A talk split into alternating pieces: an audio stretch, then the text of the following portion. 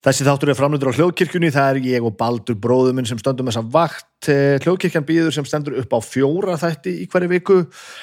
Eh, Draugar fortíðar á miðvíkudögum, besta platan á föstudögum, listamenn á laugadögum, það eru þrýr og fjóriði þátturinn í þessar upptölingu er á fymtudögum, það er fymtudagur dag og þetta er Snæbjörn sem talar og þátturinn er minn og heitir eftir mér. Hér tala ég við fólk og þetta er þátturinn eh, Snæbjörn talar við fólk. Música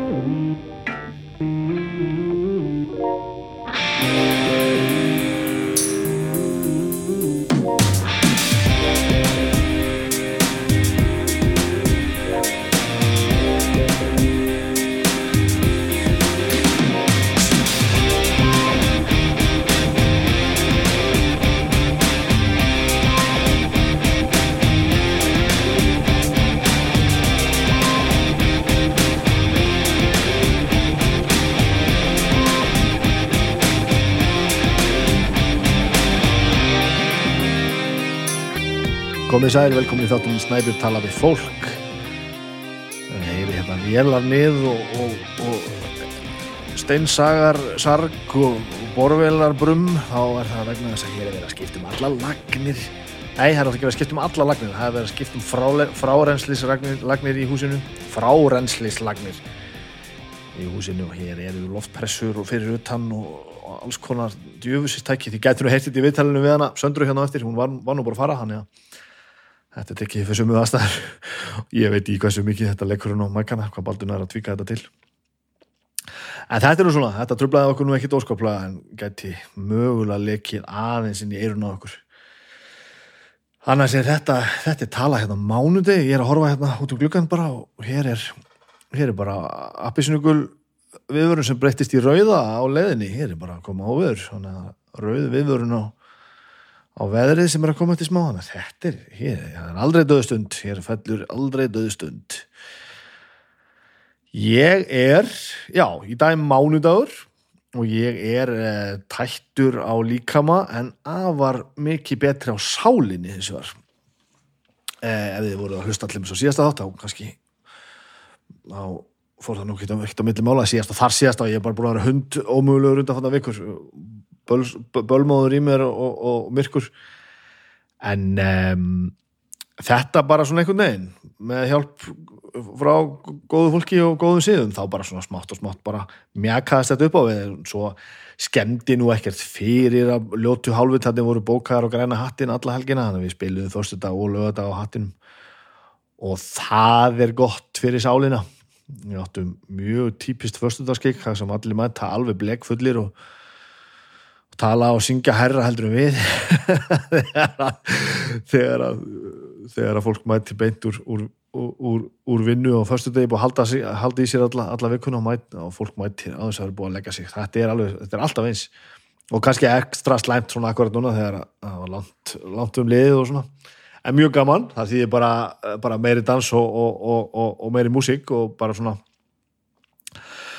já, bara aðeins meiri bara að spila aðeins fastar og það, þá, þá verður allt mjög aggressíft og skemmtilegt. Svo á lögadeginum þá var fólk búið að leggja sig og, og, hérna, og við áttum meira svona kannski svona hefðbundnara halvvita gig þess að við svona meira spjöldum við fólk og, hérna, og leggjum þannig línur en það var alltaf orðið megi heimst í, í lókin það voru minni glerbrót á gólfinu og meiri bjór onni maganum á fólkinu heldur en var á förstinum oft hef ég nú spilað á græna hattinum ég held ég hef aldrei spilað á ég blöytum hatti, hvað var þar bjór og annað áfengi á gólfinu og sviðinu, þannig að það var nú ekki að vinna neitt sérstaklega með okkur.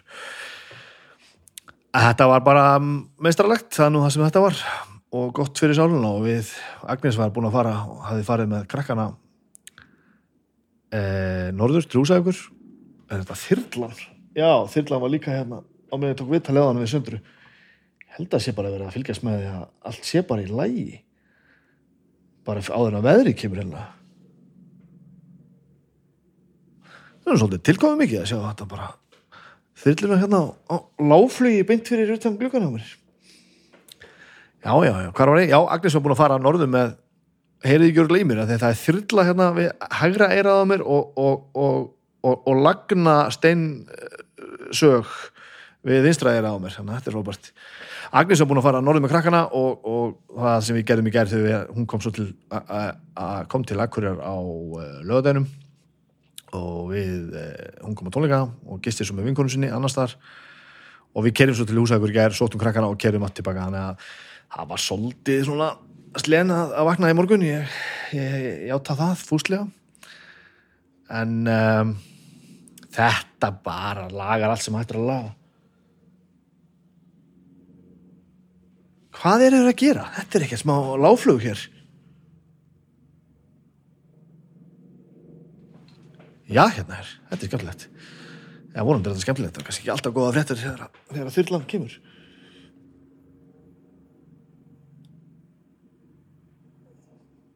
Þetta er ekki gott útvarp svona þögn. Ég er bara svo dólfallin að horfa á þyrluna.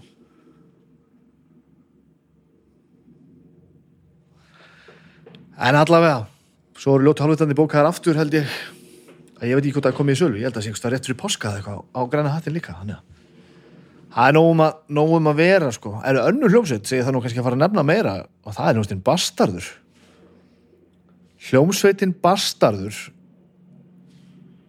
Nei, nú þarf ég bara að fara að gera pásu. Nú er þyrlan komin einlega bara inn á svalir hjá mér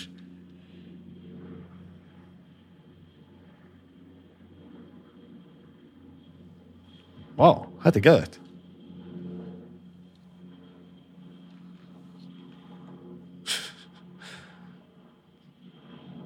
Hljómsveitin Bastardur það er best að ég er að tala hérna ekki bara horfa á töklugana svo apakáttur. Er uh, verkefni sem að uh, Addi vinni minn í Solstöðum uh, kom að fótt fyrstur, hann samdi fullt af lögum. Fekk svo bygga vinn okkar Jónsson til þess að tromma það, það inn á, á teip hann sjálfur spilaði svo að segja á all hinn hljóðfærin Addi sem sagt og fekk svo til þess við sé einhverja menn. Við, hann fekk þráinn og skálmöld og, og Ragnar Solberg og eitthvað til að spila erfiðu gítarpartana. Og, og en þeir eru bandið Biggi og Addi.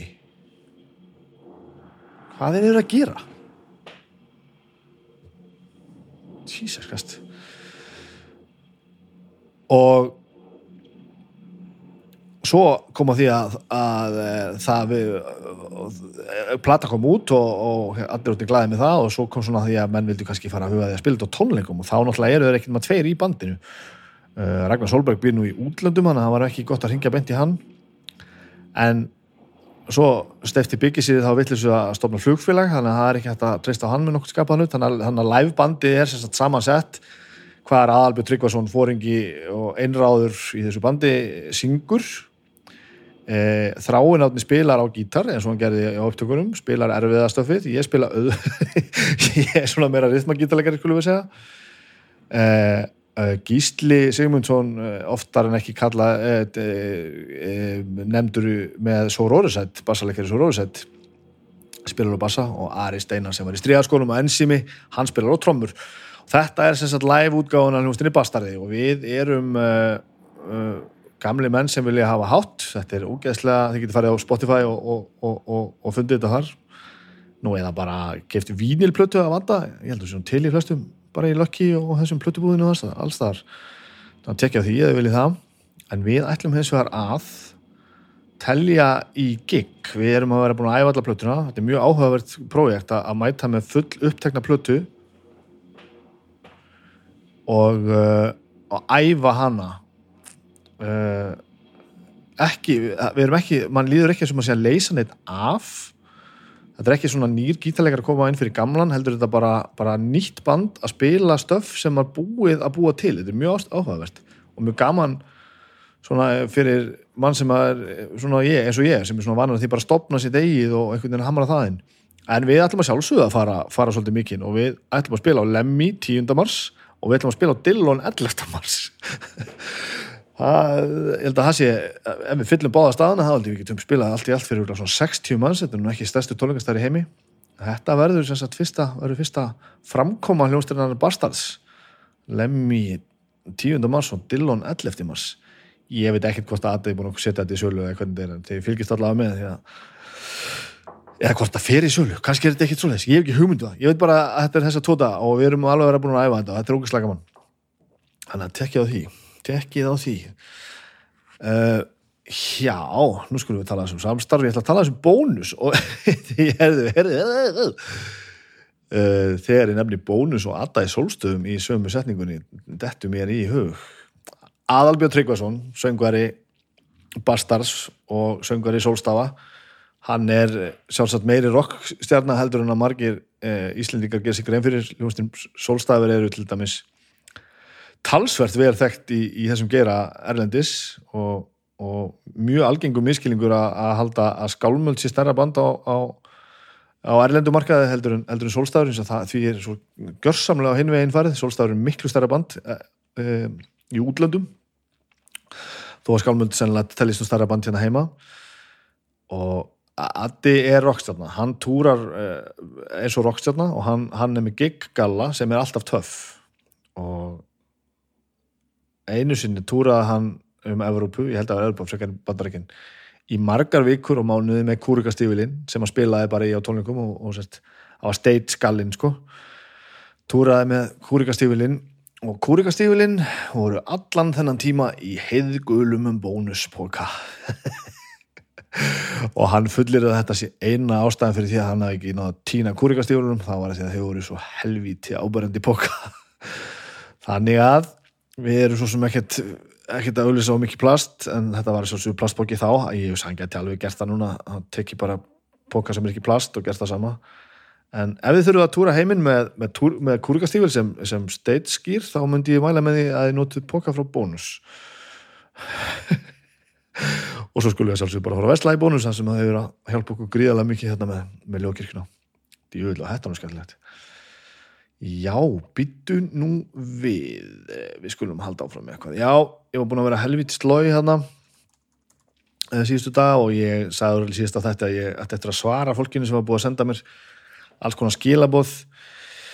Ég held ég sem að vera búin að komast í gegnum þetta allt saman. Um, um, um, sko, hérna fekk ég skemmtileg skilaboð sem ég ætla, skemmtileg, ég ætla að fá að lesa fyrir ykkur hérna, það sem ég fekk.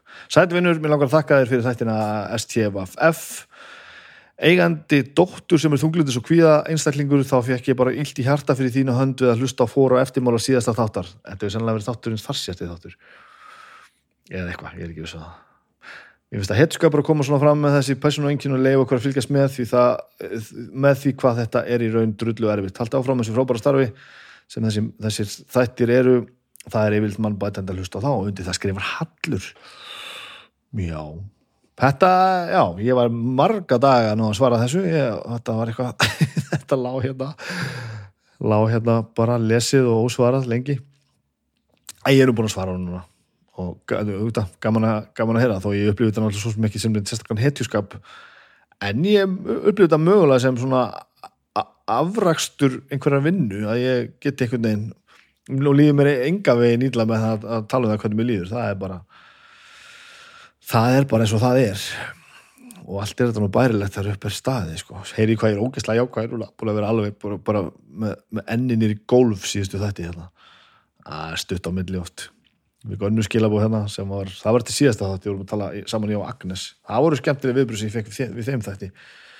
Takk fyrir Snæbjörn. Það hafa öll pör gott að því að hlusta á þetta. Og svo segir hann ég settist niður með minni. Opið óveinjur hreinskili spjall og undir þetta skrifa Sissi.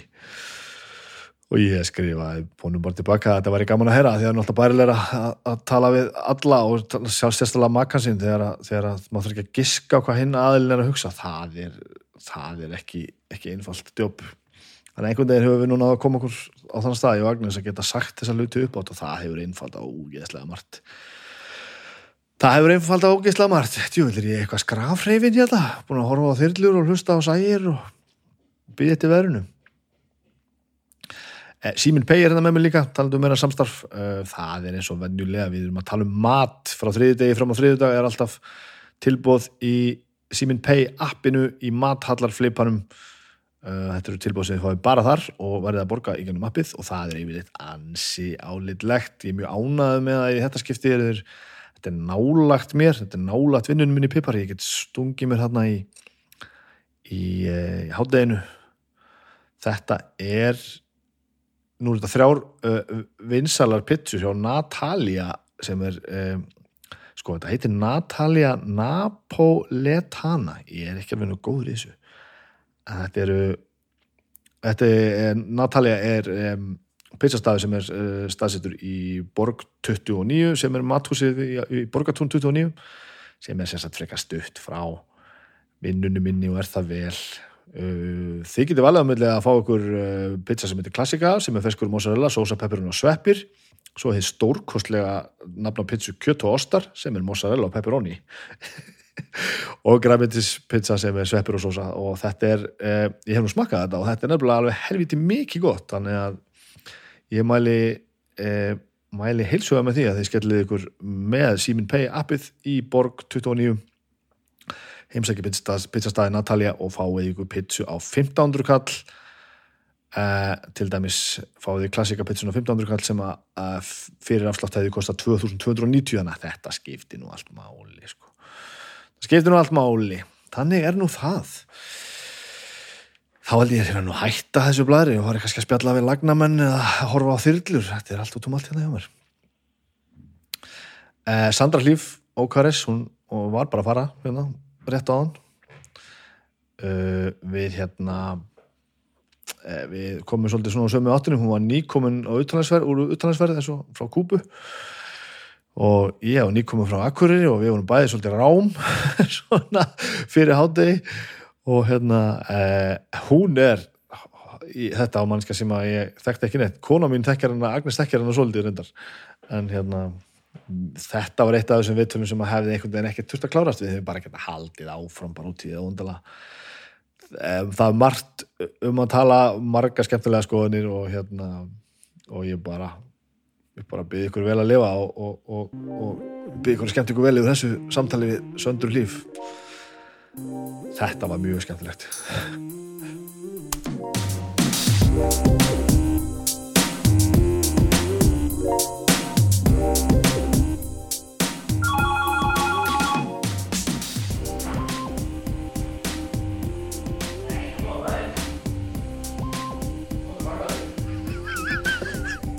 Þú voru bara að segja hvernig viðtalum að byrja sko. Ég var, ég var kúpu. Herri, ég vissi það maður. Hvernig var? Geðveikt. Þetta er trillland, sko. Hvað gerðu þið? Herri, við reynda vorum ókslega duglega. Við fórum alveg og skoðum og fórum bara í lokalinn og þú veist, borðum bara lokal mat og það var, það var geðveikt, sko. En við vorum náttúrulega einhver resorti, sko, var alltaf læg. Var að dyrra á það? Já. Þetta er alveg, já.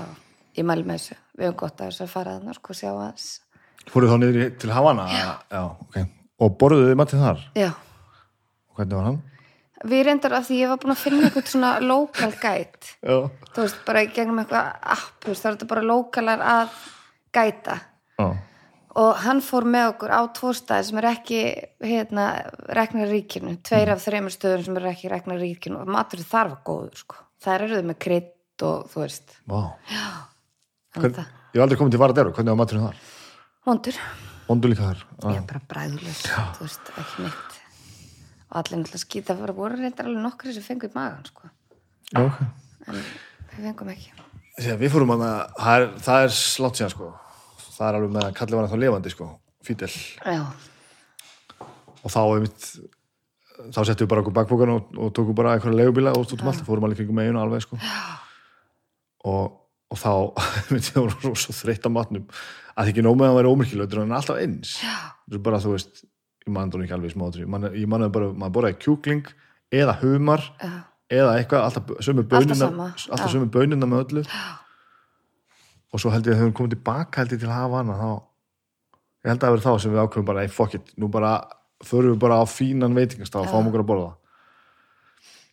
Diskarnir voru, veist aðeins minna rispaðir já. en þetta var Alltaf alveg eins. Það var engin munur sko en það er náttúrulega bara svona vöruskortur. Já, þetta er ótrúlega og líka áhugavert. fyrir þá sem að sko bara stóru þú veist það sem eiga alveg peninga. Já, já, þú veist þannig bara skipt það einhver máli sko. Þú bara kaupir ekkert fram fyrir rauðina eða þú veist það er bara hvernig þú veist, hvernig eiga þau þá til með skritt á þessum veitingastöðum ég veit ekki þau speklaði örglega já þú veist og fá það einhvern veginn í gegnum eða þekki einhvern þú veist og sá sem átti þennan stað var sko besti vinur, badnabats Kastró, eða eitthvað þannig skilur, já. ja. þetta er allt svona Þetta er allt svona. Þess vegna einhvern veginn náðu þeir að vera með þeir voru alveg með bara empanadas og Já, ok, ceviche og bara virkilega gott ceviche til dæmis. Áhugavert. Mjög áhugavert. En það er bara á þessum það var líka þjónustu miklu betri það er náttúrulega líka verið að borga miklu betri heldur en þessu ríkisrækna Og allt miklu dýrir að hafa það. Nei, samt ekki. Við borgum sko minna á þessum stað heldur en við borga á veitingarstað sem var bara skítastaður hérna um hátinn það var ekki, þú veist en allt starf fólki miklu þú veist, þar voru, það voru svona bara ungir heimstera sko sem voru Já, það var líka Lokal gaman- samt, það var bara lokal fólk hérna, það var líka næs. Já, já. Og rússar með vendiskonar Í ferðarlegum sem sagt. Já. Já, eða þess þá uh, rússar sem að þá leigja sér konur í kúp. Já, já ok, já. Það borgar náttúrulega ekki með peningum heldur bara að kaupa á þér þú veist, föt eða Og bara almennt uppihald sko. Þa, En það, er all, þegar við vorum að var það augljós sko struktúr á því hvernig hlutinni virka. Sumtaði er náttúrulega hræðilegt já, en uh, við fórum í svona miljón partí þarna sko. Já, vorum með einn með okkur sem hafi farið áður og þekkti eit- eitthvað aðeins til sko. en þá er mótili bara þannig að kynnast einhverju fólki og, og, veist, og bara frábært, bara algjört svona jafningi að samband og ekkert vesinn sko. og bara ágæslega gaman hjá okkur og svo bara borguð við matinn þú veist, með túristadólurunum okkar veist, sem að þau voru ekkert að segja okkur að vera í tíu sinum verðmættir heldur en hinnir en, en, en við vissum það ég Já. og bara, og veist, og bara, já, gjör svo vel og þau fara bara, já, svo fyrir við bara á Vestlum sko. Svo fór þau bara að veslu, buðið í partí og svo bara tekið fram svona mannandi pottur og svo þeim súpa sko. ógæðslega góðu matur þar. Já. það var mjög gaman að borða þar sko. Þau einhvern veginn höfðu tötts á því sko. og, og svona tóku fram fína kredið þegar það voru gestir og svona. Já, við fengum líka við fórum inn í bara, þú veist bara fátakasta hverfi var að deyra og borðum þar hjá gaur sem hefði verið gætin okkur á okkur hestakerru stöndum áður. Já, já, já, hann bauðan okkur í mat til fjölskyldunar sinnar þar fengum við geðið eitthvað svínakjöt sko. Já, ok. Þú veist þannig að það var alveg svona ef þú vissir og þau voru náttúrulega líka að rækta þú veist, voru með ferska ávexti sem bara týndu garðinum og já, já, þú veist þannig að það var líka náttúrulega veist, gæði í því sko. En þetta er náttúrulega alveg en það sem komið líka óvart er þetta að fólk er þrátt fyrir fátættina þú veist, oft fylgir það maður fer til landa það sem er bæði mikið stjættaskipting og fátætt að þá er fólk er ekki með upplýst. Nei. þarna er fólk upplýst. Það er, ment, það er velmentað og það er líka bara hugsandi. Eða þú veist ekki, en þú veist, þetta er bara þau, já, þau eru upplýst. Og þau bara pæla veist, það var alveg sama hva, við hvernig maður var að tala. Þú veist, sama hvar í raun og veru í stiganum hérna, að það, mér fannst það ótrúlega mér fannst það mjög áhugavert. Og, og þess vegna held ég líka að maður upplifist stjætskiptinguna og veist, eða stöðunni í samfélaginu stjætskipting kannski ekki rétt á kúpu ekki einn stert sko, Nei. af því að þó að tala við fátakasta fólkið þá er, er sko samtalið alveg ég meni, hann er mögulega sko. líka bara með þú veist, doktorskráði í Já, efnafræði nefnilega sko. á meðan maður kemur bara til fucking London og svo lendur þú bara í því að tala við mannesku sem bara veit ekki hvað hún er sko. nei, veit ekki eins og hver Evróp er sko. og, og þá fær maður svona menningasjokk ofnálat heima, heimili sín já. sko. Já, mér fannst það ótrúlega það er náttúrulega einn besta sko, læsi hjá börnum. Já. er, er, þarna. Þú leggja mikið upp úr sem ekki það, það hafa náttúrulega allir jafn umulegt Já, það er mótilið þar, allir er að hafa jafnumulegt Já. sem er mjög skítið og þá líka gaman að við hittum hennar þessi, stráku sem gæti okkur 29 ára DJ það búið samt í Svíþjóði fjóra mánuði eitthvað og greinlega rosalega bara velgefin og hérna, tala, veist, hérna talaði sænsku, eða þess að talaði sænsku þráttur að bara búið í fjóra mánuði. Já, ok. og það var svo fyndið að hann var að lýsa svona hlutum sem að, þú veist, við tökum ekki eftir. Hann var bara, veist, allt henni heyrði bara eitthvað tikk, þú veist, út um allt. Þú veist, það var það í umfyrirljósunum fyrir heyrnalösa hann bara, hvað er þetta? þú veist, það tók hann eftir þessu. Já, Ég- já, ég hef aldrei tekið eftir þessu og hann bara það að þessi bara rafknunar skilur hurðar, þú veist, þú lappar hann búð Já, þá já. bara, wow. Og varst að fara upp í strætó og þú veist, hann lækkaði það var bara svona hluti sem hann var bara amazed Svona starf og shit eitthvað, já. ógæslega fyndið sko. En það er náttúrulega það sem er svo fengið við að koma er, þú bara stekkur ykkur aftur í tíman og það er bara ekkert svona. Nei, og núna er nýkomið sko, þú veist, það er bara nokkur ár síðan þau fengu interneti, svona tildulega óheft. En svo er það samt þá slökkva þér bara á internetinu. Já, Það er já, bara hjá öllum Off, bara hjá öllum. bara hans að um daginn það var eitthvað, þá getur náttúrulega fólk ekki skiplagt neina, neina mótmæli og ekki neitt, sko, halda þér. Það var einhver sem talaði að það er tjáningafrelsi fyrir utan, sko, þú mátt ekki tala illum stjórnin, það stendur í stjórnskráni, sko Já, það voru einhver einhver, þú veist, samt ekkit einhver geðveiklind bara átta dagar, bara neti off vá já, Og engar upplýsingar gefna, sko. Nei, Það er bara svona ítt á takkan og svo bara svona á einhverjum morgunfundi þá er einhverjum þrýr kalla sem ákveða bara uh, kveikjáttur eða? Ég hugsa hann að vera stundu fínt að geta slögt á Twitter hérna í Íslandi. Þetta er bara ekki alveg það sama sko. nei, ég veit það en þú veist, þetta er absúrt sko. Og þú veist, maður var líka bara ekki tengslu við raunveruleikan eða þú veist, maður var ekki, þú veist, það var eitthvað skítanett á hótelinu sem ma maður þurfti að sæna sig inn með sko átjónstafa passvort í hverju daginn skifast, þetta er bara eitthvað sem maður nefndi ekki standa í því sko. Nei, nei, símanna virkuðu náttúrulega ekki þú veist, allar SMS eða þannig að maður var bara cut out sko. Þannig byrjaðar á, í lögnunum, nú byrjaðar að bóra og, og var, voru engi símar sem að virku og var ekkert, það er ekkert Jú, eitthvað skilur þú veist, ég ringdi tvisvar heim með eitthvað. Ég áttu nú við netti í símanum, það er ekkert Nei, þú veist, það var ekki að vera bara þrýr gera fjögur, það kostar náttúrulega bara þrjúðu skall eitthvað, hérna roamingir, ef maður gæti verið á netinu á hótelinu, það er bara rosalega lélegt okay. Þú það hlóðist ekki neina myndir eða neitt á nú nokkra áhrifaldrarinn sem held ég veit mörgum klukktum bara var hlaðin einni mynd sko. verstu aðstæður áhrif á valdsins Bara, já. Ever. mínum versta martröð er á kúpu Já, maður Yes Akkur veist svona mikið um lagnir ég, uh, ég varst, var, er ekki eitthvað legendary hús sem við keftir eða eitthvað Jú, ég kefti hús 2010, 11 Já, ónýtt. Eða það var að, hú, sem spjóða hústökufólk í húsinu. Þegar ég kefti það. Alveg rétt, Já. það var málið Ég var, nýs, ég var að síðast, ég var að skilja við, við hérna bassföðu minn og kefti þetta og fólk held ég var án geðveik. Við erum bara búin að missa það sko. Af hverju samt? Bara, þú veist, ein með tvö börn að kaupa ónýtt hús í vesturbænum. Já. og ætlaði að gera það upp bara á kefti það fyrsta mæ já, ég ætlaði að gera upp á sex vikum eða ég gerði það sko. Gerir það upp á sex vikum? já, flutti henni sex vikum. Ok, en það var bara alltaf vinur og vandamenn sem hjálpið mjög mikið til. Að því allir voru svo meðvirkir bara. Að því ég var bara, heyrðu það var bara mál hreinsa út, mála og það var þetta bara komið sem var alltaf alls ekki að þú helst það sérst í alveg að það væri bara þannig Já, nei, eða þú veist, ég bara einhvern veginn ákvað bara þetta myndi gangu Ok, en svo náttúrulega bara reyfi niður flesta veggjum þetta skipti milli loft, þú veist gólfið var bara hrunið einu parti. Já, þetta var algjör en það tókst. Já, en það bara var ég með dýrast það já, með lögfræðingi að búsa glugga og það bara löðist allir á eitt já, sko. en allir, þú veist, bara komi inn og bara, en engi sagði neitt við mig. Allir bara, já, já, já já. Svo bara eftir á bara, shit þú veist, við heldum í alveg að vera bara algjörlega búin að missa það. Áttu húsið það? nei, ég seldi núna bara í nómer Já, já, núna bara? Já, bara núna, Ok.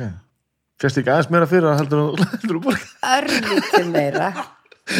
En það var líka sem ég var svo vissum þegar ég kefti það að þetta var á þeim tíma og ég veit ekki alveg hvernig hérna bankarnir voru lokar, það var ekki það löngu eftir hrun sko. Já, og hvernig mér tókst að kaupa það, allavega það tókst en ég hugsaði líka bara að það var bara þetta var góð ávöxtun. Þú veist, ég myndi aldrei tapa á þessu. Það var náttúrulega eignalóð og bestastæði vesturbænu með byggingarétti. Þú veist það var bara, það, það, hefði bara ekki verið sjans að tapa á þessu. Þú veist, alltaf meira heldur en að vera með peningin á bók. Einmitt. Þannig að hérna jú, og bara, indi, bara indislegt hús og bara, og það var líka sem var svo fallegt við að var einhvern veginn, þetta þjappaði líka bara svo vina á hóknum saman. Eða þú veist, Þetta bara vesin í þér. Já, og þetta var bara svona félagsemli, eða þú veist, bara Já, ekki aðgerðin að koma úr sinni stand sem sagt, heldur bara jú, bæði það, af því að það voru einhvern veginn, já, löðust allir á eitt og komu allir og tóku til hendinni og það bara myndaði svo góð stemming einhvern veginn andi í húsinu já, já, allir áttur náttúrulega eitthvað í þessu og allir áttu einhvern veginn í því og þau tóku þátt í því og, og já, eins og ég segi, það voru líka, já, bara mikið félagsemli alltaf opið og mig, ég hef náttúrulega var duglega held að matabóð og partí og svona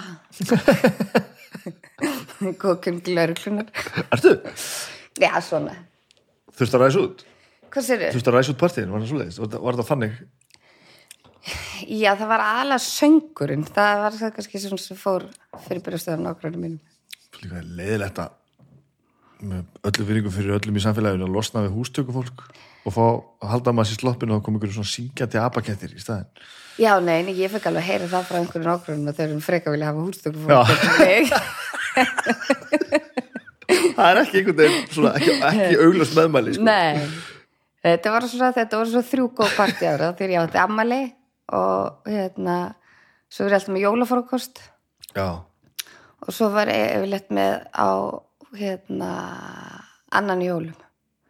Það voru svona þrýr fasti púntar sem voru alltaf, samt mér er svona óþæra kvart ef þetta eru fasti púntar sko. já, Ég, ég bjóði eins og í blokk. Fjóra, bara á fjóruðu hæð í blokk. Þetta var einbili Já. og bara langt í, þú veist. Já, þið hefur verið mjög duglega þá. En ég komst að því, sko að það var hægt að helda eiginlega eins góð partíð um að vill ef hún lættu bara að vita, sko. Já, ég stundu kannski klikkaði eitthvað aðeins á því.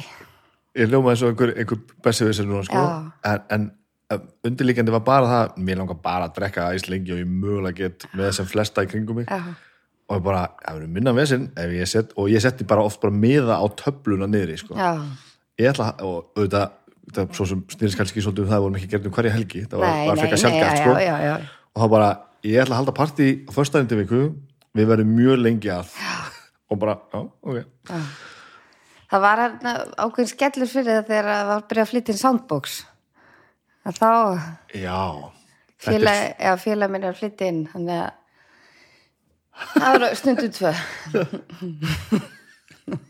Það er orðið standard búnar í partíum já, já, já, já, já. já, ok. Ég fekk mér þess að hérna, nýjasta soundboxi með axlaböndum í færtusamælskjöðu sko. Í já, áttu, áttu soundbox með axlaböndum? Já. Ég röldi með það götur, göturnar eftir að mæla og svona.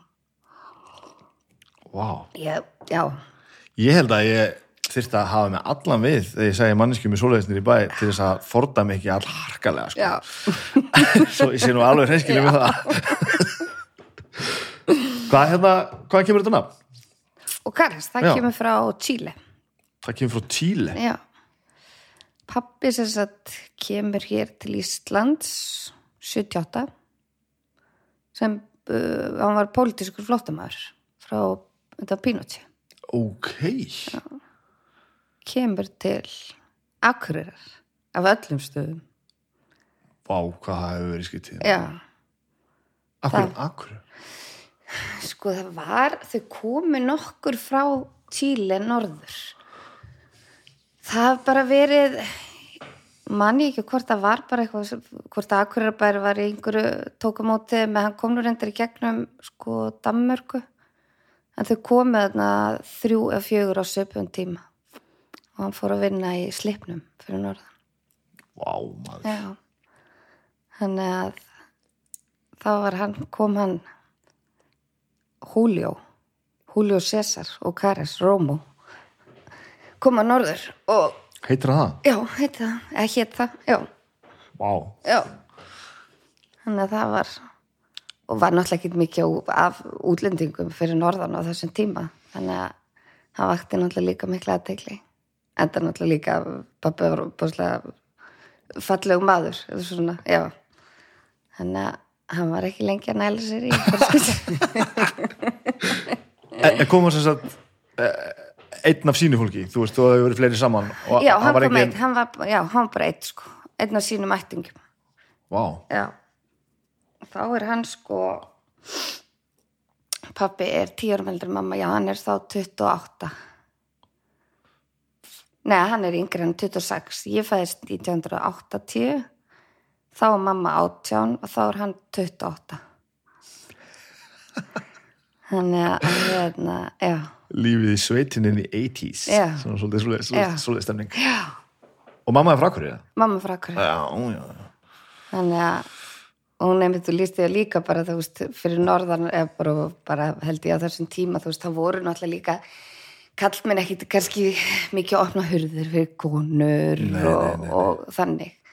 En það er náttúrulega bara öðru frá, það- í þessum löndum, þú veist, bara miklu meiri svona herramenn að ákvönuleiti, sko. Þannig að eitthvað svona sem að kannski íslenskar konur voru ekkit vannar ákveðnuleiti já, Ég- já, ég skilji alveg sko. Já, já, þannig að en það, þau, það endist nú ekki lengi sko, þau voru hætt saman þegar ég fæðist, en hann eignar svo aðra konu frá Akkur líka og á, hérna, ég á tvö sískinni þar. Já, já. hann giftur henni alveg í mörg ár og bjóð fyrir norðan. Og svo fluttu þau út þegar að bara enda stutt eftir að Pínoti fer frá öldum bjöggu þar alveg, sískinni mín sem sagt bjöggu þar alveg í maður ekki 6 eða 7 ár. Út í til út í Tíl okay. þannig að það var svolítið held ég svolítið svona menningarsjokk fyrir þau, eða þú veist, þú sérstaklega fyrir hérna kunnars pappa, þú veist, hún var að bara elda á hlóðum sko fyrstu að þau fluttu þarna út Já, og bara allt, allt annað allt náttúrulega á þessum stað þarna þá já. já. Þannig að þau byggu þar alveg. Ég held ég að maður þurfa að anda djúft þegar að tekja nákvæmlega bara, já, ok, já, gerum þetta. Gerum þetta. Já, ég dáði staðinu og enn meira svona í setni tíð þegar maður líka bara sjálfur farið þarna út og, og séð að fara hérna, fara út í svona óvissu þú veist, með tvei börn og bara og þarna var ekkert eitthvað internet þú veist. Ég man, ég, ég var að fara sko til semst, fóreldra hennar semst, ömmu og afa að sískinu minna þegar þau voru að ringja þú veist, þá var það bara tímasetning Já, sem já. að þurfti að fara og þú veist, og þá voru þau að ringja sko úr síma, þú veist nágranna í, þú veist, næstu götu þú veist, út í Chile sko. þú veist, það voru ekkit að þetta er allt, þetta er allt annar heimur sem að, og allt bara allir menningamunum og bara allt allt öðru sig, en það átti pappi mjög erfitt með myrkur og kuldan hérna og það sem fokkaði mest í honum. Já, já, hún fannst það erfiðast og svo náttúrulega líka auðvita menningamunum ég ætla bara að segja, hvað með fólki þetta er rosa ólíkt. Já, en pappi var, jú, hann á- hérna, var náttúrulega tengdur bræðurum sínum. En svo náttúrulega bara er þetta allt öðru svo uppeldi og allt öðru vísi, þú veist, hérna, svona bakgrunnur, allt öðru, já, bara allt öðru sér fjölskyldumunstur og bara allt annað heldur en við þekkjum og náttúrulega líka bara, bara meira ofbeldi, heimilisofbeldi og annað sem að, sem að er uh viðgegs miklu meira þarna úti. Bönnin eru bara, allavega eins og það pappi var alveg bara lamin já, þú veist, þannig að það er náttúrulega líka bara held ég segið sér sjálft að það bara einhvern veginn verða líka tengslu með fóreldrana öðru í sig það er alveg þannig sko. Þannig að, en við erum samt alveg fljóta að gleyma sko. Ég fætti Er- 78 Já. og ég bjóð í sveit og lögum mér ekkert all og það var frábært að vera. Mm. og, og eftir að higgja fór held ég mjög vel um lang flesta já, en ef maður fer svona með röngun yfir það sem að var að gerast veist, og fer svona systematist yfir að bara hver bjóð og hvaða bæ og hvaða börn komu þann og þá fer maður að rifja alls konar upp sko. Já, já. skelfileg hjónabönd svona hinga á þanga sko. og haldur alltaf allir í sig að tala um þau ég er ekki að því samt, sko. ég er ekki, er ekki, að- rifja upp eitthvað sérstætt sko. og svo man ég til dæmis eftir því sko, að, að vinnu minn var til dæmis bara hittur með belti. Já, ef hann, ef hann bara ef hann, ef hann hafði þessi ekki vel. Já. og þetta er bara 1985 eða 7 eða eitthvað.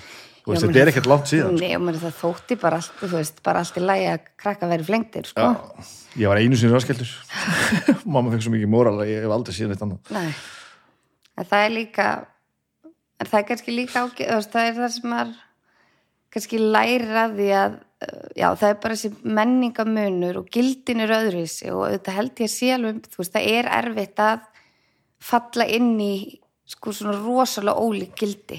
Já, og þú veist, og mörg og hvað er í lægi og hvað er ekki í lægi og það er líka, við dettum kannski í það þú veist, dæma og ég gerði það alveg pappa því að þú veist, pappi var ekkert alltaf hérna upp á tíu og ekki gagvart mér svona bara syndi mig lítið og annað.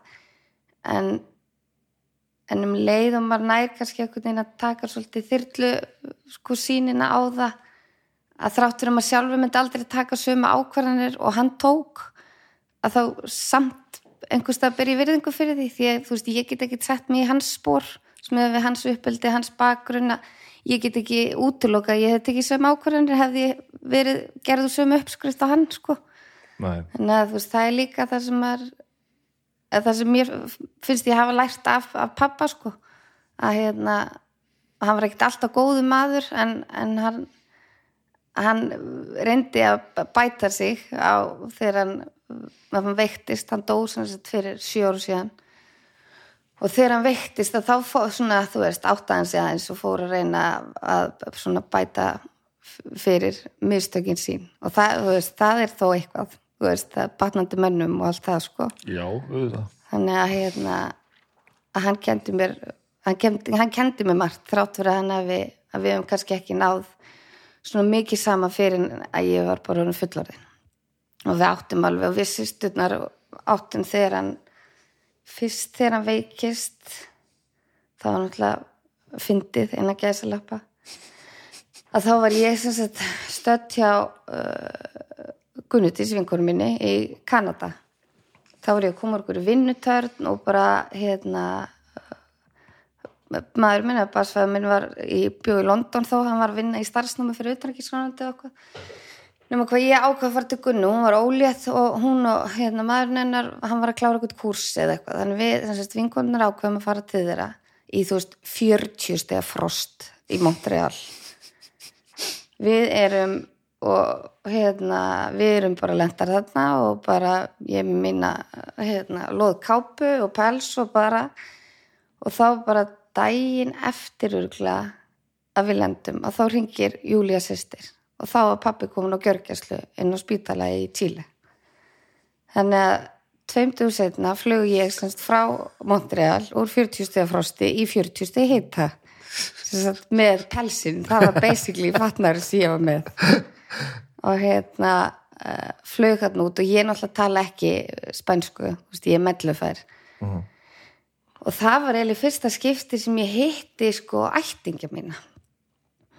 Nema hvað þau taka bara móti mér á flugvöllinum og tala mjög takmarka ennsku en það er líka kannski svolítið lýsandi fyrir fyrir þessar svona suður-amerísku fjölskyld og þau bara tóku mér opnum örum, aldrei hitt með áður og bara opnuði heimilum sitt fyrir mér keirðu mig á spítalan til pappa á hverjum einasta mótni þú veist, og bara hugsuðu um mig og bara reyndu að, þú veist, gera sér skiljanlega og ég veginn reyna að gera mig skiljanlega. Að hérna uh, og það var líka bara ótrúlega áhugverð að koma inn á spítalan uh, þetta er þetta sé ekki sko þetta er bara rétt fyrir hrun sem þetta gerist Já. og þetta var náttúrulega bara hann var inn á katólika sem er, þú veist það er reyndar háskólisjúkrahús en bara niður í miðbæri Santiago sem er bara svona lower middle class sko Já. og þú ferði eiginlega ekkert inn á spítalina nema við bara geta skilið eftir auðan tjekka því það er bara rauka fyrir allt sko og þrátt fyrir að pappi væri sko með aðeins betri tryggingar af því að sérst, fórnulem Pínoti fengu sérst, bætur þá fenguðu eitthvað vist á mánuðu og átt að fá sérst, betri tryggingar fyrir heilbriðis hérna. en þetta var ekki ég hef ekki lagst þannig inn sko, þrátt fyrir ég hef ekki peninga fyrir það Já, já, ok. og það var svolítið sláand að sjá að það var fólk hérna í rúminu við hliðin á pappa sem var með sko bara úlingstreng og það var bara verið að fara að henda þeim út af því að þau átti ekki peninga. Og hann lá bara í, í koma sko.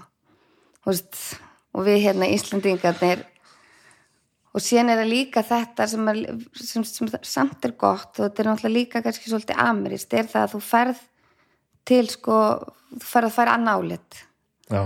Ferð til nokkura lækna. En samt voru læknandi þarna á katólíkum en þetta voru harfardmentaðir læknar sko. Mhm.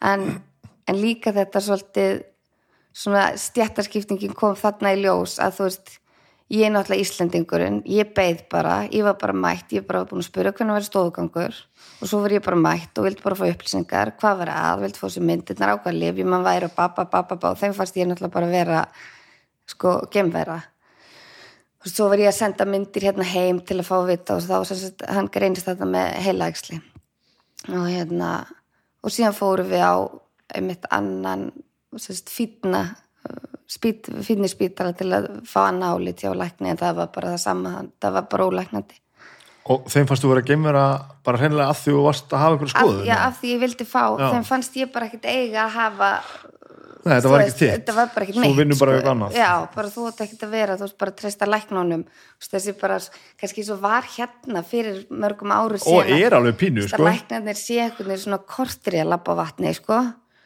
þannig að hérna að það var alveg áhugavert að og líka það við fórum og skoðum sko bara ríkispítalana og þá fyrst fekk ég sjokk því þá, það var ekki búin að segja bara krabba með steildi þar væri nú bara, bara allt í lægi og hvað og við förum þar inn.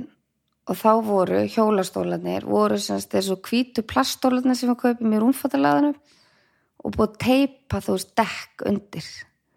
Þú veist það var bara, það er bara ekki sens að fari, fari þar inn sko. En hann fekk, pappi var alveg heppið með það að hann átti, þú veist, var búin að vera duglur að hérna kaupa fasteignir og leia út og þannig að hann gætt farið í, í, í geisla og lifið með ferð. Mhm. og lifði í raun og verið miklu lengur heldur en, en, það var búið að segja við okkur hann myndi lifa, hann lifði alveg í sko sjö ár eftir hann hérna, eftir hann greinist með þetta Og bjóð úti þann tíma. bjó úti en var duglegur að koma hann kom hingað annað hvert ár Já, hitta, ok. þú veist, barnabönnin og, en hann náttúrulega var hérna þú veist, hann náttúrulega, af því að bólnaði svo mikið upp að hann náttúrulega bara mista hann hérna, máttinn bara svona svipum eins og fær sko blóðtap. Og þú veist, hann var ekkert alveg eins og hann var.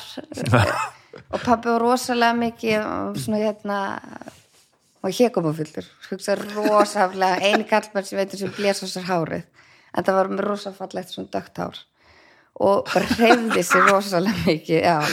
og tók út eftir hann veiktist og tók hann út allan sigur, allan mjölkuvörur og allt, þú veist, en bara allt, pappi hugsa alltaf rosalega vel um uh, sjálfum sig og að það mér fyrir alltaf í fyrstskipti, þú veist, maður er ekki búin að hitta hann í einhvern ári eða hérna að það var alltaf fyrstu kommenti var alltaf að nokkuð hvort bara hefði grenst eða bætt á sig. Það var bara að hérna en, og hann syndi rosalega mikið og syndi náttúrulega rosalega geðvett að geta verið hérna á Íslanda og bara alveg bara flugsyndur og það er bara eina mínum sko svona sterku æsku minningum með pappa var hann kendi mér að stinga, stinga mér í sundi en svo náttúrulega eftir að þegar hann fær hérna greinist með þetta og fær þarna bólkur og svona herði, minn maður hoppar út í sundlaugna kann ekki sunda það bara mist hann Fór sundstöðin. já, bara sundstöðum fór bara, veist, þannig að hann var bara eins og bara í hundarsundi, sko Vá. já, þannig að það var mjög en já, hann já, pappi var mjög merkilegur merkilegur maður, sko. Það er alveg, hann var fyndin fyndin típa, sko. Svo líka bara að fynda við þegar ég fór þarna út af því ég aldrei hitt sko fjölskyldunum mína. Og ég og pappi, ég er mjög lík pappa og mamma, þú veist, fjölskyldunum mömmu, mamma á sko hérna tvö börn með sagt, pappa, fóstu pappunum sem ég kalla líka pappa að hérna þau eru sko ljósær með blá augu þú veist, ég var alltaf eins og ætlita barni hérna á jólamyndutökunum og bara ekkert sko þannig, bara ekkert líka þeim sko. Að það var svo fyndið að upplifa eitthvað sem ég hef, hafði aldrei pælt í. Að allt í einu var í stöðnatn úti með fullt af fólki sem leit út eins og ég. Það var, það var pínu fríkað sko. þú veist, eitthvað fólk sem ég aldrei hitt og þetta var, já, það var rosa skrítið einhvern veginn, ég satt með þú veist, bræðurum hans pappa og börnunum þeirra og þau voru bara já, bara lík mér, þú það var það var ótrúlega En hafður veldið fyrir þú veist, sem barn og úlingur þá að þú veist, að þú værir að- eitthvað, þú öðruvísi heldur en fél, félagarnir eða svoleiðis. Nei, Le- leið þér þannig? Nei, nefnilega ekki. Þú veist, það var náttúrulega aðlega bara maður hló af því þú veist, þegar maður sá myndinar af okkur sískinunum sko, þú veist, en ekki svo erum við náttúrulega sískinin, sko, pappa megin við erum náttúrulega, þú veist dökk, sko Mhm. -hmm. Nei, þetta var alveg fyndið, þú veist, ég fór um til að hugsa um krakkar sem eru, sko, ætlitir að, hérna að þetta að þekkja uppruna sinn þú veist, hvað þetta er Já, þú veist, já, ég já. fann það bara, hvað það var ég bara, þrátt fyrir ég aldrei pælt í því hvað það var samt já, hvað það var skrítið en samt líka gott þú veist, einhvern veginn, já ég held, að, ég held að þetta sé eitthvað sem við hinn getum bara ekkert skilið sko. en, en ég, ég átta mig á því að þetta hlýtur að vera merkilegt en, en þetta er einhver tilfinningar held ég sem á setur held ég ekkert inn í sko. Nei, þetta var, já, þetta var mjög fyndi af því að, já, og svo líka það að vera úti og vera sko það var annað sem við, hérna, sýsturna lendum í út og svo kom Júli hérna þegar pappa vektist sýst og ég náttúrulega var ekki með neitt og var, ég náttúrulega bara með mína Apple 12 og ekki með hlæðslutæki og þannig við þurftum að fara upp í sko fínasta hverfið til að kaupa hlæðslutæki því að náttúrulega Apple eru ekki seldan eða starf annar staðar. Og þú komin í fínustu hverfin þá lítur fólk öðru svo út veist, það er hávaksnara, það er ljósar yfirlitum þú veist náttúrulega bara mikið þjóðverjar og þannig. Og við förum aðna bara í einhverja hérna förum í söru og við tökum eftir þetta það er bara að fylgjast með okkur. Þið eru bara lítið ekki af rétt því út. við litum ekki rétt út og við settumst á einhvern bar og það var svona valla að þjóttnin og sko ég hugsaði bara djúl má þakka fyrir að ég kunni ekki spænsku því að ég hefði lesið um stikkið sko því að þú veist þannig ætlaði svona valla afgreð okkur. Og það er líka ógæsli tilfinning eða þú veist þú veist, trátt fyrir að þetta er ekki, þú veist, ég get ekki ímynda mér hvernig fólk sem verður fyrir raunverulegum sko fordómum engung út frá útliti, en ég bara mann, þetta er hrikalega já, þetta er, þetta er svo rosalega vond tilfinning að bara, bara dæmdur að hvernig þú lítur út og bara einhvern veginn settur niður þú veist, og ég er náttúrulega í íslenska rókun bara, þú veist, það er félagi, þú veist, svona áttar svona byrðu mentuð og bla, þú veist, hérna. En þú veist, þetta eru, þetta eru fordómandir sem að fólk upplifir, þú veist, náttúrulega miklu, miklu sterkara sem að eru bara svo, hérna fólk sem er tölur dekkra en ég, sko. Mhm. þannig að, að það var mjög já, það var bara mjög áhugavert að upplifa þetta.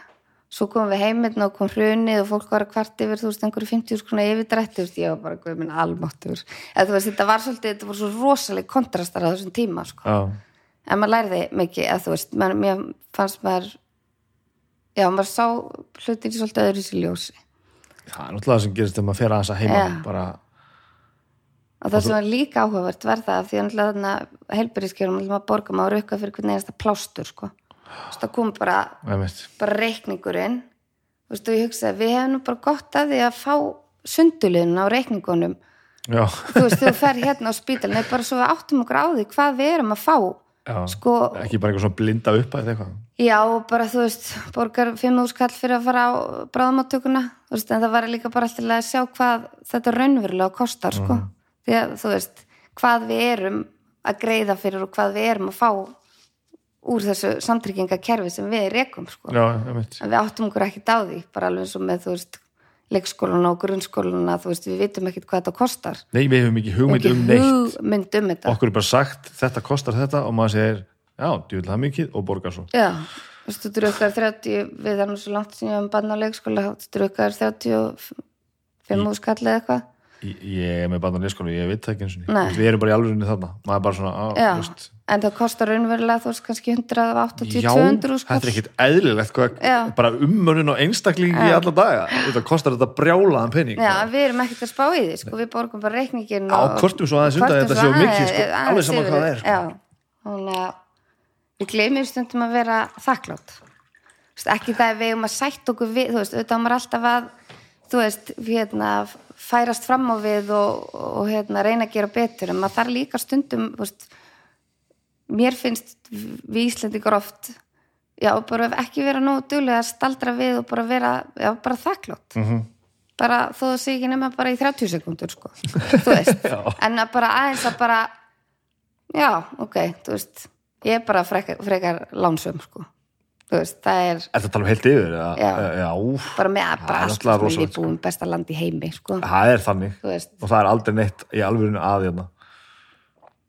Ekki það að ég sé að gera lítið úr vandamálum sem er til stað sjálfsög er náttúrulega alls konar sem þarf að laga já, já, auðvitað eru vandamálin, þú veist, þau eru ekkit, e, auðvitað verðaðu náttúrulega bara í samaburð við það, það sem maður hefur eða skiluru, þú veist, ef maður væri byggja einhverstar annar staður að þá væri öðruvísi vandamál, eða þú veist, það gerir ekkit kannski minna vandamál, en, en það ætti samt að einhverju leiti að gera vandamálun okkar aðeins auðveldar að leysa því við höfum raunverulega Já. tækifæri til að leysa þau sko tölvöld umfram bara myndi ég segja 97% af heiminum sko. Það er, það er þannig, alveg klálega það er til dæmis mjög, mjög áhugavert að maður geti einhvern veginn alltaf látið heyri í sér. Að þú veist og ég, ég nú er ég ekki að gera lítið um vandamálum sem er að nútíða því þau eru vissuð til staðar og þjóðfélagsópar hérna sem að hafa það bara dörullu skýtt og er bara ekki verið að fara nógu vel með en þú hefur ég er ekki að segja sé nóg, en þú hefur alltaf einhvern kanal til þess að koma því á framfæri sem þú ert að hugsa og þú hefur einhverja, einhvern stað til þess að fara og segja hv- hvernig hlutinir eru. Já. svo kemur þú sem í heiminn sko, eh, heiminum og, og, og þú ert bara staðurinn í miðbæð sem að er bara svona hinsegin að fættist þarna eða hér að eitthvað er að eða eitthvað er á skjönu eða þessi óvinnur þessa eða þú ert í fjölskyldu. Og það er allt lokað. Það eru bara allar í kringu þið eru bara harlæstar, þú hefur ekki ekki þú getur ekki eins og sett á Twitter hvað þú hefur að skýt sko. hérna eru bara bóðleðirnar eru bara svo stuttar sko eða þú veist, það Já. er svo auðvelt fyrir okkur að já, bara koma því sem að við viljum koma á framfæri sko. -hmm. En við erum náttúrulega samt líka stundum í bara bergmálshalli fi- finnst mér sko, þú veist hrópum þetta alltaf hátt en, og sláum okkur til reyndara fyrir fyrir allskins hluti og gleymum að hugsa um það sem að skipti máli fyrir, finnst, finnst mér sko, þú veist af því að við erum orðin svo ógæðslega dekruð sko, já, að þú veist það er bara já, það er bara kvartað yfir öllu sko, þú veist sem að já, sem að mér finnst fólk að þetta ekki að vera kvart yfir sko, því að við höfum bara við höfum svo ótrúlega mikið frelsi hérna á Íslandi. Það er bara, veist, við höfum tjáningafrelsi, við höfum frelsi til að þú veist, elska þá sem við viljum. Þú veist, við höfum frelsi til að menta okkur, þú veist, við bara við búum í bara algjörum luxu, sko, þráttur að það hefur verið örlítið frelsiskerðing hérna síðust árin, já, eða örlítil bara frekar mikil, já það er eitthvað sem að hérna, er rosa stert í okkur að og, og nú átt að áttaði mikið auðvitað sumstaðar annars þar í heiminu líka sko. en við erum rosalega upptekinn af því að reyna að finna út hver það er sem er að reyna að vera vondu við okkur Ja. þetta er aldrei, þú veist ef að ég er að kjósa annan flokk heldur þú, eða þú veist aðþýrist einhverjar aðeins aðra skoðanir hef áhuga á einhver, einhver öðru þá er eins og að sé skilda mín að reyna að finna út af hverju þér sé svona illa við mig. Getum við ekki bara verið pínu ósamála er það ekki alltaf lægi Og um eiginlega það, saman ja. um, um, sko, endatakmarkið. En, en að því að við hugsaum ekki nákvæmlega eins á ég þá að maka skýta þig og segja þessi tváviti að reyna að fara illa við mig? Við förum svolítið í sko mannin en ekki málstæðin veist, það er, veist, það er svolítið það. Og þetta, og það hefur náttúrulega verið svolítið sérstaklega náttúrulega þessi síðustu uh, misseri að þá er það líka bara það að fólk er sko hætt að nenna að segja skoðun sínar af því það nennir ekki að lenda í einhverju góða fólks að hakka vel þú veist, af því það er ekki þú veist, umræðan er ekki málefnileg þú veist, hún er ekki gaggrinin þú veist, af því að við höfum, þú veist, öll tækifæri til að taka umræðina einmitt á gaggrinin og bara málefnilegan hátt.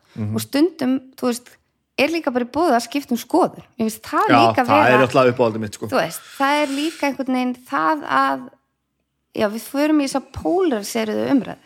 Og meiri segja að þegar fólk skiptur um skoðun þá reynir það að fela að það hafi haft aðra skoðun. Já, og þa þá er það strax komin í einhvern kring og þá er hinn bara, nú, þú bara þú veist, búin að skipta skoðun. Æ, veist, ég, ég sk- skrifaði einmitt einhvern ótrúlega ósmæklegan og ekki, ekki hérna, þróskaðan pistil á, á interneti einhvern og ég var að rifið upp bara nú fyrir bara tveimur vikum og vorum bara í vinnunni og vorum að tala um þetta um feminisma og ég að vera ægilega bessi vissur og algjörð fíl sko. og fle, flett upp pistlinu sem alltaf er bara á internetinu og þar á fólks bara allra ekki að láta taka þetta út? Nei, ég ætla ekki að láta taka þetta út en ég ætla að geta sagt eins hátt og ég mögulega get. Ég, ég hugsa ekki svona Hugsa lengur. ekki, ég læriði af þessu veist, með því að fara í gegnum þetta og segja þetta og, og ég er rosa mikið betur en þig, ég er ekki feministi því að eitthvað þegið bjánuðinn já, en ég er ekkert að fara að breyða yfir það. Hvernig í anskotunum ætlum að ræða að ætlum að læra eitthvað ef að þú veist ef við ætlum að gleyma því hvernig við vorum? Það er ekkert hægt. En mér finnst það líka vera þú veist, Einmitt það, það má skipta um skoðun og svo auðvitað er það þannig að við gerum öll mistök. Þú veist, við segjum rángar hluti, við gerum rángar, hluti á einhverju tímapunkti og þú veist, lærum af því flest. -hmm. Þú veist, og það er svolítið hættult að vera að hengja mann fyrir eitthvað sem að sko tilveri fortíðinni ef að sko, þú veist, jú, ef maður er bara ennþá sami fávitin, sko, en þú veist, að það sé bara svigrum líka fyrir það að fólk, já, bara maðurinn er uh, mjög breyskur, sko, þú veist, að við höfum kannski eins, vanta kannski eins meira umbyrðalindi. Veist, og þetta geta sett sig í, sko, stöf, svona, hérna, spór annar, þú veist, reyna að hugsa út frá þrátt fyrir að maður sé ekki sammála, en að maður skiljið samt. Já, já. Veist, það held ég að, mér finnst það vantar svolítið, já, í þú veist þetta, þessa umræðu sem búin, bara alla umræðu, ekkit einhver eina sérstaka, en þetta verð, við erum svolítið við erum stundum ekki alveg nógu góðu hvort annað Nei, umræðum. við erum ofta á, hau- á hausaviðum, Já. sko. Og við erum til í að taka fólk niður. líka. Já, þú veist, að því einhvern veginn og hvað líður mér þá betur með að taka einhvern annan niður, eða þú veist, maður skilur ekki alveg hver er vannstu þá að Eða ég þú held að veist, þetta snúist nefnilega um það að, að eins og einhver sagði um Donald, Donald Trump einhvern tímann hún líður aldrei eins og hún hafi gert neitt gott nefnum einhver annar tapi fyrir hún já, þetta er mjög mannlegt sko Já. að þú veist, þið líður aldrei eins og hafi náð einhverjum, einhverjum árangri nefnum sett fyrstur í hlaupinu sko. Já. og hinnir sem hún eftir er töpuð Já. og þá náður árangri sko. þú gerst haha þetta er rosalega Já, já. upp hugsun sko. Já, hún er ekki hún er ekki hérna eða hún er ekki, já, þetta er ekki umbyrlind þetta er ekki eitthvað svona þetta er ekki manngjaska, fyrst mér Nei. þannig að og, og ekki, ekki sjáanlegu tilgangum með þessu Nei. og líka þetta bara, já, bera virðingu fyrir já, líka bara fólki sem lendir í þú veist, vandræðu með alls konar hluti. Þú veist, að að þrátt fyrir að maður eftir maður myndi ekki gera það sjálfur en, en að dæmi ekki, já, þetta snýst líka bara um að bera virðingu fyrir fólki. Mm mér finnst það vera En nú sópaðir þú til dæmis alveg að reisastórum hópið bara undir sömu móttuna rétt án og kallar það bara góða fólkið. já, ég gerði það ég er ekki saklus að því að ég, ég er oft í prinsipinu sammálaði sem góða fólki er að segja, sko, ef við gefum þessum hóp svolítið góða fólki. Góða fólki, já. Þú veist, þetta er er er sniðuðu stimpill, sko, Já. og ég er held í prinsipinu sammálaðir, en ég er samt, ég þarf að, við þurfum að passa okkur líka að horfa að það, þess að þetta fólk er að segja og bara, hei, hei, þetta er, auðvitað er þetta fokkin rétt. algjörlega algjörlega. Ég er náttúrulega bara, já ég, þú veist, auðvitað er ég ekkit hérna, saklus að því að vera stundum í, í hérna, dómhörkunni sko, bara alls ekki. En, en mér, finnst, mér finnst þetta jú, sko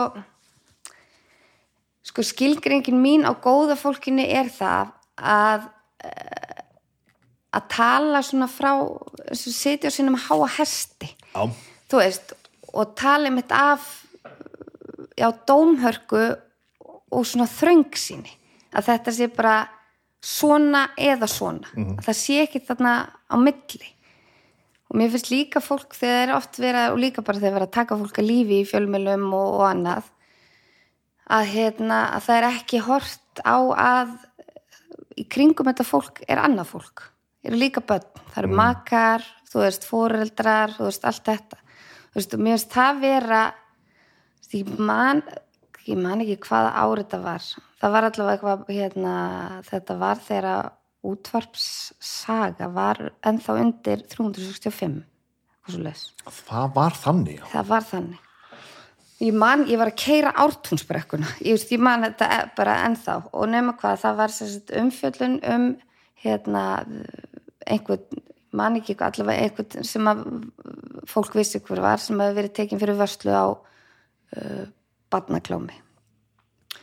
Og Artrúr Kals og einhver með henni þau ringja í foreldra mannsins Mm og spurja hvað finnst þér um þetta? Og notabenni þarna var ekki búið að falla dómur, þú veist þetta var náttúrulega búið að vera bara lögum var búin að leggja, já, halda á eitthvað herri þeir ringja í aldra foreldra mannsins og mér misböð svo að ég ringi upp á 365 bara hvað í anskotanum sko vill þeim til með þessu bara því líka vannvirðing við þetta fólk veist, hvað að fara að taka þau að lífi fyrir eitthvað sem að svona er að gera það og eitthvað. Herru, svara sem ég fekk var bara, byrju, hvernig þekki þú hana mann? Já, Þú veist, það var... því að það var, af því að það var málið. Það var málið, þú veist, þú veist, það var ekki umræðu um, þú veist, herðu, þetta er náttúrulega bara mjög alvarlegt og þú veist, bara hvernig eru við sem bara samfélag og kerfi og refsufuslu kerfi, hvernig er það að taka, þú veist, takast á við, við svona fangað, veist, það var ekkert, þú veist, Nei, nei, nei. heldur að hringi, ég bara, eins og segi, ég mann það ennþá því með blöskraði svo rosalega, þetta er ekki, já, þetta er ekki, þetta er ekki fallegt og mér finnst við vera svolítið í þessu, að bara ekki alveg hugsa um það að í kringu hverju manneski eru líka fullt af öðrum manneskum, Já, um mitt. þú veist, það eru börnarna og, og sérstaklega náttúrulega oft með, með börnin, að það er, En auðvitað, það er náttúrulega ekki alveg svona tvívitt. Þú veist, við getum náttúrulega ekki hlýft fólki endalust bara af því að það er í einhverjum aðstæðum. Nei, en erum við ekki með bara réttakerfi líka sem að, þú veist, sem að á þá líka bara dæma fólk og bara þá fara í gegnum, þú veist, bara rétta ferla þá. Já, Þú veist, mér finnst það líka vera og líka það, menn við erum að keira betrunarkerfi hérna á Íslandi, við erum búin að taka ákvörnum að gera það. Að hérna, að taka bara, þú bara afplána þitt og vonandi og, og markmið er og komir betri manneskja út. En að við séum, þú veist, bara eins og komum núna upp með hérna uh, hann Guðmund samfélkingar hérna prófkjörinu eða eitthvað það hann fekk ekki að taka þátt af því að hann hafði lotið refsutóm búin að sitja af sér samt. Þú veist hvað skilabóður við að senda? Eða þú veist, mér finnst þetta ekki mér finnst þetta ekki smart. Nei, þannig að þarna finnst mér við stundum vera ekki alveg já, ekki bara verðingu fyrir fólki. Nei, og algjörlega, sko. þannig að og maður finnur það líka, ég er búin að sitja lengi í barnavendanemnd Mm. að hérna og bara mikið af hérna, bara bönnur sem er í vanda og foreldrum sem er í vanda. Að hérna að við, já, mér finnst við oft dæma foreldrana hart. Þú veist Já, bara að hérna þú við gerum það náttúrulega ekki hjá hérna uh, barnavendanefndinni en bara svona svo til samfélagið að þetta er svona svartasti bletturinn er að fá sko barnavend á sig. Já, þú veist, meðan að barnavend hlutverk barnavendar er að styðja við fóreldra til að geta sint forsjóðskildum sínum og, og, og alveg börnum sín því að börnum er best borgið hjá fóreldrum sínum þú veist, í grunninn alveg sama þróttur að það sé ekki allt upp á tíu Já, þá já. er samt bara rannsóknir sínar það að börnum er þó betur borgið hjá fóreldrum sínum mm. þráttur að það sé ekki allt upp á tíu og við erum ekki alveg, við erum svolítið dómhör til dæmis á það ef að fólk fara á sig barnavenda tilkynningu eða, eða annað og fólk er hrætt við barnavendi já, að það er svo til segið, þetta er rosalega stimpill, sko. já, stæðan fyrir að því sko barnavendin er með rosalega mikið af flottum Já, og já. geggjuðum úrræðum Bara til- Ásmundur Einar, einmitt, svo er ég grýpa hann fyrir þess, ég ætla að gleyma þessu. Hann var þetta að segja, sko, við varum alltaf að grípa bara sent inni. Hann vildi meina að, hérna, að það þyrfti ekki alltaf að bara syngja út slökkuliði, sko. Að, að barnavernd einhvern veginn ætti að standa meira fyrir það bara ef að eitthvað er pínlítið að, þá getum við bara hjálpað þér. já, En við sjáum þetta sem bara, já, þetta Grímu. er hérna fólkið sem tekur börnin af óhæfu fóreldrunum. Við sjáum ekkert annað, sko. og það er, já, við erum og ekki það við bara rekum bara frekar hérna flott barnavendakerfi að undarskildum meðfrar hérna úrræðum fyrir, fyrir úlinga Mhm. þú veist, við erum algjörlega út að skýta þar við erum búin að vera það bara lengi Já, að hérna en við erum með rosalega flott úrræði fyrir, fyrir fóreldra til að hérna koma til þessu löpunum ef, ef þau vilja nýta, nýta þau tækjaveri sko. mhm, en það er líka annað sem við höfum glemt líka í öllu þessu, mér finnst það að vanta upp á þessu, hérna, bara þessu, öllu þessu COVID-i sko. Það var nokkuð smá umræði um það að bara, bara heimilsofbeldi jógst, barnavæntatilkynningar jógust í allir þessari innilókun sko. Þú veist, hver er fórnarkostnaður þú veist, til lengri tíma. Veist, við megum ekki veist, það er svona viðkvæmt að ræða það sko, þú veist, af því að hvað er þá að segja, þú veist, það setja mannslífin einhvern veginn, þú veist Já, já. ángra vogaskál taka sér svona að, að fleiri mögulega degi til þess að samfélagi verið aðeins minna fókt upp eftir á já, við erum eiginlega að tala um það sko. Já. Þannig, en, við erum ekki, en það er engin að ræða sko, þú veist, hvernig ætlum við að taka á móti þessu fólki sem að, þú veist, var inniloka, þurft að sinna fjárvinu uh, kannski var vinnan eina félagslega afturrengir sem það hafði eina, eini staður sem það hitti fólk. Þú veist, erum við að hjálpa þessu fólki aftur inn á hérna bara að komast aftur á þú veist, úr kvíðanum og, og allt þetta. Þú veist, öll þessi börn sem að hérna fengu ekki heita máltíð sko, það eina heita máltíðin var í skólanum og, og það var ekkit eftirlit, þú veist, það er enginn að fylgjast með maður því að skólanum voru lokaðir Já. veist, þetta er og meina, þetta eru vandamáli sem verða dýr sko, þetta er sko, ef maður talar bæði náttúrulega bara fyrir samfélagið uh, félagslega og náttúrulega líka bara peningalega Já, já. Veist, það er bara og þetta við munum vera svo bara að segja þessu alveg heilningi sko. En er þetta nú ekki eitt eitt af því sem að er þannig að það, það er aldrei góður laust hefðu við einhvern veginn geta fundið bestu lausnin á því hvernig við Nei, var þetta ekki bara ágætlega ágreitt þó að Marta hefði verið algjörlega fókt upp því að hvernig ætlum við að hafa allt gott? Við gáttum það ekkert. Nei, það var spurninga allavega mínum mati var eitthvað meðalhóf sko. mér Já, fannst já. við ekki vera hérna, mér fannst við ekki vera í meðalhófinu.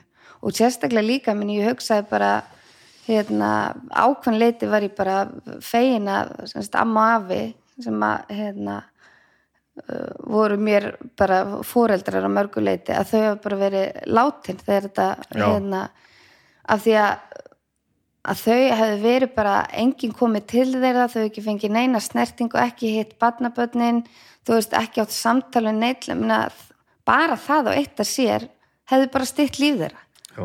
þú veist ég hefði alla leið brotið svóttunar reglur hefðu þau verið á lífi þegar bara, bara 100% Já, ok. Þú veist í stæðan fyrir að þú veist, þau náttúrulega búin að lifa langa æfi að hvað eða síðasta árunni hitta engan. Ei, þú veist, þetta, koma það er, þú veist, mér finnst það líka kannski já, mér, fann- mér fannst þetta vanta svolítið inn í umræðina svolítið svona bara meðalóf og ekki þegar ég veit að voru allir að þú veist, gera, gera sitt besta og við gerum þetta öll saman og allt þetta sko, en, en hérna en mér fannst svolítið fríka hvað við einhvern veginn vorum ótrúlega snögga hlýða eða þú veist. Já, Á sérstaklega, bara- með hvað við erum ákveðin í að við Já, kunnum ekki að mér- hlýða sko. Já, mér fannst það pínu ókveikjandi En við tókum samt pínu sko, við tókum pínu handbóltan á þetta fyrst sko. Þetta var ekki spurning um að hlýða. Við ætlum bara að vinna þetta á svona þetta tekur bara svona Já. einn og hálfa mánuð og við ætlum bara, bara að keira þetta niður. allir saman nú, Já, áfram Ísland. Já.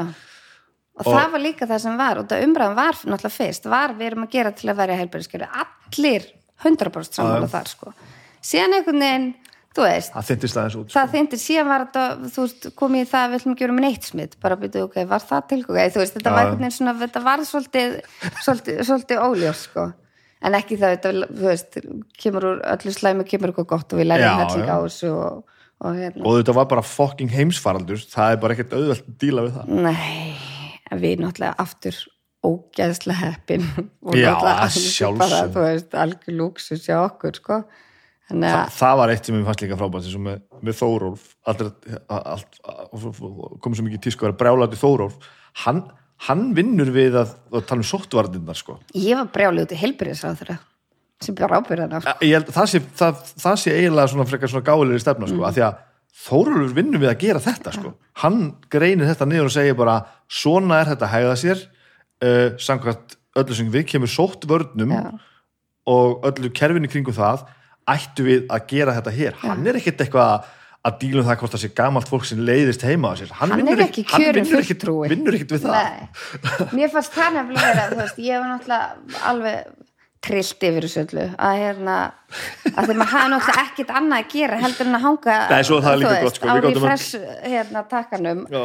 þú veist, að skoða hérna smittölur og helvitis blaðmannafundir að hérna að það vantaði svolítið í það að þú veist að, að það, það var já, það var heilbyrðis sem sko tók ákvörðun Já, þú veist það var bara hann sem bara ábyrð og á að byrja ábyrð þess vegna, þú veist, meni, það er bara hlutverk þitt sem að býðu fram og, og hérna til að sinna þessu ert kjörin í það. Og það er bara, maður er bara að taka það á kassan sko, veist, það er bara að vera pólitíkur sko, já, já. það En við vorum alveg til í eins og sagði að fara bara beint í mannin og fara bara í Þórólf. Já. það er bara fínt að því hann sagði eitthvað sem hendaði ekki. Ég bara, hann er ekkert að vinna við það. Nei, nei. En svo, já, svo var allir orðinir einmitt brjálar en mér fannst nú, mér persónulega fannst botnurinn á þegar var samið þetta helvitis lag ferðumst innan hús, ég bara, það bara fór í mínar fínust, þarna var ég bara nei, nú erum við bara búin að toppa okkur. Þú veist, að bara já, það fannst mér ákveðin, ákveðin botn. Æ, Ég er að hugsa um þetta með Alfröði Karls bara mér finnst Já. hún, hún skulda með kæru en þá já, öruglega nokkrum öðrum. Hún alltaf sérst alltaf hún, hérna, það, það var eitthvað útvarsa settu hérna alltaf með svona skoðanakannanir og, og vefsíðun hjá sér. Já, og ég let eitthvað í mér heyra þegar, að hérna, skoðanakonnin var treystir þú múslimum? Og ég bara hvað, hvað er þetta er að gera? og bara, þau höldu fram að þetta væri bara fullkvæmlega Full- spurning. bara, þetta segir mér sér ekkert gildislaðið að setja fram þessa spurningu. Já. Það er náttúrulega þetta, er, þetta er alveg styrla sko. Og ég fór með einhverja drullipumpur í einhvern útvarstátt og eitthvað. Já, ég maður það, þau voru, voru, voru íhuga kæra og eitthvað svona, Já. kom aldrei neð sko, já, pínu, pínu pyrrandi, pínu gaman. En það er líka áhugavert bara eins og þetta með sem ég var að, var að segja hann líka með sko bara ábyrg fjölmila Já. og þú veist, hvað þeir sleppa oft finnst mér sko vel. Já, já, þú veist, bara með af því þau bera mikla ábyrð, þú veist af því þetta er náttúrulega fjórða valdið og allt þetta. Að það var líka áhugavert í þessum sem að halda að fara að tala um leðilega COVID, neða það var ef maður fór út að þú veist eins og til dæmis í Svíþjóð þú veist það sem maður var ekkert eitthvað geggjust aða að þetta var ekki fyrsta frétt alltaf, þú veist, eða fyrstu 15 fréttinnar voru ekki allt COVID fréttir en hérna, þú veist bara COVID fréttir og bara eitthvað svona neikvætt. Þú veist, menn það var fullt jákvætt líka að gerast, sko, en það var veginn ótrúlega lítil hérna, umræða um þetta.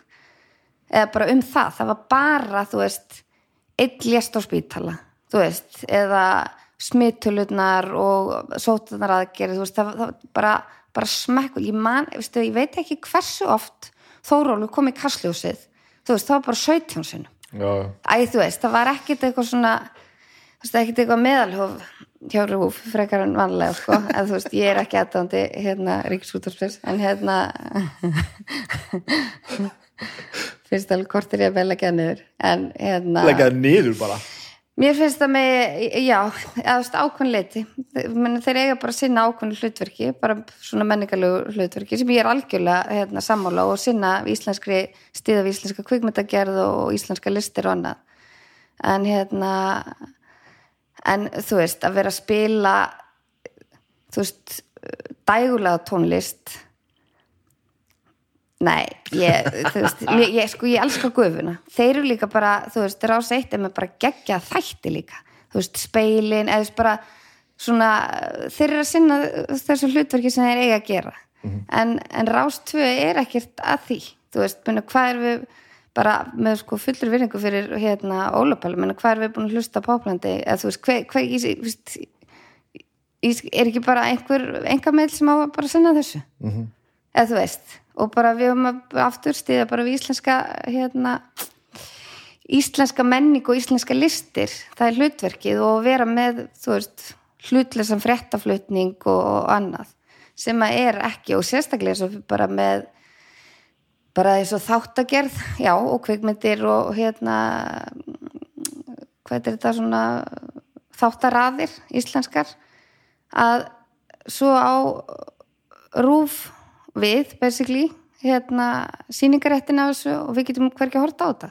Já, Nei, þú veist, mér finnst það líka, þú veist, þá erum við heldur ekkert að gera, sko, listamanninum höfundarétti, þess að það sem að höfundarétti neitt greiða með því, þú veist, hann fær ekki greita náttúrulega höfundarétt gjöldin með endur hverki síningu og þetta situr bara í hillu upp á, upp á rúf, já, já. Þú veist, mér finnst það, veist, ég væri freka til í að rúf væri bara með rúf 2 sem myndi borga, þú veist, 900 kallar mánu og ég geti séð bara hérna fasti liðri svo venjulega og bara helsu skilur Já, þú veist, það væri geðveikt og fullt af geggjum hérna, stundir nokkar með Felix og Gunna, æ, skilur bara eitthvað svona sem er þú veist, en er þetta nú ekki svona eitthvað mögulega í sjónmáli að fara að gera eitthvað svona? Já, maður myndi nú halda að þetta vera svona á þessum tíma þar sem að líka bara allar þessar veitur eru til staðar. Þetta er ekki þau þurfa ekki að finna upp eitthvað tækni til að gera nei, nei, nei. Og ekkert módel, módel er flekkar klart sko. þetta já, já, og nógu til að starfsfólki en það skilur til að svona- Akkur er þetta svona skoðanagluð? Hvað hva hefur alltaf verið svona? alltaf verið mjög skoðunur skoðunur öllu Þú hefur skoðanir á öllu. Og, og alveg svona afgerandi skoðanir að því ég dáist að þessu sko að þú hefur skoðanir og ert gerðinlega bara mjög tilbúin til þess að framkvæma það sem út sannfærið um að sé rétt. Já, að því ég stoppa mjög oft á því bara ég, mér finnst þetta mjög mikið. En kannski hef ég ekki alveg rétt fyrir mér eða ekki alveg yfir sín ég ætla að bremsa núna. Já. Ég, ég held ég, ég hef bara alltaf verið svona líka bara frá því að ég var krakki. Bara mikið ADHD ofverk, aðeinspröstu kvartvísi svona samblanda af því sem að, að hérna, hef oft komið mér í vandræði líka með það sko. Já. Ta að tala á hann í hugsa eða, já tala á hann í klára kannski hugsunna en, en maður, maður þjálfast í þessu. Að bremsa nú snemma? Að bremsa nú snemma. Já ég lent alveg stundum í áreksturum sem úlingur sko og bara, já það óðmar svolítið, svolítið áfram maður svolítið stjórnlaus sko. Er er þú tala um svona persónulega samskipti þá? Já, ekki svona að tala í mikrofón stemning heldur? Já bara segja þú veist, segja alltaf það sem ég fannst. Sem að, þú veist, er ekki endilega alltaf gott. Nei. þú veist, stundum á maður bara stundum á bara satt kjört liggja og, og hérna, stundum á maður bara maður á að velja slægina. Mm. en ég gerði það ekkit alltaf, ég gerði það meira núna. En hérna já, nei, ég gerði það dálítið mikið sem krakki. Hvernig var á, á varstu á Akureyri? Já, ég var akkur Heyri það, þegar, þú segir Akureyri þá heyri ég það. fekk alveg já, ég var mjög heppin með það. Mamma var náttúrulega ung þegar hún átti mig þannig að ég var heppin að fá að vera mjög mikið hjá og afa sem voru alveg bara indislegt fólk og hérna eh, mikið bara mínar fyrirmyndir og, og sérstaklega amma, hún var alveg já, einstök kona. Og ég var heppin líka bara ég fekk að umgangast svolítið mikið bara eldra fólk. Amma afi byggði á hérna brekkunni og það voru það var bara svona nágranna stemming. Þú veist, Rut og Tón í húsinu fyrir neðan eða þú veist og hérna, og ég fekk að sitja og spila kanna með þeim og, og fara í búð fyrir þau og, og ég bara, já, tengdist þessu þessu gamla fólki í göttinni bara mjög mikið. Og hérna bý mjög mikið að- því finnst mér. Þau voru líka bara svo það var bara svona fallegt litróf sem að uh, sem er jú alveg til staðar í dag en við erum svolítið náttúrulega að setja fólki í, í, í box sko. þú veist, það var alveg mikið sem bjóni er í göttinni drakk náttúrulega mjög mikið, var að vinna í lindu uh, var alltaf með svartan hatt alltaf með nefntobak að hérna, hann var algjör meistari sko. Að að hérna, þú veist, í dag er því hann bara stimplaður sem, þú veist, bara alkoholisti, eða þú veist, það er svona minna svigrum fyrir það, allavega, já, en það, já, það bara, ég var mjög heppið með það, það var, þú veist, það voru konar sem bjó líka móti sem var, svona, þegar maður horfir í baksinspilin, alltaf með slíkan, hérna, kvíða, því að hún var alltaf út í glugga og fylgdist með öllum, sko, þú veist, þú vissi alveg hver eru komið heim sem göttuna fór átt í búð fyrir það og þá rétti hún sko peningir út um gluggan og ég rétti pókan inn, þú veist, í dag, þú veist, þá sér maður náttúrulega að það var einhver, einhver örlítur, einhver félagsfælni þarna í gangi. eitthvað sem við bara kallað ven, venjur og, og, og svona einhver sérkenni á þessum tíma já, já, þannig ég, hérna, já, ég fekk bara indislegt uppeldi og á indislega fjölskyldu fyrir, fyrir norðan. Og ég held líka af því að mamma var náttúrulega ung þegar hún átti mig og hérna var ein að það bara tók líka stórfjölskyldan svolítið utan um okkur og ég bara grætti mjög mikið á því. Að ég fekk, það voru margir sem komið að mínu uppeldi. Mm. þannig að hérna ég var náttúrulega algjör dekur, eða þú veist. Já. ég var dekur að því leiti, ég var dekur að óbúsleir ást. Þú veist, það voru ekki eitthvað, þú veist endilega vera að kaupa allt, heldur bara já, ég fekk mjög mikla ást og, og þetta að bara ég geti gert allt sem ég vildi. Þú veist, ég geti, já að mér var allir vegir færir. Það er svona gott nesti að fá sko. Já, það er það. Það er, já, það er það best og þetta líka, já, bara halda að sjá ekkert sem sko kannski hindranir heldur bara tækifæri. Mhm. og það er svona held ég það sem að sko pappi þess að hérna pappi Kristján að maðurinn henni mömmu sem að hérna komin í mitt líf þegar ég var nýjára það var eitt af því sem hann gendi mér að bara já, sér tækifæri frekar en hindranir. Veist, það er ekkert ómögulegt. Ég held, veist, ég aldrei geta gert upp þetta hús og alls konar hefði ég ekki haft þetta Já. einhvern veginn bara í Google þetta bara Já, einmitt, veist, ég, bara, ég finn bara út Það er já, það er Já. lausn, þá spyr ég bara, ég læri bara þú veist, ég fer bara þá nýr bík og þú veist, kallandinn þar sína mig bara hvernig ég á að tappa af opninum eða veist, það er bara Ég er eiginlega bara að læra þetta núna sko. Já. Það er full, það er leðilega seint. Já, á, ekki að vera að læra þetta 40 ára. Ég horf alltaf bara á þetta og bara Já, það er auðvitað bara svona þrjár mannskur í heiminu sem geta gert þetta, Já. ég ætla ekki að hugsa um þetta. Já, sem er bara eitthvað svona mundane stuff sem ég get bara einmitt farið á YouTube og tjekka á sko. En svo er þetta líka að vera fyrirmyndi fyrir sko bönni sín, eða þú veist Já, þess vegna held ég sé að byrja að læra þetta sko. Já. þegar nú er bönnum mín fjóru, sex ára og allt nú bara ég, ég, ég get ekki verið bara svona nei, get ekki verið eitthvað fjós bara til hodni að að gera ekki það sem ég, ég ætti að vera að gera Nei. þá fyrir maður að heisa upp um sig með þetta sko.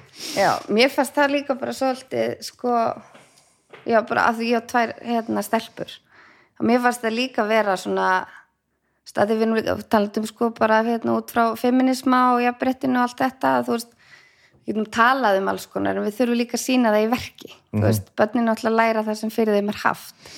Að sína það líka, við getum ekki bara sagt þeim það, veist, að við þurfum að vera það veist, sko. og það var einhvern veginn sem ég fannst fyndi þegar ég var að gera upp húsið þú veist, það var þetta bara svo dugleg þú veist, ég er ekki við sem að kallt maður hefði fengið það endilega, þú veist, ekki það ég tók því og bara frábært að hérna fá róst en það var veginn það að kona væri með hamar og borvil og þú veist steipurræru að það var einhvern veginn svona Mhm. hérna eitthvað óeðlilegt eða þú veist við stereo- rosalega en þá sko. Já, en mér finnst það líka vera bara, já, eins og fyrir stelpuna mínar að bara geta verið bara horfa á mömmu sinna að taka upp hamarinn og gera gera já, já, að geta bara verið sjálfstæðar að þessu leiti því það er uh, þú veist, á endanum hérna passar engin upp að hennum og þú sjálfur sko. Veist, það Nei. er svolítið þannig að þú þarft að geta staðið á eigin fótum, veist, geta sett upp gardinur og geta gert, veist, alls konar hluti spaslað og Já. lagt parkett og þú þú eru þarf náttúrulega að sjá einhvern gera annars ferði ekki að trúa Nei. þessu. Oft talaði um þetta í mínum heimi með, með hljómsveitur, hljóðfærarleikin stelpa með ramaskítar fyrir sko 20 árum þá voru það kannski bara svona 5 eða eitthvað og svo sá maður stelpu spila á trommur og þá bara, wow.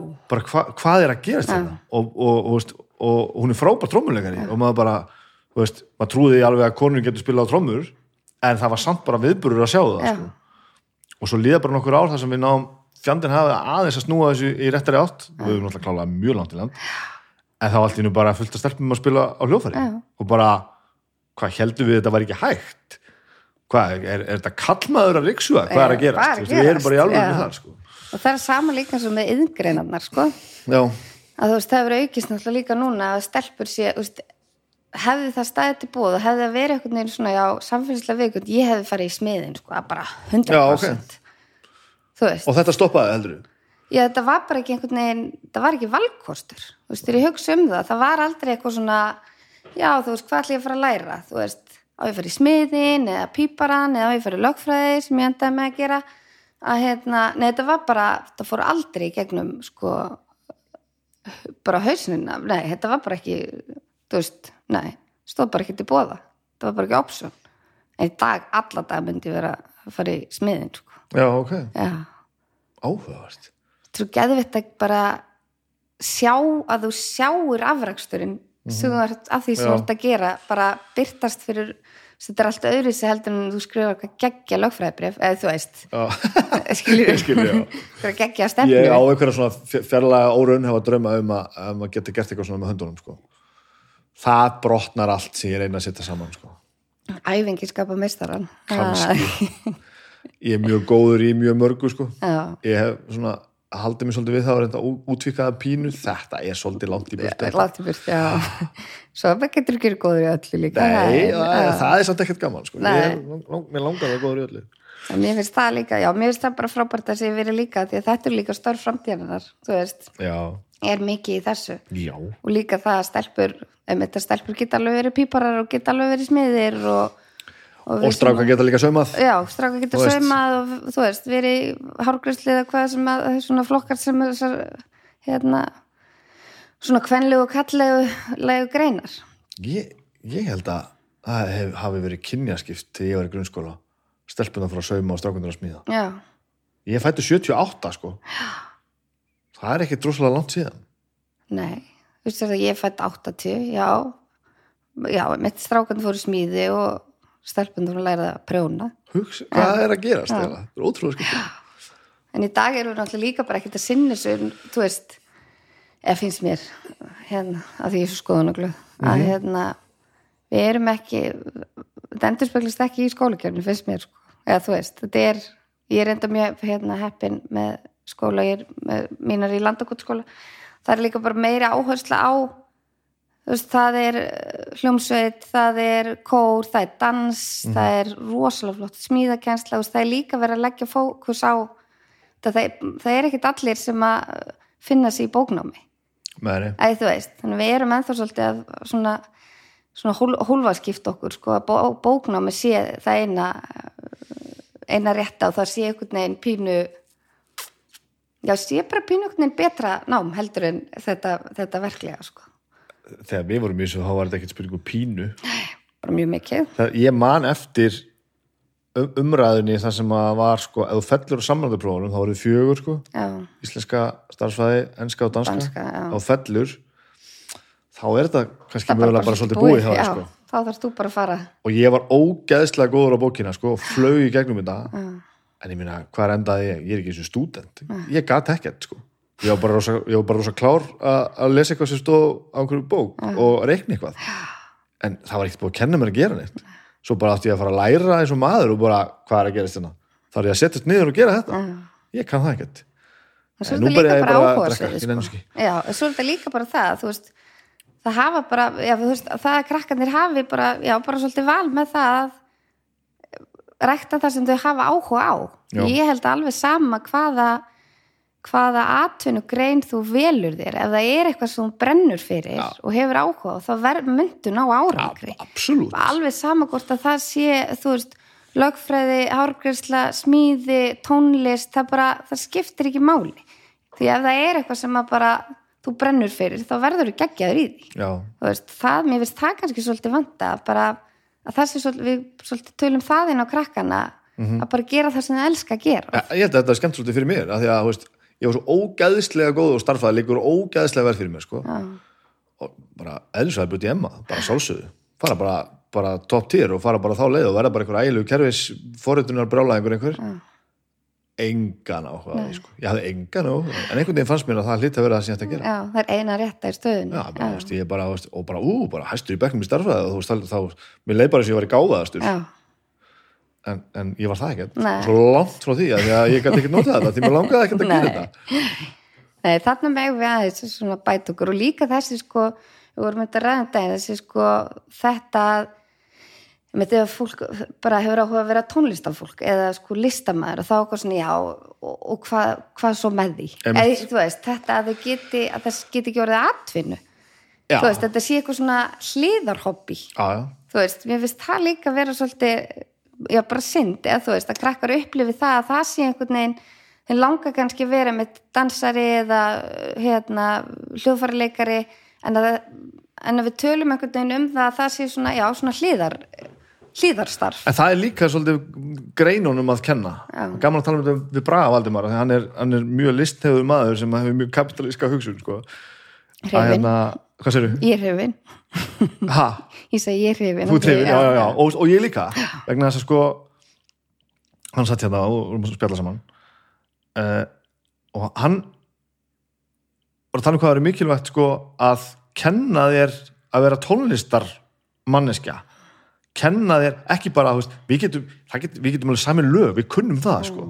en ef einhver hefur sagt við mig hérna bara þegar ég var 12 eða 14 eða 16 eða eitthvað og ég var hljómsveit bara viltu ekki læra að vera tónlistamæður sem væri þá, viltu ekki læra að gefa lögin út? Og hvernig þú átt að bóka giggin og hvernig þú átt að uh, semja við útgáfunar eða stofna þína eigin útgáfu eða þú veist, Allt þetta dót, sko. já, það er bara að kenna fólki að verða tónlistafólk en okkur var aldrei kent það, það var ekkert inn í myndinni. Og bara, ó, hvað er ég góður hljómsitt og svo bara, hvað ætlar svo að vinna?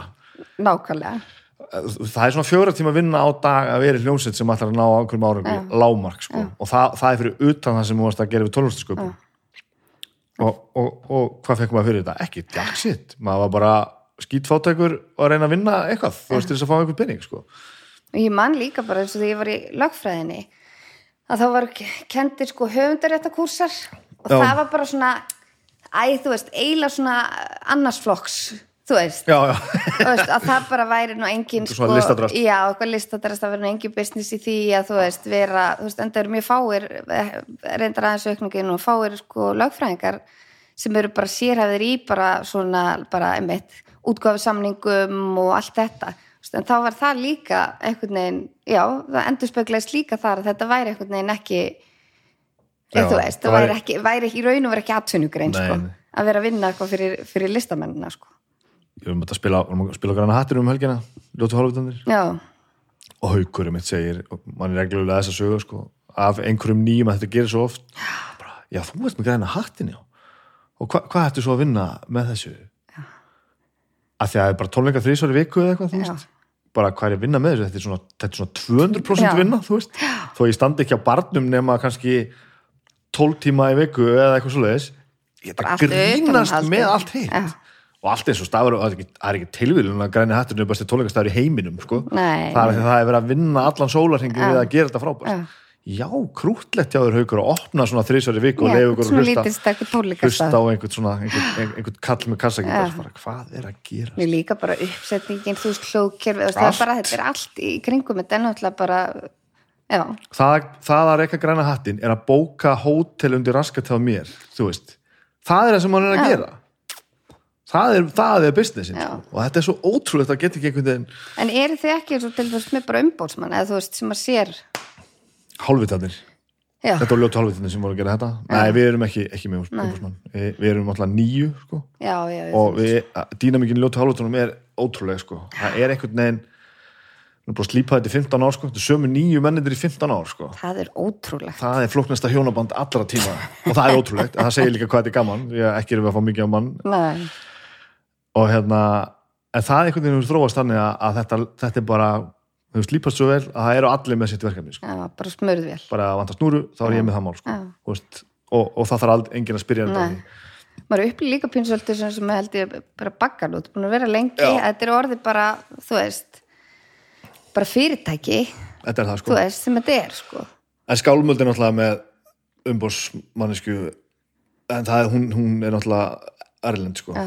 og með umbóskjöfstuð þar og, og útgáfyrirtæki þar og svona eitthvað. Og það það er svona misjamt, að því Ísland er svo fyndið sko, sem maður þekkir einhvern veginn veist, ég veit bara hver símanúmerin eru hjá þeim að þannig að svo fyrir, og svo þú veist, ef ég bara svo mikið að gera, hún merlega fær bara, þú veist, símanúmeri og ringir þann sem ég hef, þannig að þetta er svona samvinnuverkefni en heima kannski meira, sko.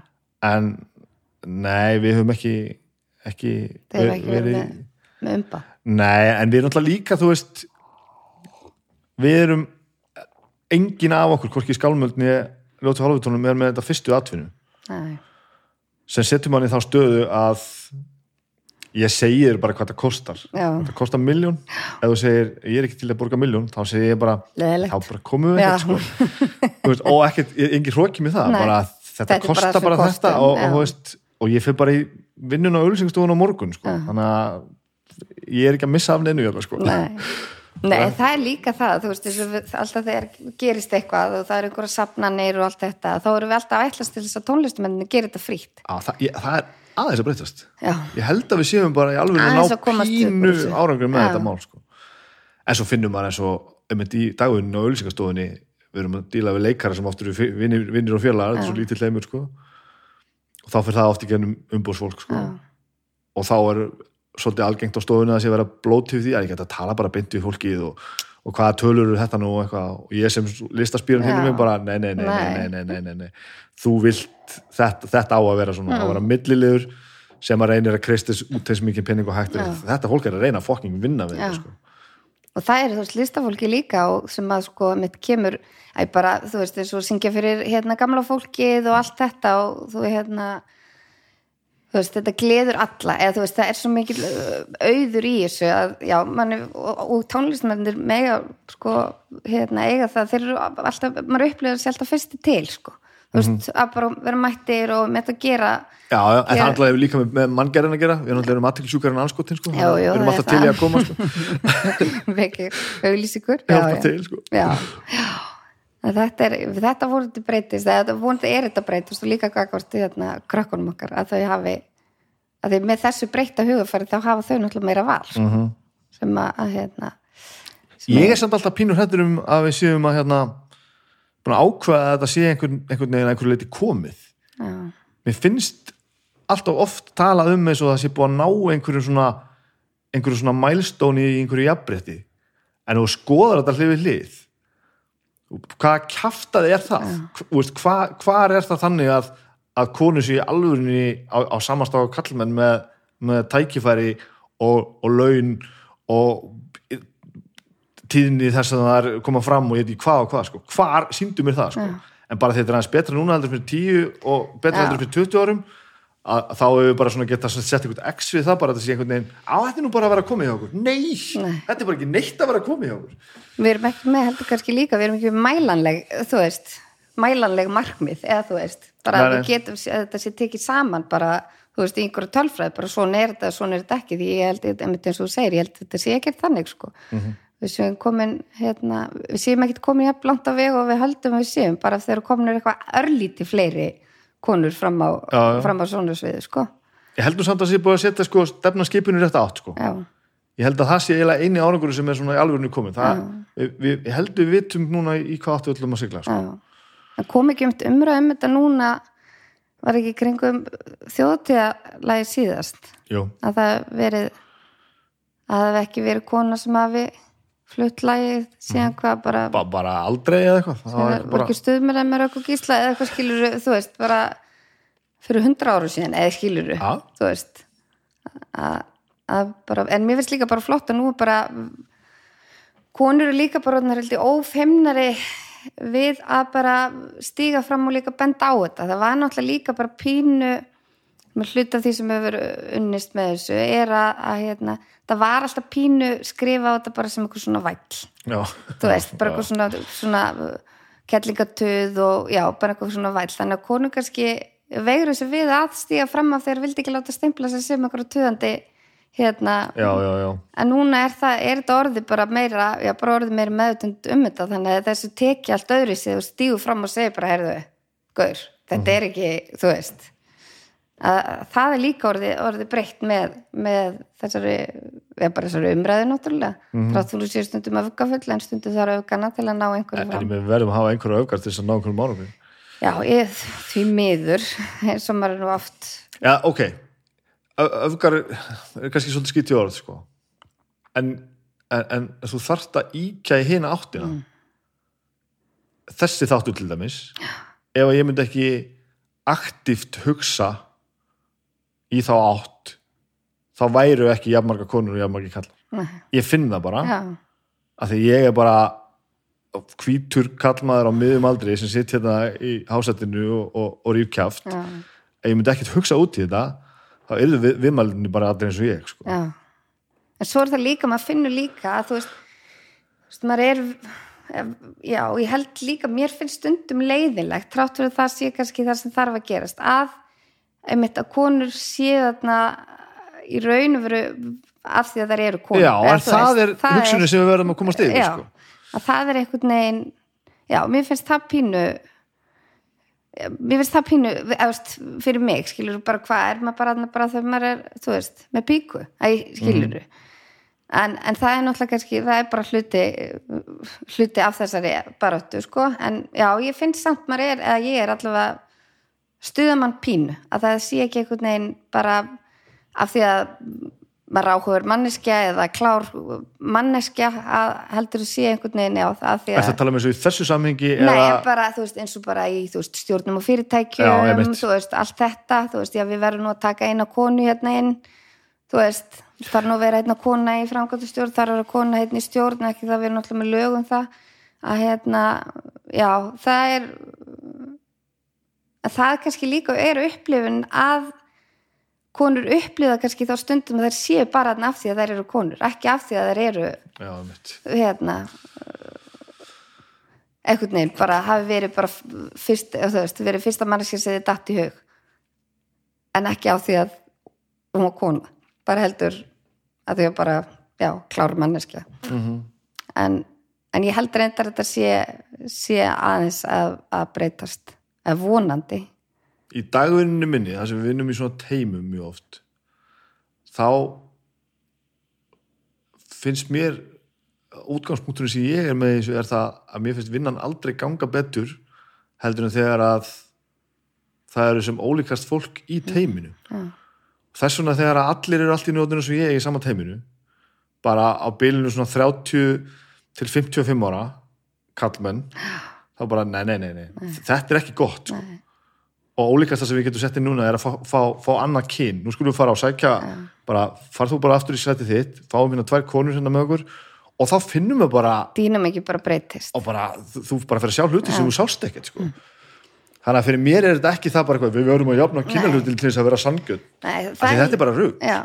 en það er líka eitt af því sem að bara við eigum að sko, held ég að fagna er að við, við erum sitt hvort kynið, við erum ólík við komum með öðru sér dýnamik og, og við eigum ekki einhvern veginn að sækjast eftir því að kallar eigi að vera eins og konur eða, eða konur eins og kallar sko, sem er oft kannski já, já, já, skilur þú veist, að, að við eigum að bara fagna því að við erum með hérna, ólík element ekkit eh, eitt betri en annað heldur bara að það þarf að vera vera hérna svona mix af þessu þú veist, og líka bara að maður læri svo mikið af samskipt, þú veist, ég hef mjög marga hérna, strákavinni og það er bara, maður, læ- já, maður lærir bara, þú veist, samskiptin eru svo allt öðru sig heldur en eh, í hérna kvennahópi. Já. og sumt gott og sumt slemt sko. En það er, já, það er oft minni dræmi náttúrulega og, og hérna já, bara svona einfaldar oft finnst mér. að það sem oft svona nær yfirborðinu Já. sem við erum að tala um sko. og bara þá er bara hlutinir sagðir og svo er það bara afgreitt og það er ekkert en svo er það alls ekkert alltaf þannig Nei, nei, auðvitað ekki. En, hérna, en það er oft bara, en það eru bara aftur þessu ólíku element kannski í okkur að konundar eru meira svona hérna í analýsu og annað. Já, en það er líka, já, já svo held ég að sé líka bara, þú veist, ég held nú bara rannsóknir sína það að við erum bara ákveðinleiti skipulæður eða annað en ég held að komin náttúrulega líka bara út frá því að konun náttúrulega líka eru í mjög oft í náttúrulega bara 150% starfi Það því við erum löngum búin að dampa öllu skipulegum á ykkur maður. já. Já. mér finnst það kannski vera líka sem þarf að fylgja staði í þessar umræði er það að þú veist við eigum að vera náttúrulega hérna nárangri því sem við erum að gera og við erum kvartar til þess. Og við erum kvartar til að náttúrulega sækjast eftir sömu launum og, og kallmenn og hérna allt þetta.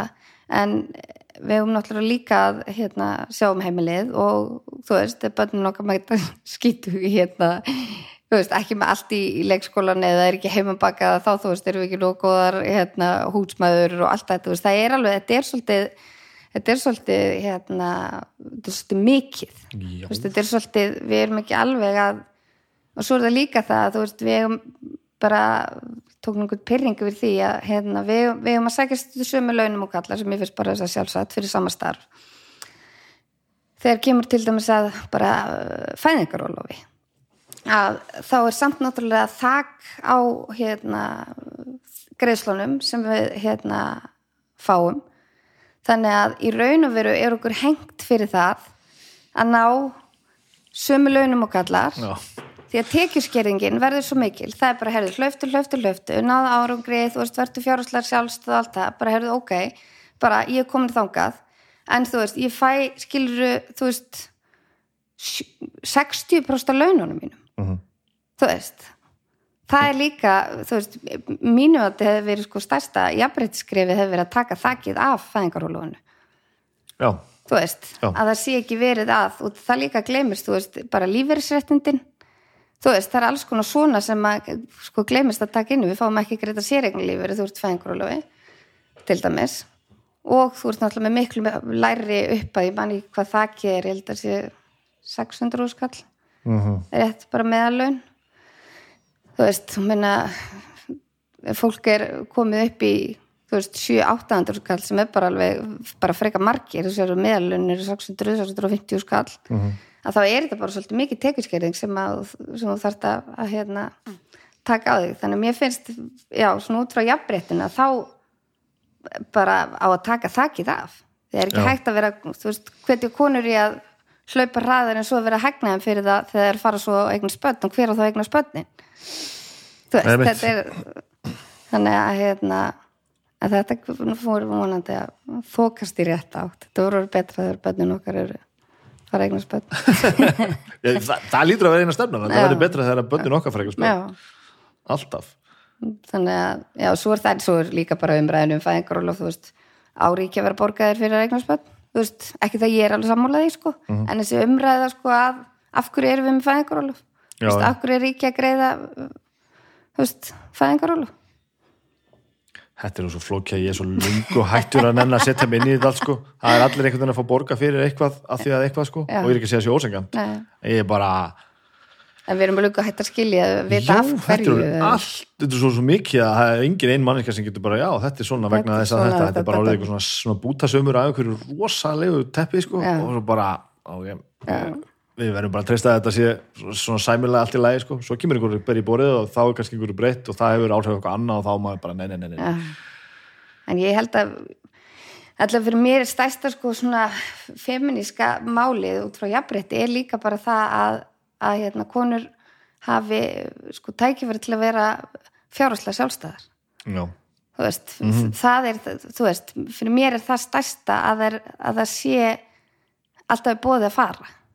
Já, nákvæmlega. Þú veist, það er hérna þú veist, að því minna, við þurfum ekki að fara svo langt aftur. Þar sem við vorum var bara, það var bara til bóðið að fara af því að konur voru bara svo fjárhagslega hérna, upp á menninu sinna komna Já, já, að það er, fyrir mér er það hérna jafnrétti og svona út frá feminísku sjónamum að vera að konum sé sko veitt jafn tækifæri til að vera bara, já, fjárhagslega sjálfstæðar þannig að, að þær séu ekki, ekki fastar Mhm.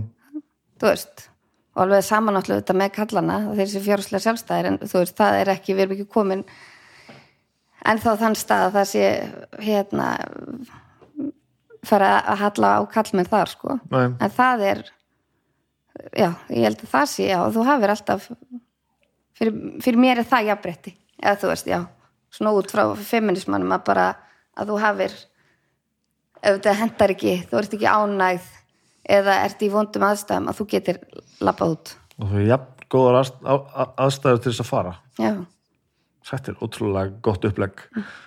Þú fyndið. Varstu, varstu hann að pæla í svona hlutum bara á akkurir strax? Þetta er, er, þetta er grafið í því alls konar svona skoðanir á hlutum já. Þetta er til dæmis veist, eitt af því sem að sko bara amma til dæmis kendi mér. Þú veist, amma var það eru nýja ár sinni hún dó, hún var 86 þegar hún dó.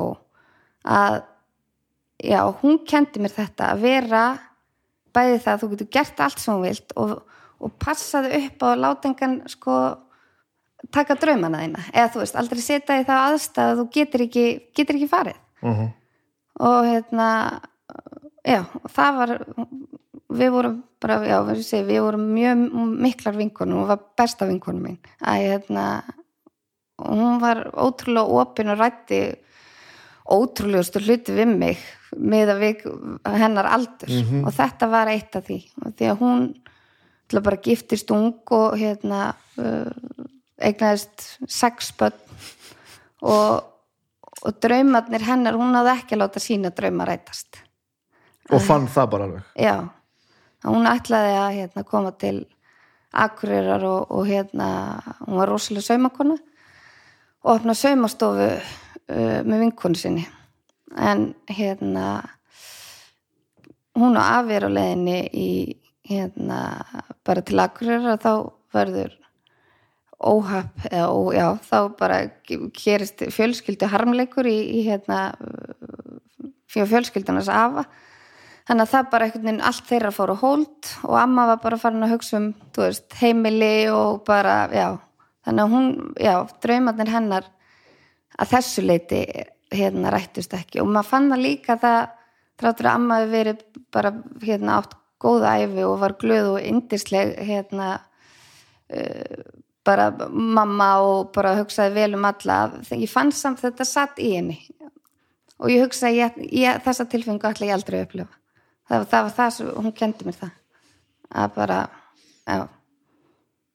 Þannig að já En samt glöð, þú veist þú... Já, hún er indisleg, bara alltaf glöð og bara, já, hún bara heimili hennar var, ég held að það ég hef líka lært það af henni, svona heimili mitt og er svona svolítið félagsheimili að bara það er alltaf opið mm -hmm. þú veist, það er alltaf heitt á kanninu, það er alltaf allir velkomnir, sama hvað sama hvernar, að það bara já, það er alltaf já, bara heimili er opið og, og það var hún, hún var mjög góð í því og líka bara búa til alls konar svona hefðir fjölskyldan hittist alltaf að gera ákveðnar hluti veist, það var alltaf laufabröð það var alltaf veist, svona ákveðnir póstar í hérna, heima hjá ömmu af þannig að ég held að já, þetta er svona það dýrmætasta sem að hún og, og Afi kendi mér að bara vera já, að bara heimili sér alltaf opið. Eða, veist, það er svo gott að, svo gott að hérna, fá fólk til sín. Mm -hmm. og það er svo gott að hérna já, bara gott að líka geta gefið fólki samastað ef það er eitthvað bæ, bæði í gleðu og í sorg. Þannig að það, hérna og þetta hefur fyllt bara líka fjölskyldinni okkar líka fyrir norðan að, að hérna fjölskyldan er náttúrulega mengu öllu eins og allar fjölskyldur og, og hérna alls konar brestir en að, að hérna en að fjölskyldi er fjölskylda, við stöndum alltaf Já, saman þegar að hérna áreinir og erum með mjög svartan húmor og gerum sko, alveg látlust grína hvort öðru. Líka bara að það sé ekki sko verið að fela hlutinu, eða þú veist að bara einhver, þú veist ekki, ekki fullur á bílnum eða eitthvað, þú veist, já, já. þá er ekkert einhvern veginn, já það er ekkert eitthvað. fiff, fiff, fiff, þú veist, þá það bara þá, skilur, er bara pínu já, það er bara tekið svolítið svartur húmor á það, eða þú veist, og það er líka miklu skemmtilega. Ánþess að þá að hlaupa frá já, já, já, já, það er alveg farið yfir og svona, en, en já, lík, það er gott líka að hlæja eða þú veist, það geta gert grína það þarf að gera það, svo lengi sem maður gleymur ekki að tækla máli, sko. Það, það er mjög fátt í þessum heimi sem er ekki eitthvað pínufundir já, bara allt, sko, þú veist, við hefum hlægið svo bara já, eins og þér hitti bara við hittum stjórnskyldan, við hlægjum bara mjög mikið mm. og það er, og líka í hérna í sorginni, þú veist man, hérna, þegar Afi var á ellihimili fyrir norðan og var bara hérna orðin bara hérna heilabilaður og var inn á pínu litlu herbyggi og var sérst bara komin í líknandi meðferð og við sátum þar fimm örgla inn í hérna þessu pínallega herbyggi og megum á okkur hlátri þú veist, vorum komið á komin starfsbar og sussað okkur sko oh. þú veist, rátt fyrir að hann væri já, hann bara draga sitt bara sín síðust andadrætti að þá samt einhvern veginn, já, gáttu við gert grín og hleið og það er líka það er bara svo, það er svo gott. Það er mjög frelsandi sko. Að, hérna, og líka að geta gráti saman sko, mm -hmm. en, en að það sé stutt í, stutt í gleðin og það er, húmor er er vannmetinn finnst mér oft. Heldur það? Fólk er oft viðkvæmt fyrir því ég er nú oft skam fyrir það hvað ég er með svartan húmor sko, veist, en, en, hérna, en hann kemur ekki frá vondurstað, það er meira svona kannski írónían já, þannig að hérna, þannig að já, við fjölskyldar með mjög svartan húmor og bara ég elska elska hana fyrir það sko, og maður getur líka bara verið hitspurslus og og maður veit að maður kemur aldrei að loka um degum sama hversu mikið maður skýtur í degið sko. veist, það er líka það sko. Já, að sjálfsögðu hérna, og örgleins og hjá bara mörgum fjölskyldum sko. en hérna, já, það er breyskleikin er hérna líka honum er líka bara fagnar mm. þannig að það er bara, það er mjög fallið og þetta er það sem að, að mafi hérna, það skilja, skilja svona held ég eftir hjá fjölskyldinu sko, sem er sem er mjög fallegt og ég er mjög þakklátt fyrir það sko. Hvernig er ákvæmstu hvað, þú ætlar að læra á svona? ég var mjög ung Akkur, bjóst ég við því að þetta er svarið? mamma var um þetta því að ég man ekki, ég man samt þetta því ég verið kannski 11, þá var ég komið með bandasáttmálun alveg veifandi honum Við erum bara alveg þarna. Við erum þarna. Já, já, já. Af hverju? Hva, hva, það var bara eitthvað kannski bara rík réttlætiskend það bara já mér fannst eitthvað ekki vera sangjart eða brotið á einhverju þá bara var því mjög æst og bara og náttúrulega sérstaklega á þessum tíma mjög andum mín réttindi já. hvað ég mætti og, og hvenær ég verið sjálfráða og meni, ég flög hérna söður bara held ég hvort það hefði verið bara á ammálstæmin því ég var 16, þá var eldur 16 fótið fjölinstatt og fengið með tattu bara bara, að því þú gasta. jöp já. svo hefnist mér fyrir það að hérna, eldri dóttir mín er eins og snýtt út um það ég er bara að tala, er að við sjálfa mig var hérna. Hún er aðeins betur upp alin heldur en ég en hérna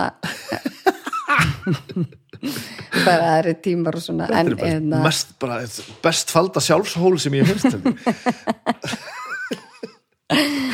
en það er náttúrulega líka sem er svo stórkostlitu bönn en bara vonar að þið takki svona takki það góða frá mannu og Já. verði svo aðeins, aðeins betri mann sjálfur þannig að nei, ég var mjög ung þegar ég var fann að já, þannig ég held að hef ekkert komið kannski mörgum á óvart ég að fara í lögfræði en ég átti náttúrulega ekki það námi svo sem sko lá ágætlega fyrir mér en ég, eins og ég segi, ég með mjög mikið bara að ég hátti hérna þannig að og ég held ég að verið kannski svona típisk bara stelpa og þetta var náttúrulega bara ekkert rætt þá eða þetta var einhvern veginn ekki kannski upp á borðunum með stelpur sem verður með þessa þennan, þessa eiginleika Að ég hátti mennuna. já, Já.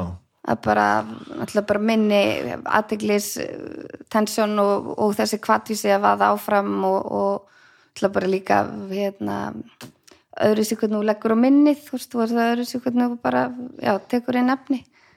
Þannig að hérna og ég þýr að horfa tilbaka af því að ég var mjög sjálf fordómafull kakvart livjum kakvart, við þessu. Ég held einhvern veginn ég geti bara fundið út úr þessu eða þú veist, að þetta væri bara einhvern veginn sem að, bara einhvern tækni sem ég þyrfti að tilenga mér og, og annað, já, var bara mjög fordómafull kakvart livjum við þessu en fór svo liv fyrir hvað heldur þessi, fjögur, fimm ár síðan Mhm. og það bara breytti lífi mínu þannig ég er bara jafnla á hattir mínu með þá sko Og bara þekkjandi fólk sem hefur gert það sama og þú, þetta Já. besti lífi fleiri heldur en bara þínu lífi. Já. Þetta, og því ég var bara þú veist, mér fannst þetta vera eitthvað, ég held svo kannski líka að ég fekk greiningu þegar ég var til 17 að hérna ég held kannski að þetta er bara elst að mér Já, já, já. ég gerði það bara alls ekki En þú fyrst greiningu svona, já, já, ok. já, ég fekk greiningu Bara in the 90s. Já. Ok. sem var bara óvanlegt, ég líka spurði mitt mamma hvað var sko Já. hún settuð mikið leif en það var bara, ég var sjálf svo ótrúlega já, ég var bara svo fordóma full gagvart þessu, af því ég bæði hrættum að missa þessa eiginleika sem mér þykir vænt um hjá mér Ég þekki þess að hugsa svo vel, sko. já, þetta bara vera svona Missa sérkenni sín já, þetta, sem er Ég get bara ekkert sami lögnum Já, höfum, sem sem er náttúrulega algjört bull. sko. Þú veist, í staðinn, þú veist, þá var ég búin að vera náttúrulega bara vansvefta í, þú veist, náttúrulega mörg ár Mhm. að því að þú veist, ég svaf illa þú veist, ég var alltaf að vakna og þá bara hausin náttúrulega bara á yfirsnúningi þú veist, það bara svo verið að vera að keira skilur sjö kvikmyndafilmur þú veist, á sama tíma Mhm. þú veist, þannig að það gerða líka verkum að graspaði ekki náðu kannski ekki alveg utanum hverja hugmynd eða hugsun almennlega af því að það var bara svo mikið að gerast Bróður minn talaði þá um það þegar hann heyrði þögnina í fyrst skipti Já. eftir að byrja á lefunum Já. allt í hennu bara svona satt rengstar og bara horfði bara svona eitthvað út úr gluggan eitthvað og bara það er að er ekkert að gerast þá bara stoppaði ég honum heilin í smástund sko. og hann fattaði að þá bara ég er bara búin að vera á 3000 Já. km hraða í 30 ár Já. þetta, er, þetta er bara, já segi þetta breytti lífi mín til eins betra og ég hef hugsað tilbaka og bara hvernig fokkanum fór ég að ég að mér í gegnum sko fimm ára veist, ekki það, ég sé hann ekki kannski klára heila bók en þú veist en þú veist, það hefði verið svo miklu auðveldara Mhm. Þú veist, hefði ég verið já, bara hefði ég verið á livjum að það Já. er bara, hérna að þegar maður er orðið bara á yfirsnúningi sefur illa, svo maður bara yfirsnúningi þú veist, allt á fullu og svo er maður bara örmagna þú veist, þá á maður ekkit, ekkit eftir á, á, á kvöldin sko. en núna bara einmitt að ná að sofa í þú veist, 6-7 tíma þetta er bara slíkur luxus og náttúrulega bara ná meiri fókus og, og hérna þannig ég bara mæli, eins og ég tala nú gegn eins og ég mæli bara eindrið með því að hérna að, að fólk gerir þetta, en það var líka bara einhvern veginn umræðan Já, um þetta, bara þetta eru amfetaminskild lif og það verið að misnóta þetta og jari, jari, þú veist, það var einhvern veginn líka það. Og tala um þá? Já, og sko ég reyndar upplifið það þegar ég var hérna að byrja á lifinu núna að það var, stundu ég var að fara í apoteki þú veist, það leið mig pínu eins og ég væri dópesti Já, þá bara, já, þú veist og svo tekur bara eina töfla á dag já alveg þessi bara Já, já, eða þú veist, einhvern veginn En er það nú ekki líka því að vandamálin eru þarna Já. þó að náttúrulega 99% fólk sé að gera Já. þetta hárrétt þá eru vandamálin Já, bara 100% tengd sko. eru, og þau eru bara helvít stór þau Já. vandamál sko. En ég fann samt, ég var svona, þetta kom, þetta kom ekki vel við mig. Nei, Ég nei, og ég skil það, Ég var svona pínu bara, mm, að því mér fannst pínu erfitt að byrja á, á hérna, lífjörnum. En það var einhvern veginn, hérna, það var þetta, var hérna, geðlagn sem sagði við mig, bara, nú notar þú gleru, bara já. Það myndur einhvern veginn ekki nota gleru, Já, þú veist, einmitt. að það var einhvern veginn, ég svona, ok, þú veist, fæn, ég er til í að prófa þetta. En sér bara, já, núna er bara, það er bara, ég myndi aldrei hætta á þeim, sko nei þú veist, maður tekur pásur og svona, maður fyrir frí og eitthvað þannig, en, nei, en þetta er bara já, þetta var algjörlega, þetta breytti lífið mínu Ég er líka ekki vissum að misnótkunum á þessu eh, öllu svona dóti snúist um það að fólk sé ekki nógu vel upplýst. Ég held að sé alveg sama við hvern apotekarinn segir þetta við, sko. Mundu svo taka bara eina Nú, já, ok já, já, já, já, það var þess, þessuna sem ég er orðin, svona gjössalega gufubilaður Já. og háður lifum og, og komin á göttuna, það er vegna þess að ég vissi ekki að ég átti að taka eina, nei, það var ekki ástæðan. Það er ekki þannig, sko. En það er líka náttúrulega bara umræðan um þetta hefur líka breyst og sérstaklega eins og þetta var alltaf verið að, það var pínur rætt um þetta sem svona strákasjúkdóm eða, eða þú veist, Já, svona- svona stráka um svo ofvirkur og hann er svo svona en þess að kemur þetta náttúrulega bara öðru í sig fram hjá, hjá stúlkum en umræðan er aðeins að breytast finnst mér núna, sko. In the 90s, að því við erum að tala um þetta sem þú varst að gera þá, þá, þá var mitt vandamálum var meira að sofa mikið, sko. Já. ég var meira þeim einn og mamma mín fór með með á milli sálfræðing og geðlækna alveg fulli og ég sagði þeim alltaf bara já, ég líður ágætlega sko. Og þeir sögum bara að fara að snemma svo og fara að labba. Og sem ég náttúrulega gerði ekki endilega en þú veist, eftir að higgja var það alls ekki vandamál sko. Nei, þá man ég að hafa rætt um sko lif og ég fór einu sinni á þunglindislif reyndar sko með þess að setna sko til þess að, og það var eiginlega svolítið sem bara þess að prófa hvað myndi virka. En þá man ég að umræðan var svolítið sko þá var útgangspunkturinn svolítið að manni fannst að, að reyna allt annað fyrst. Já, þú veist að, sem er örgulega sumulegtið alveg góð hugsun sko, auðvitað ekki bara þú veist, alltaf bara gefast upp og ef þú ert að taka verkeftöflu eins og dag þá er eitthvað að, þú veist. En það er svona gott að taka verkeftöflu svo mann líði gilla sko. En þá var þetta bara svona, já þú veist bara svona eins og eins og maður ætti bara að gera svona róttaka lífstíðsbreytingu áður en að þú ættir að prófa lifin sko, veist, og það er einhvern veginn ég held að eins og bróðum minn sko talar um, hann var búin að reyna allan anskotan, þetta, bara, þetta var bara hvað átt hann að gera, þetta virkaði ekkert. Nei. En auðvitað er náttúrulega samspil, ég finn það alveg reyfing til dæmis. Já, þetta hjálpar, ég er ekki að tala það Hjálpar niður. alveg, veist, en það eitt og sér af því þetta er náttúrulega bara þú veist, þetta er bara boðkerfi þetta er ekkit eitthvað sem bara uh, þú veist, finnir út úr, bara, bara uh, boðefnin eru bara öðruvísu í hausnum á því, þú veist, þetta er ekkit eitthvað svona sem getur breytt með að vera með eitthvað minnistækni, eða skilur Nei, þú nei. veist, þetta getur, getur maður gert alls konar til að hérna svona til að auðvelda manni lífið en, en er ekkert í samanberst það er bara ekki tækt að gera það á sama hátt, á, hátt og, og, og lifin gera. Þannig að hérna nei, en ég líka, já, ég bara fagnaði líka fólkina þess að stíga fram meira og tala um þetta, því ég upplifði þetta líka pínu sem eitthvað svona eh, svona svona hérna þetta væri neikvætt, þetta væri svona löstur. Eða þú veist að maður er maður einhvern veginn svona þú veist, já, minni manneski eða minni, þú veist, hérna, já maður hefði ekki einhvern veginn, já, bara sömu, sömu færni og aðrir. Ég, ég kannski bara mínir einn fordumar gagvart, gagvart þessu, sko. Nei, en, auðvitað ekki. en mér fannst þetta vera já, þetta, ég talaði bara ekki mikið um þetta. En við erum enn á þeim stað að þegar ég segi eru, ég, hérna, ég kem ekki fyrir nætti hérna, klukkan tvö úr hátegismand, ég er að fætti sálfræðings þá er ennþá, þú veist já, já, er eitthvað byrju hvað er að hérna, já, þú veist og e- eins og mér líður núna á ég aldrei eftir að hætta að fara til nei, sálfræðings það, það, er að besta sem að gera það í er heimi. kannski úst, mögulega mætti að þetta er svo gildislaði hérna, heiti, sko, mögulega þetta kallir þetta eitthvað annað. Já, en maður er náttúrulega bara, þetta er bara svo, eins og fara til tannlæknis. Þú veist og ég svo sem fór upp alveg og, gegnum þetta hlaðar sétti þetta að því ég var að tala um eitthvað hvernig með leið og einhver, einhver hafði sambandum og sagði bara talaðu þú hérna Magnús Blöndal?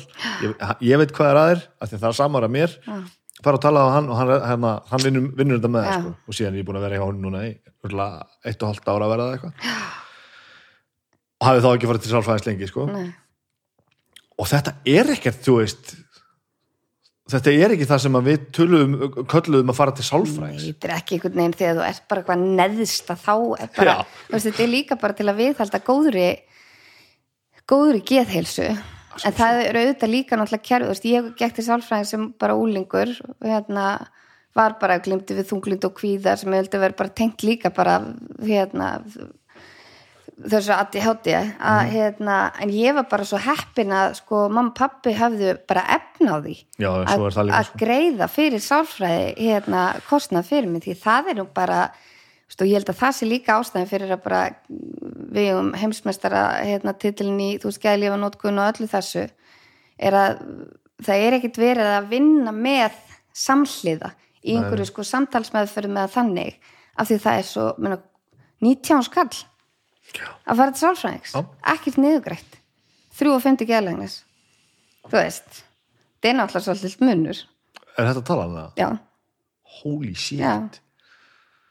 Vá. það var það já, 3 og 6 minnum mig af því að geðlegnirnir eru náttúrulega niðugrættir Mhm.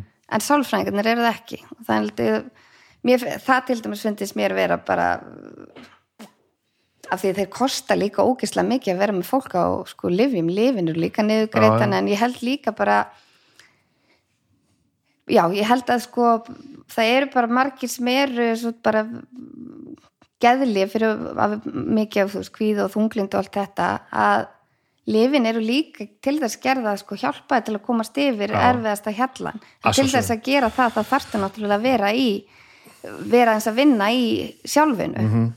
og geðlæknar eru náttúrulega ekkit hérna, sérhæfðir í því, þeir eru læknar það er ekki þeirra jobb, sko. Nei, það eru sálfræðingarnir sem eru hérna, sem eru sérhæfðir í því og mér finnst það ég bara 100% að ég held að það er mjög mikil eh, bót að fólk hefði greiðari aðgang að sálfræði þjónust og ég held að þessi pinningar líka bara skili sér skili sér bara margfalt til eins, eins og þetta er hjá mér sko, ég fer að borga 20 skall fyrir tíma Já.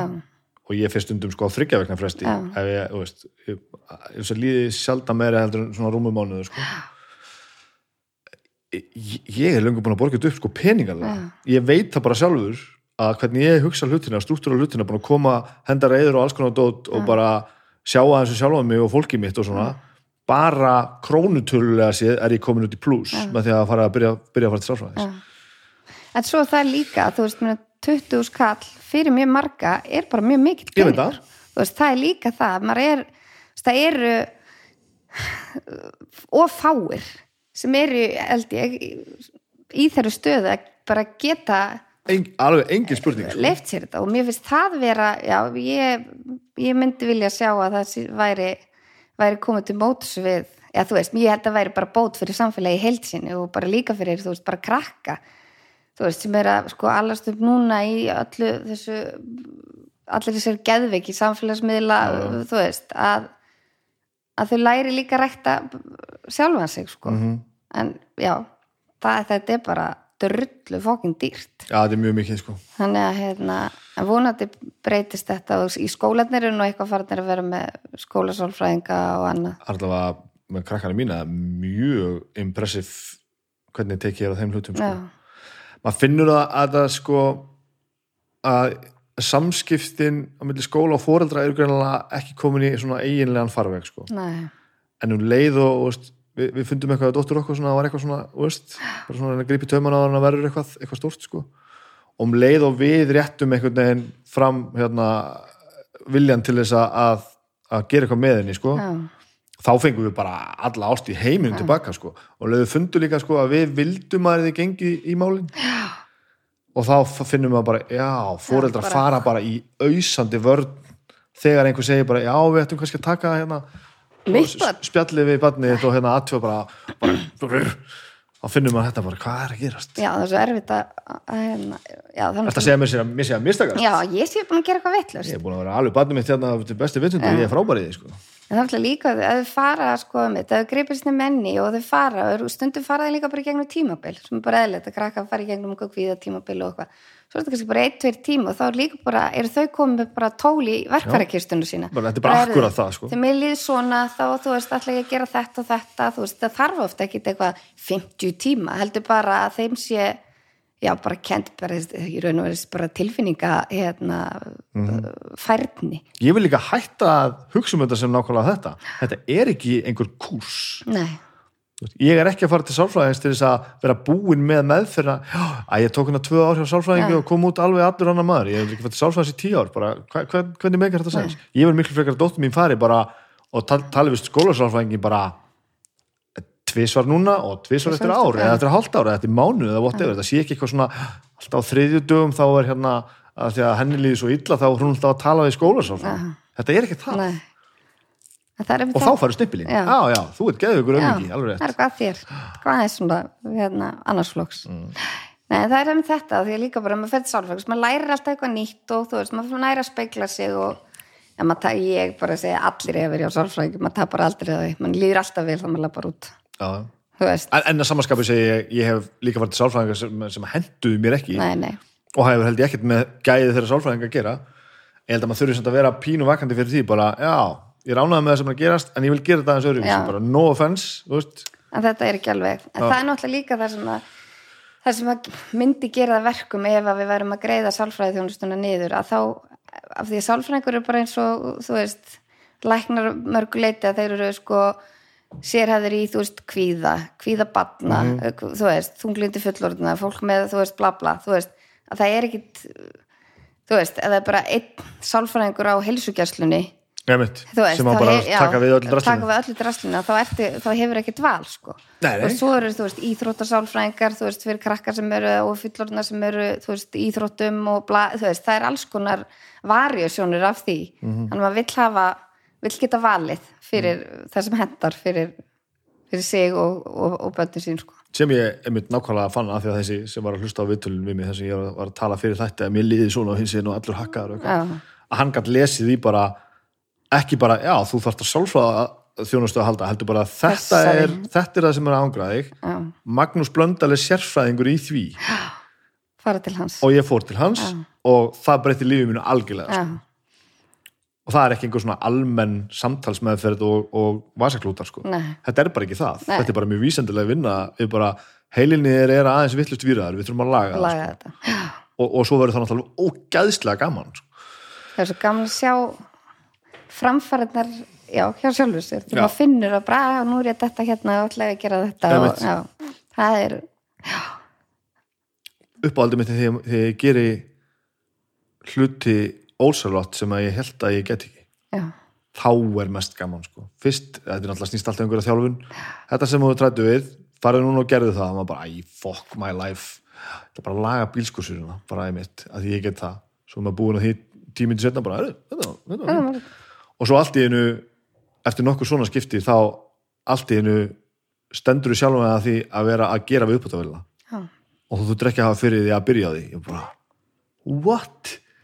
Svona breyt, já, maður breytir hegð, eða þetta verður svona mynstur og það er bara, þá er bara og þá kemur maður sjálfur svo mikið á óvart bara, ekki að, mér líður ekki eins og sé meiri manneski heldur, ég verð svo hissað, ég bara get, veitu, að hvað hvað get ég þá líka? Á ég að prófa að elda líka?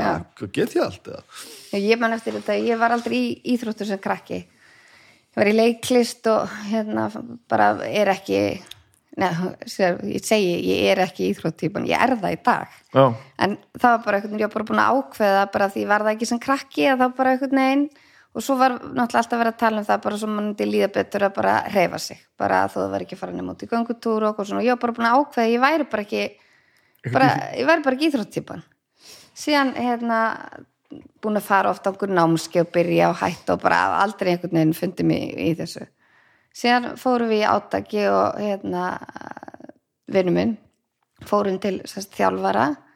Ákvæm að taka okkur bara vorum dalti vorum búin að möla dalti vel. Þannig að hérna ákvæm að taka okkur á. Og svo bara byrjuðum við, fórum bara þrísar viku. og bara hérna sem endaði með og að við fórum og sko keftum í olimpískri þrýþraut í Já, Barcelona já, já, ok. þú veist, eitthvað sem að enginn hefði nokkuð tíman í lífinu hvenær, að hvað, varstu gömul og byrjuð á þessu?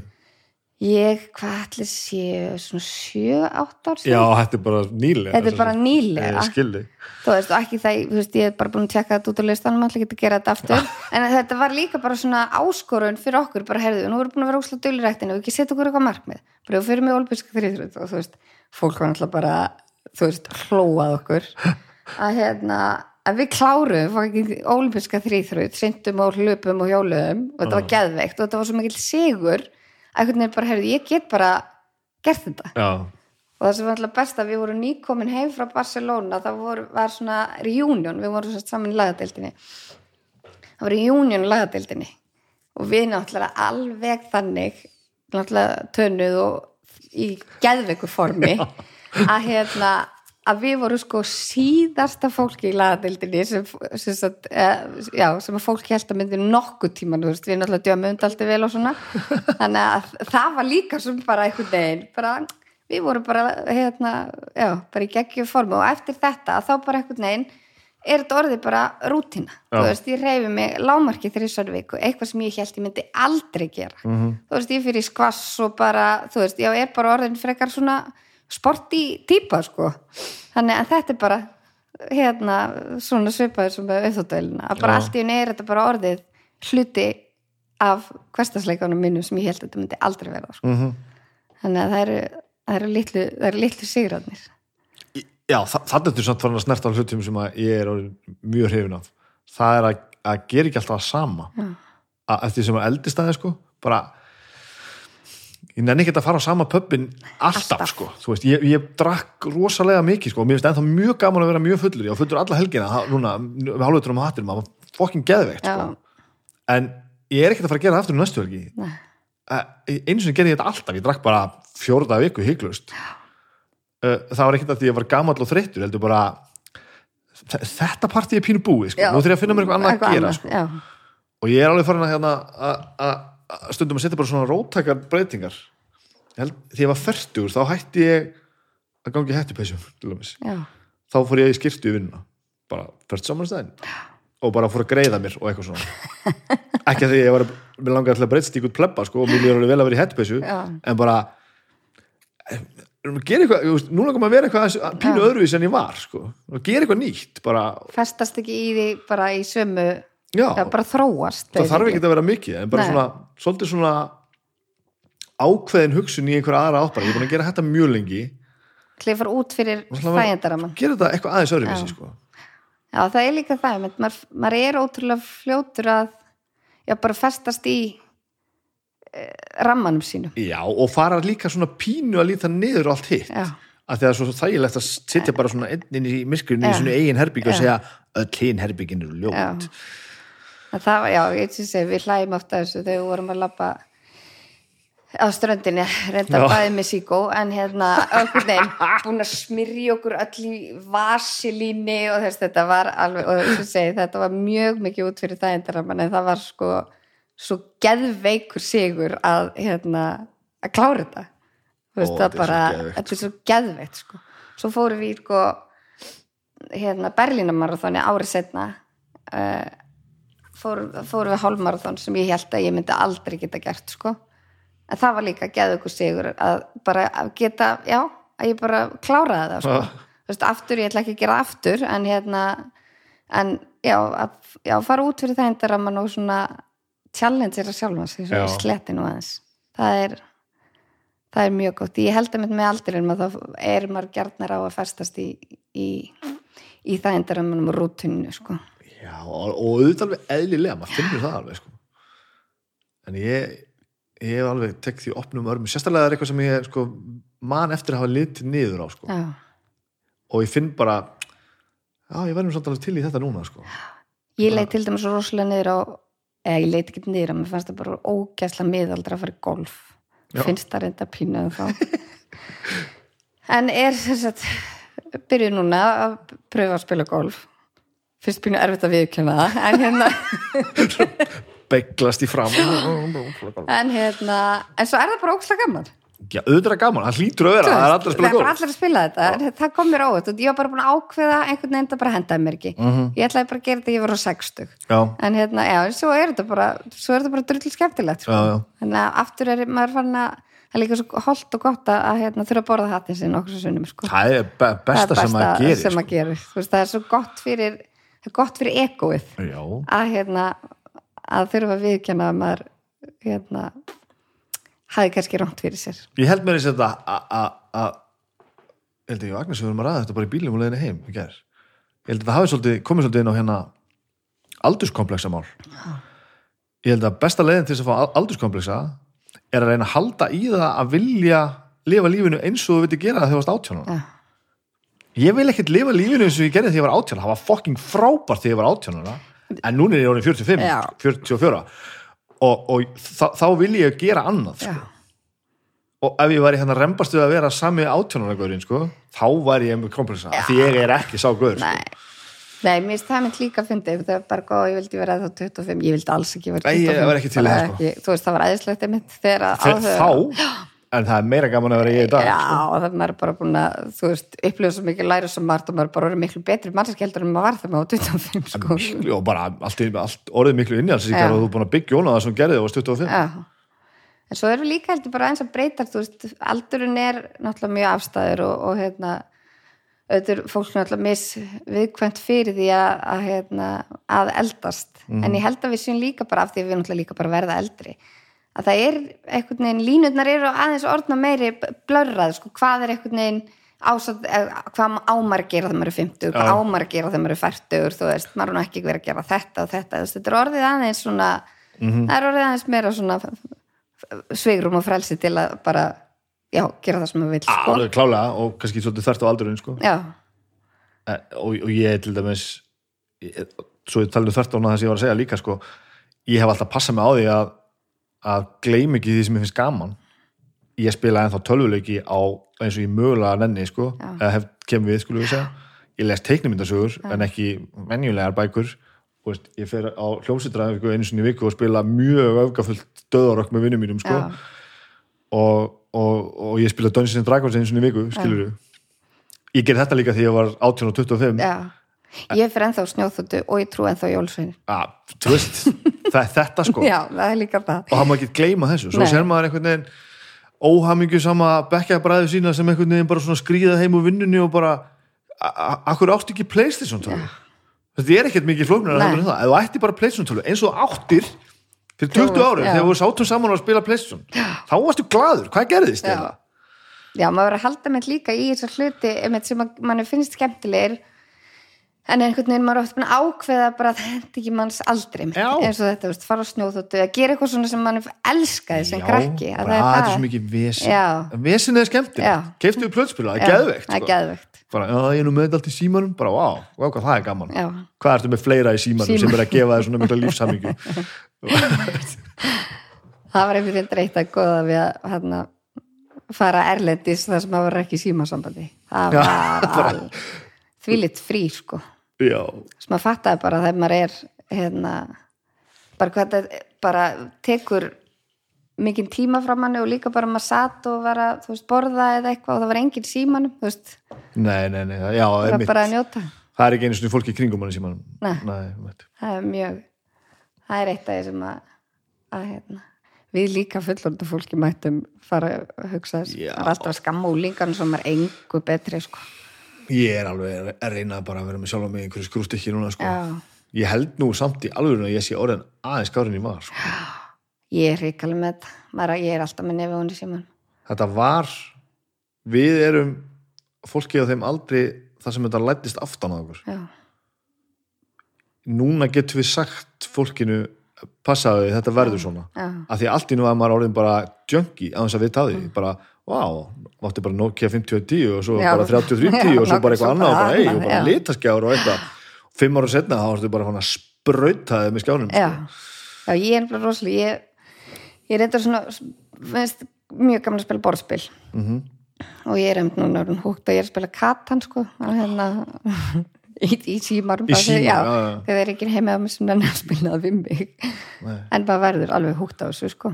Já, Katan, já, Katan geðvikt spil ennþá er það? Já, líka ég man þetta var ógislega gaman sko. já, svo þetta kaupin alltaf fullt af viðbætum við þetta, já, þetta er geðvikt spil sko.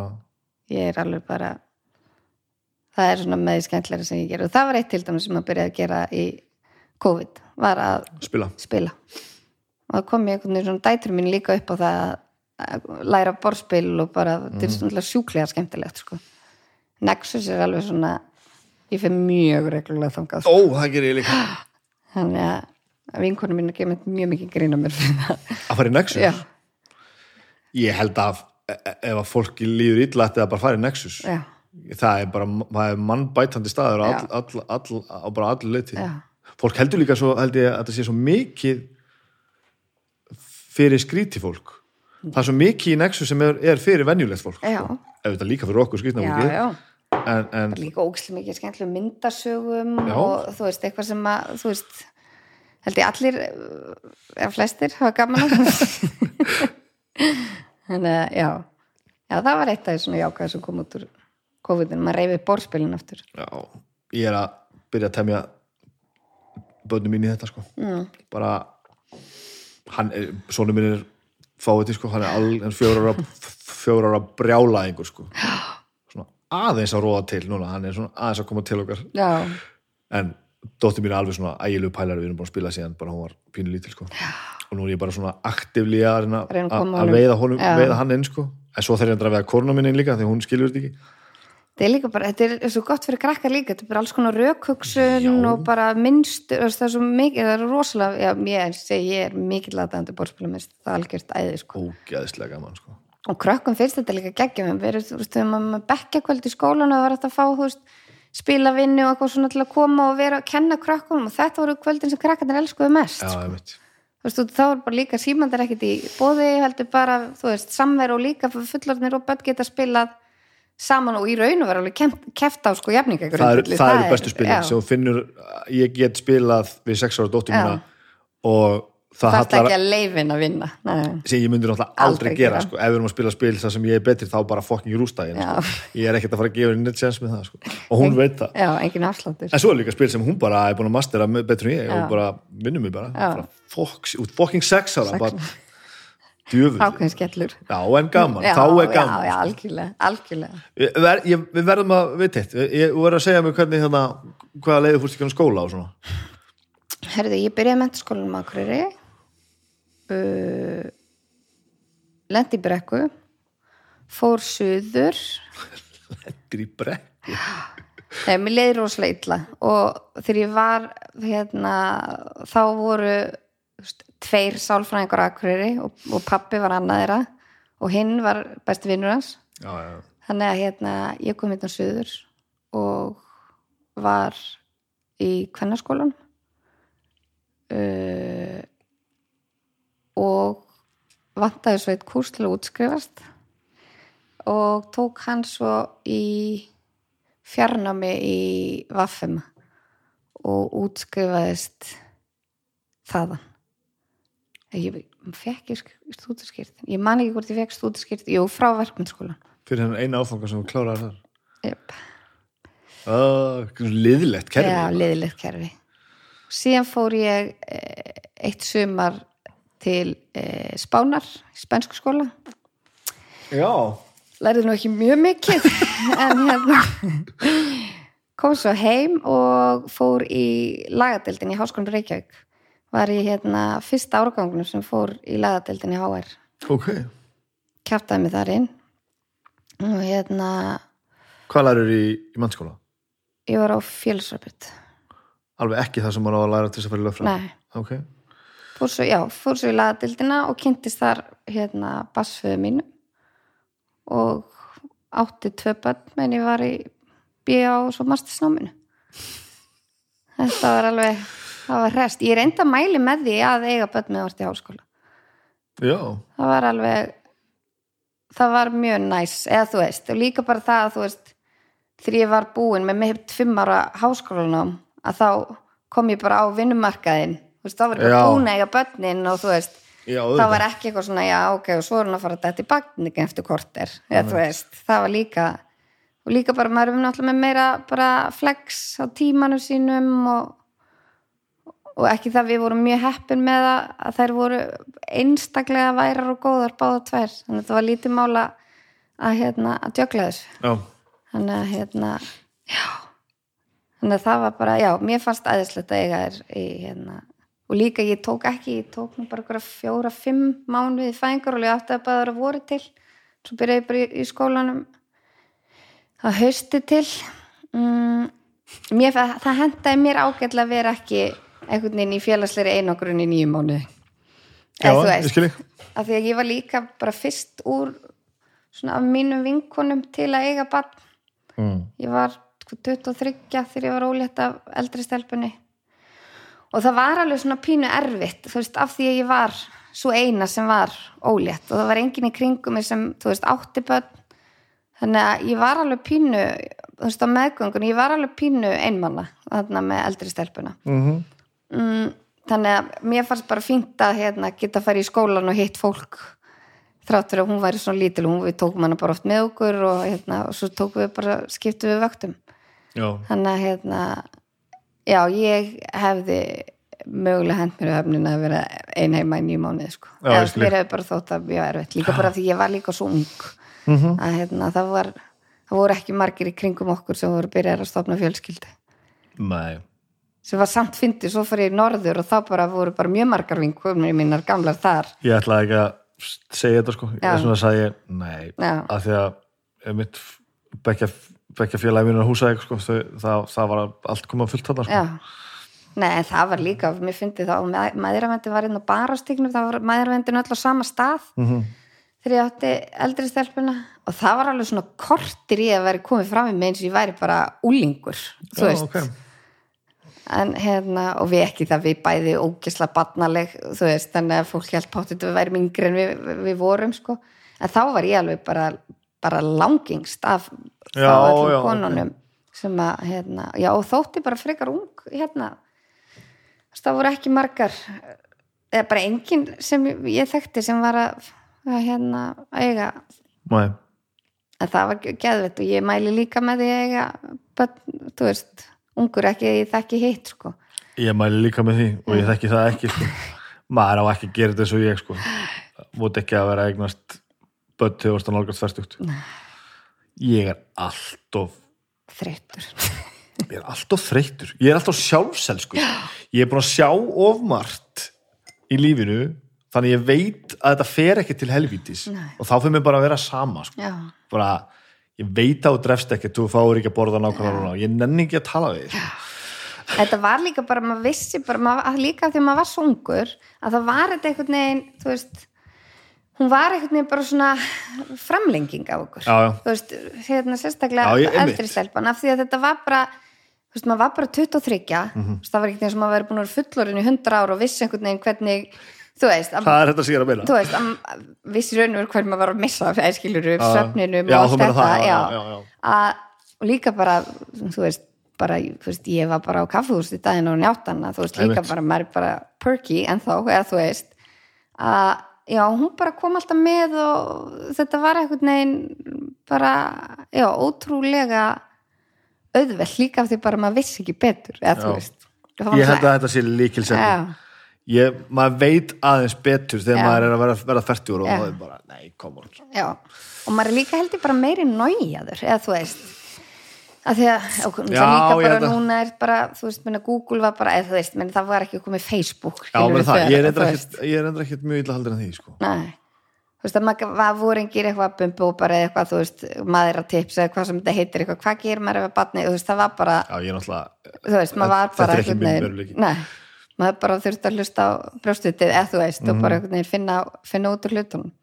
Og líka ég hugsa núna, þú veist, ég er 40 og- ég verða 42 Mhm. á þessu ári. Og eldri stelpa mín er að verða 18 Já, og yngri er að verða 13 já. Bönni mín eru fjóra og sex ára sko. já, Þetta er rétt svar. Svarið er bara mm að það er líka ég veist, mér finnst það, aftur, ég þekki náttúrulega ekki eitt líka bara, þú veist, nú eru þær bara þú veist, bara svo mikil félagskapur af þeim Já. og bara, þú veist, gaman að ferðast með þeim og bara, þú veist já, þetta er ég mæli, ég mæli með þessu Já, ég, ég ætla að mæla með þessu líka Já. þó ég þekki ekki að, að gera nákvæmlega hann en svo er auðvitað ekkert svarkvít sko. Nei, ég finn eins og núna þegar ég sitt hérna með reynslunum sem ég á búin að gera allt sem ég er búin að gera sem er bara rússalega margt, ég er búin að gera margt mjög skemmtilegt um aðeina sko. og núna finn ég að ég er að komast yfir sko, hjallan já, ég hata fylgihluti sko. Bleiur og bílstólar. Ég gjörsamlega brjálast sko. Þið eru farin að pissu klóstið og geta spennt sér sjálf í bílinn, það Já. eru mikil lífsgæði það eru lífsgæðin, Já. kveikja sjálf á sjónvarpinu sko reyndar voru með þannig með, með strákin sko að við þurfum líka að býða til að hann, hann myndi að hætta að drepa sig sko, því að hann bara hljóp fyrir strætó bara, þú veist, hann var gjössamlega galinn sko. Já. og vera 40 ára gamall að eignast badd sem að er í sjálfsbóðshulöfingum og vitandi alla daga endalaust það gekk bara frá mér sko. Já. það bara gekk frá mér. Mælir ekki með því. Nei. En núna finnum við, finnum, bara finnum við þetta. Þetta er bara, við erum að vera komin yfir þetta brjálæði. Já. Og þá finn ég rosa margt jákvæmt við að vera áriðin 44 Já, ára og ég, ég hugsa líka skilur það sem hitt er og ég hugsa bara, herri, veist, ég er bara 40 og, þú veist, tveggja og það er bara kortir í börnum mín sem er að fara að flytja heiman. Þú veist, hvað á ég að gera? Einmitt, einmitt. Þú veist, út að ég auðvitað bara í enda dags þá eru börnin náttúrulega bara meistarverk eða skilur það sem lífi snýst um. Já, maður kemst svo allir að því bara já, já, Já. þetta er ástæðan. Þetta er, Herri, það er aftur gaman á jólunum. Já. bara, mm, það er bara það er líka gott og það ég var ekki, þú veist, ekki það maður kannski bara ekki þangað lang- í þroska þú veist, ég var ekkit endilega fann að hugsa um þú veist, hvað ætli ég eignast mörg börn og eitthvað svona, þú veist, Mhm. og varð svo ólétt af því að hann ætla bara að kunni ekki að geta nafarnir að hérna fengust ekki maður hlutur á landi það kunni náttúrulega enginn að getna verður á þessum tíma sko. að hérna að- já, að það var einhvern veginn já, maður uppgötur að það er ekkert, það er ekkert merkilega í lífinu. Nei, nei, ekki neitt. Nei alveg sama hvað sigra mann nær og allt þetta, það er ekkert sem að toppar það að, að sjá börni sín vaks úr grasi og verða geggjað. Djúvel erum við forrituð á, á þennan hátt Já. maður á ekki séns sem er mjög gott sko. sem er mjög gott og það er einmitt í, það, jú, ég er líka þakklandi fyrir það hérna í sambandi við að hafa eignastu sent að hérna að taka svona öfluga gírskiptingu upp á við svona einhvern veginn svona þegar þetta er orðið svona pínu svona same same sko, veist, ég meina, mér líður alltaf vel og ég er að gera gott í vinnunni og, og bara búin að stofna hljómsýttir og túra heiminum Já, og gera fullt sko en svona bara, já, þetta er bara helviti næs Já. og svo allt í svona er það tekið svona bara upp á eitthvað annað level sko Já. og bara, heyrðu, það er meira Það hérna. er meira. það er meira, hérna, alveg rétt, ég var ekki fyrir að fatta það sko það er geggjað Og varstu búin að ákveða bara að þú er bara lögfræðingur? Varstu bara svona, já, ég ætla bara að fara lögfræði og ég ætla bara að fara meiri lögfræði og ég ætla bara að lögfræðast fullt. Mér, sko, ég elska lögfræðina út frá því hún er raukrétt þú veist, hún meika sens Mhm. þú veist, lögin eru, já, þau eru lógísk það er það sem ég elska við þau Þá getur lesið þessa setningu og hún þýðir og það. það er bara ástæð fyrir því að þetta er svona það já. þú veist, það er það sem ég elska við og það var líka það að, að á þessum tíma var líka lögfræði náttúrulega svona gaf manni ákveðin bara ákveðina möguleika. Það var líka það að, að hérna að því að ég vildi ekkert endilega vera sko lögmaður ef þú veist vera eitthvað í réttarsal heldur bara það að ég hefði mentun uh, á bakinu sem að gefa mig trúveruleika.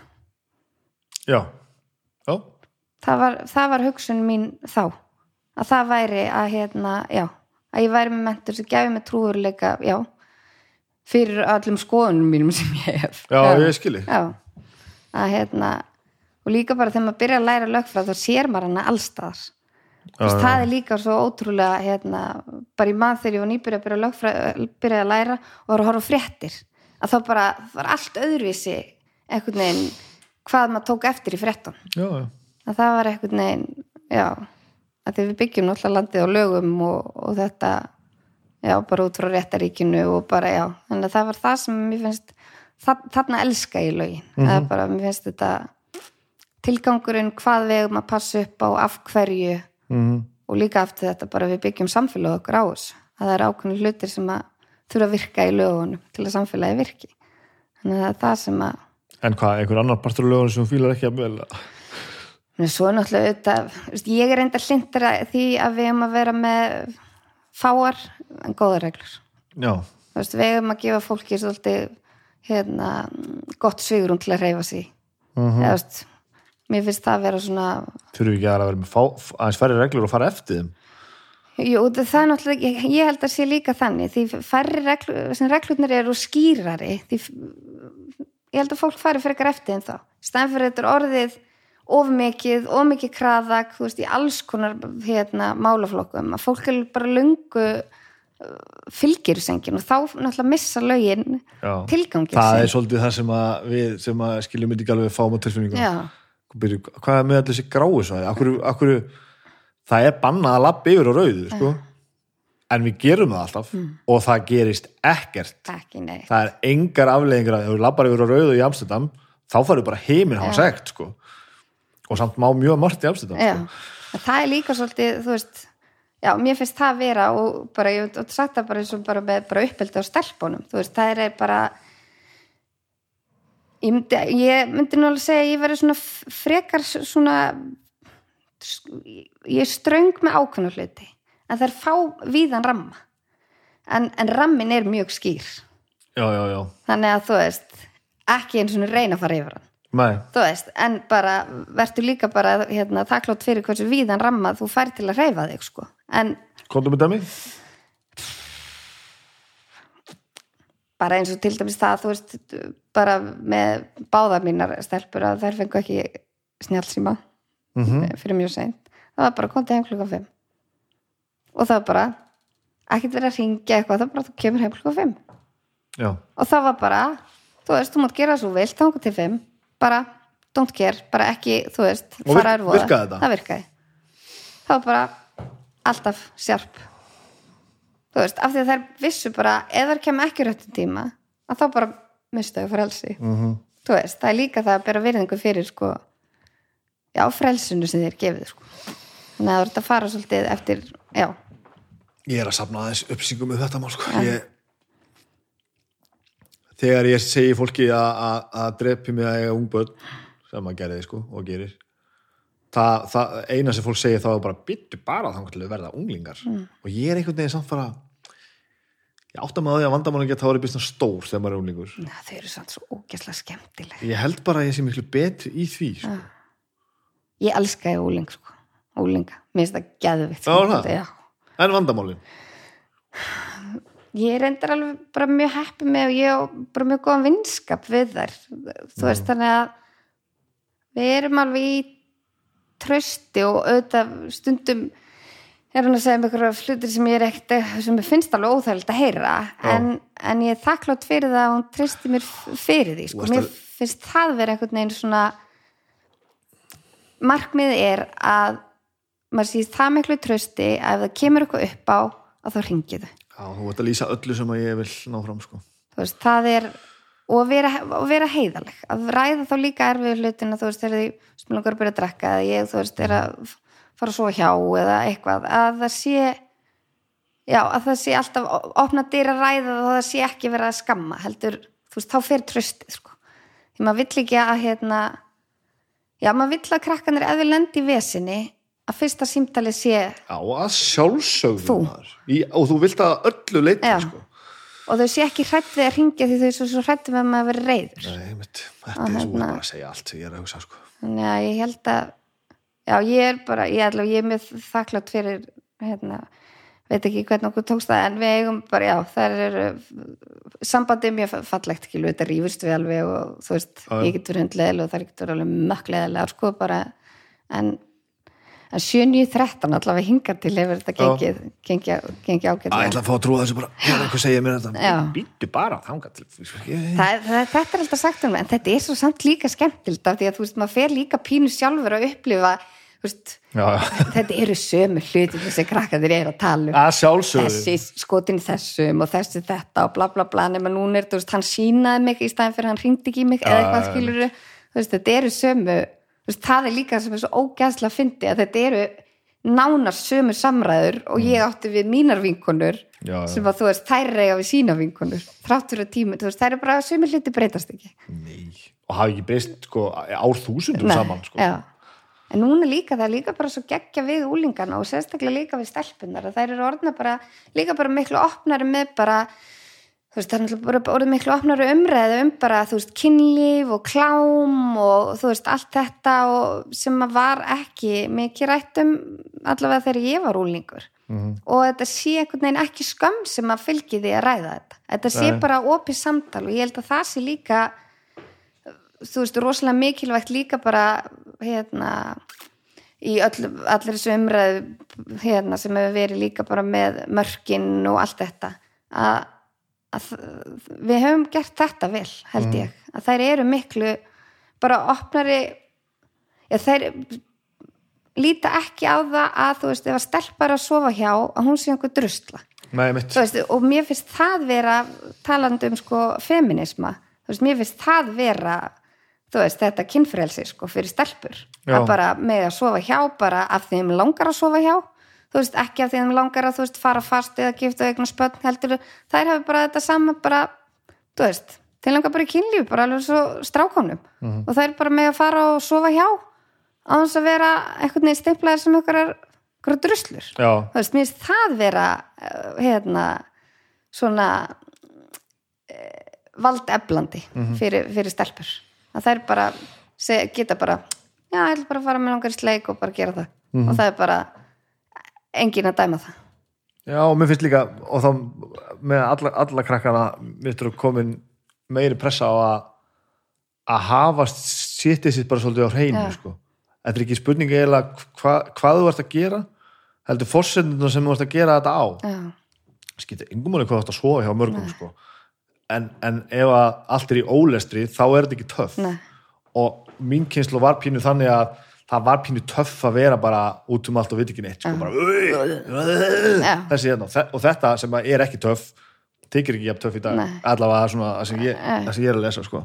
já, og líka, sé líka bara þessu umræð við bara að bara það er bara búið að pröfa sér áfram og bara, bara vita þín mörg og þú bara mátt, þú veist, fíla alls konar og þú veist að það er ekki já, bara ramminu orðin stærri og mér finnst það, þú veist, það er líka bara valda eflandi fyrir konur að, að, hérna, að geta uh, stíð inn í þessar viðkvæmu aðstæður sem, þetta- sem þetta eru náttúrulega þú veist, að hérna og svona nánar að geta gert það bara á sínu fórsetum bara ég fíla þetta, ég fíla þetta ekki og geta rætta sem að var ekki endilega. Þú veist, að stelpur voru feimnar við að þú veist ræða það að þær væri að kaupa hérna, hjálpatæki og annars slíkt, þú veist, það, í dag þetta er bara nönnisjú, sko. Þetta er líka hérna, valdeflandi fyrir konur. Að þú, hérna já, að ge- geta bara hérna, já, hafa þetta svona bara kynfrelsi, geta bara mega bara fíla alls konar og mega bara vita hver mörkun er og, og hvað ekki. Það, það sé ekki einhvern veginn svona halli ekki á þær í þessum aðstæðum já, það er líka mjög, okkar kynslu var eiginlega rosa mikið í að segja allt næstum því. Já, fóreldrar okkar sannlega bara ólustu fyrir að segja ekki neitt. Ekkert.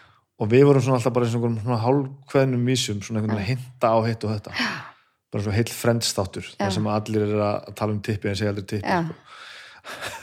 Ég var einmitt að segja við sko hérna eldri stelpunum mína og þeim bara horfum við tilbaka hérna þættirnir hérna Sexinir City. Mm bara horfir á aftur. Já. og þú veist, ég meni þú voru síndir eftir tíu fréttir sko, af því að þetta var bara í fyrsta skipti sem að sá upp brjóst. Já, þú veist, en hvað þeir eru í raun og veru ennþá hérna hvað þeir eru, já bara hvað þeir voru ótrúlega hérna eh, svona undan sinni samtíð á Já. þessum tíma, þú veist, þar var bara verið að ræða og maður horfði á það núna, það voru að ræða ákveðna hluti í raun og veru málefni sem snýri að samböndum eða kynlífi eða eitthvað svolítið í hverjum þætti.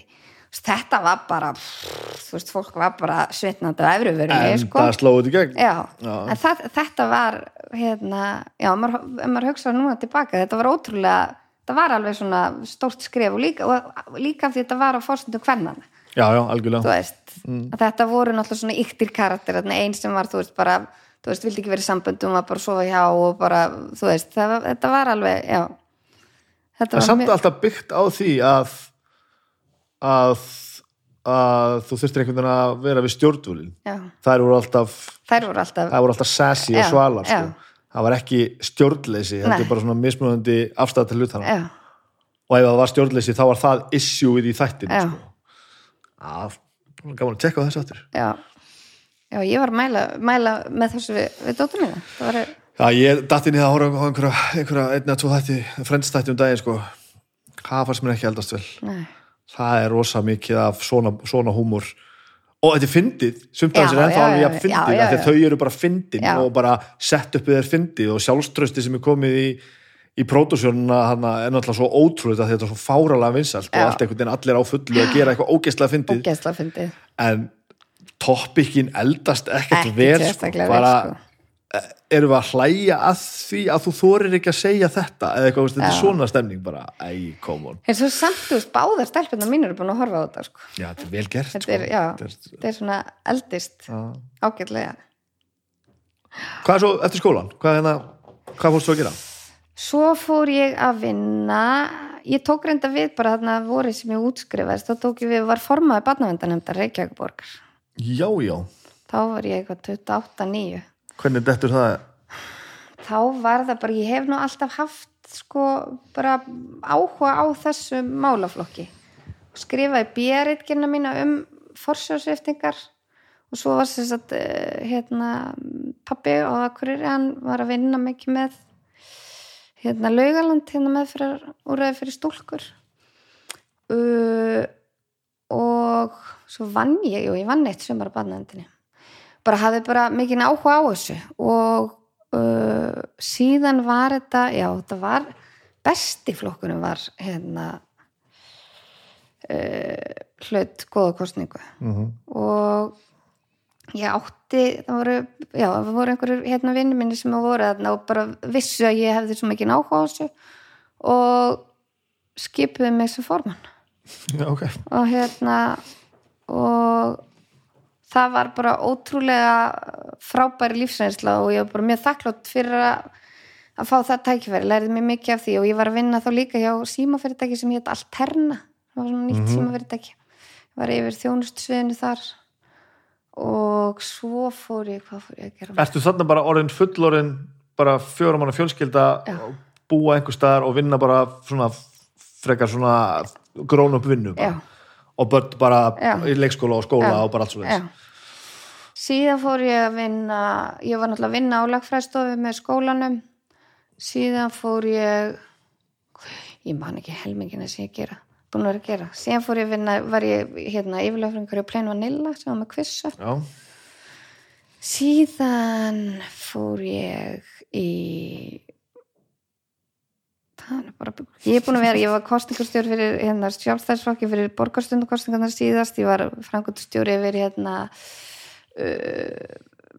viðskipta þróun hjá EIK, hérna fastegnafélagi mm -hmm. satt í stjórn vís fór með tilnumningar nefndar vísar eða hjá vís uh,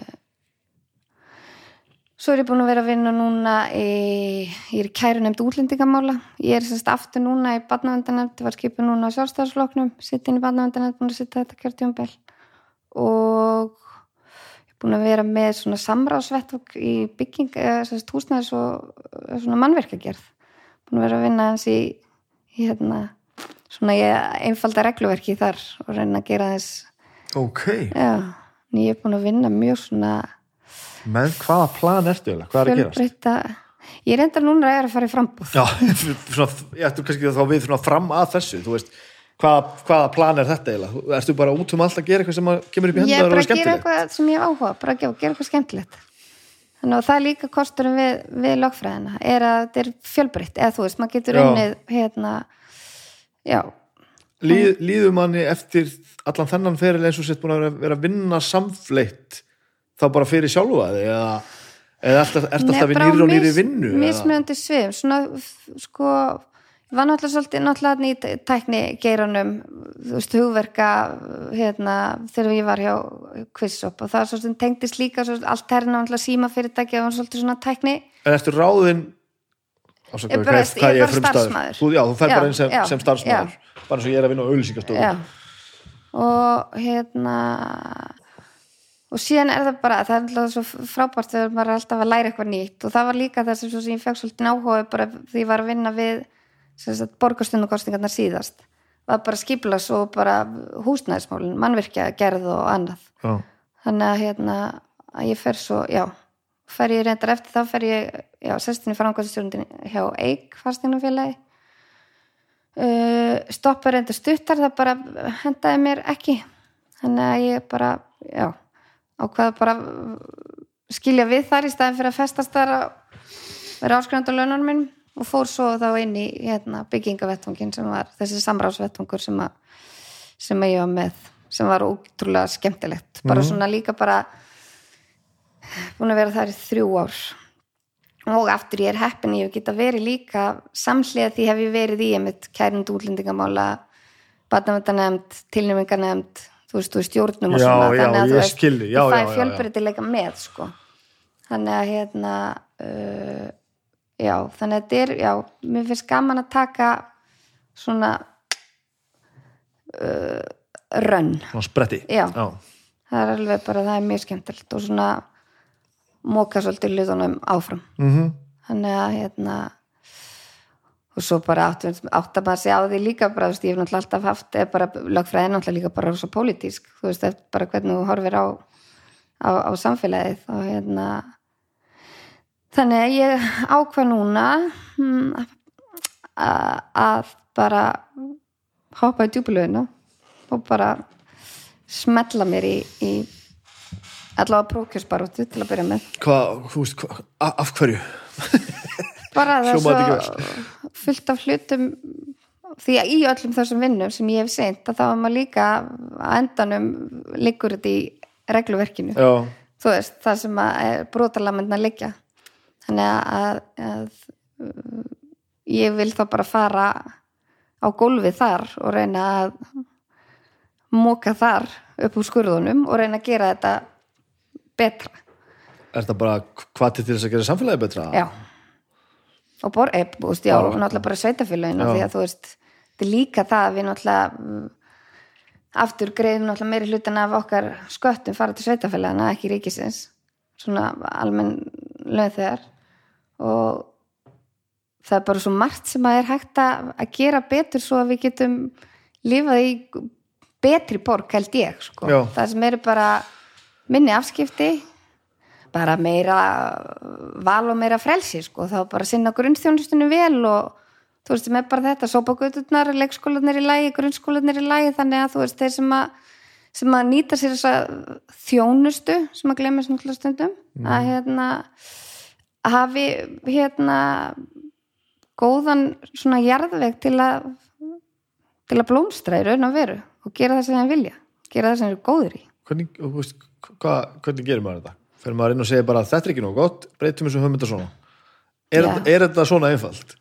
Auðvitað ekki framkvæmdir, ég átt að maður þetta þarf náttúrulega að fara svo sko sumt er samt ótrúlega það er líka það, það er, og það er kannski bara líka eðli þegar við, þegar þetta er orðið svo umfangsmikið að þá náttúrulega tínast tínast hlutirnir og verða eitthvað eins og bara hlæðist utan á þetta eins og bara að mínu mati bara borgin er orðin, þetta er bara orðið svo rosalega margir starfsmenn og svo rosalega margir skrifstofustjórar og rosalega langa bóðleðir og ferlanir ömulegir og ekkit gagsægi og allt það, þetta er oft ekkit er oft einfaldar að breyta þú stundum oft bara smá stillingaratri að þá bara hrekkur vélinn í gang? Já, þannig að hérna já, ég, allavega ég held að það sé alveg það er mjög mikið af hlutum sem að, að hérna ég myndi vilja breyta innan borgarna eins og til dæmis sérstaklega sem snýra húsnæðismálunum bara hvernig við getum gert einhverja kerfislegar breytingar sem að verkum að, að það tekur ekki, þú veist 7000 mánuði að fá byggingarleifi skip, samþyktar skiplasteikningar þú veist, það tekur þið ekki 8 mánuði að fá, þú veist, leifi til að geta opnað hérna veitingastað eða bar eða búð eða þú veist, allt þetta. Þú veist, við heldum við svolítið búin að gleyma því að að borgin á að vera hérna fyrir okkur ekki við fyrir hana. Já, já, akkurat. Að og mér leiðist alveg óbáslega hvað er illa að fara með skattpenningar okkar, það er líka það. Eða þú veist, bara ég var alveg bara hreinskilin með, mér finnst það bara, bara verið að kveikið þeim sko. Að með hverju?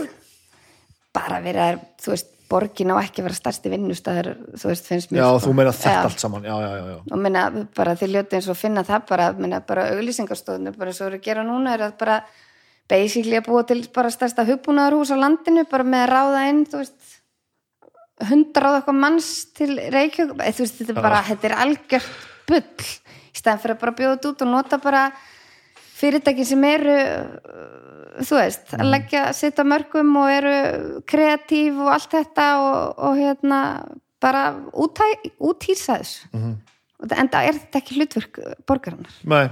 borgin á bara sinna en hverju gerist þetta þá? Hva- hver er viljin hva, hvað heldur fólk að sé verið að fást með þessu?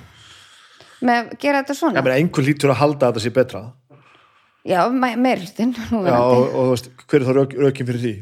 Ég held að þetta sé líka bara alveg sama, sko, bursi frá flokkapólitík. Ég held að bara, ef þú ert búin að vera of lengi að þá bara missur pinnu áttaveitaðin og það er bara hjá öllum, alveg saman hvort að það sé sjálfstæðsflokkur, vinstri græt samfélking bara, það er bara eðli hérna, mann, mannsins og bara völdin of lengi að þá bara líka held ég að sé líka að þú bara gett við að bara vilja halda þessu hjá þér.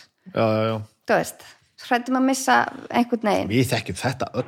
Já, meina, og, það, veist, og þetta er ekki einhvern veginn beint gegn einhverju einn manneski en ég held að þetta sé bara já, ég held að þetta sé bara eðlið okkar að, að þá bara hættum við að treysta öðrun til að gera þetta betur já, ég skilji þú veist, og svo er þetta náttúrulega líka bara þessi munur á, á hérna hugmyndafræðinni bara að treysta, Já, já.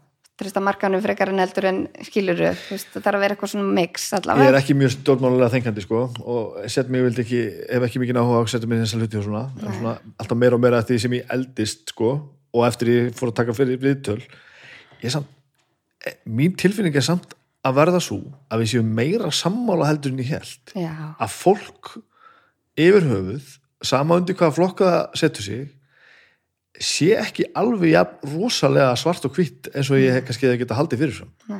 Þetta eru einhverja svona áherslubreitingar já, og svona, jú, stundum einhver svona general grunn hugsun á að þetta eigi að standa á þessum fótum en ekki þessum fótum. En þar fyrir utan finnst mér þetta miklu minni munur en ég held ég það er kannski aðferðafræðin Já. þú veist, hvað maður trúir á að sé leiðina bestu lausninni.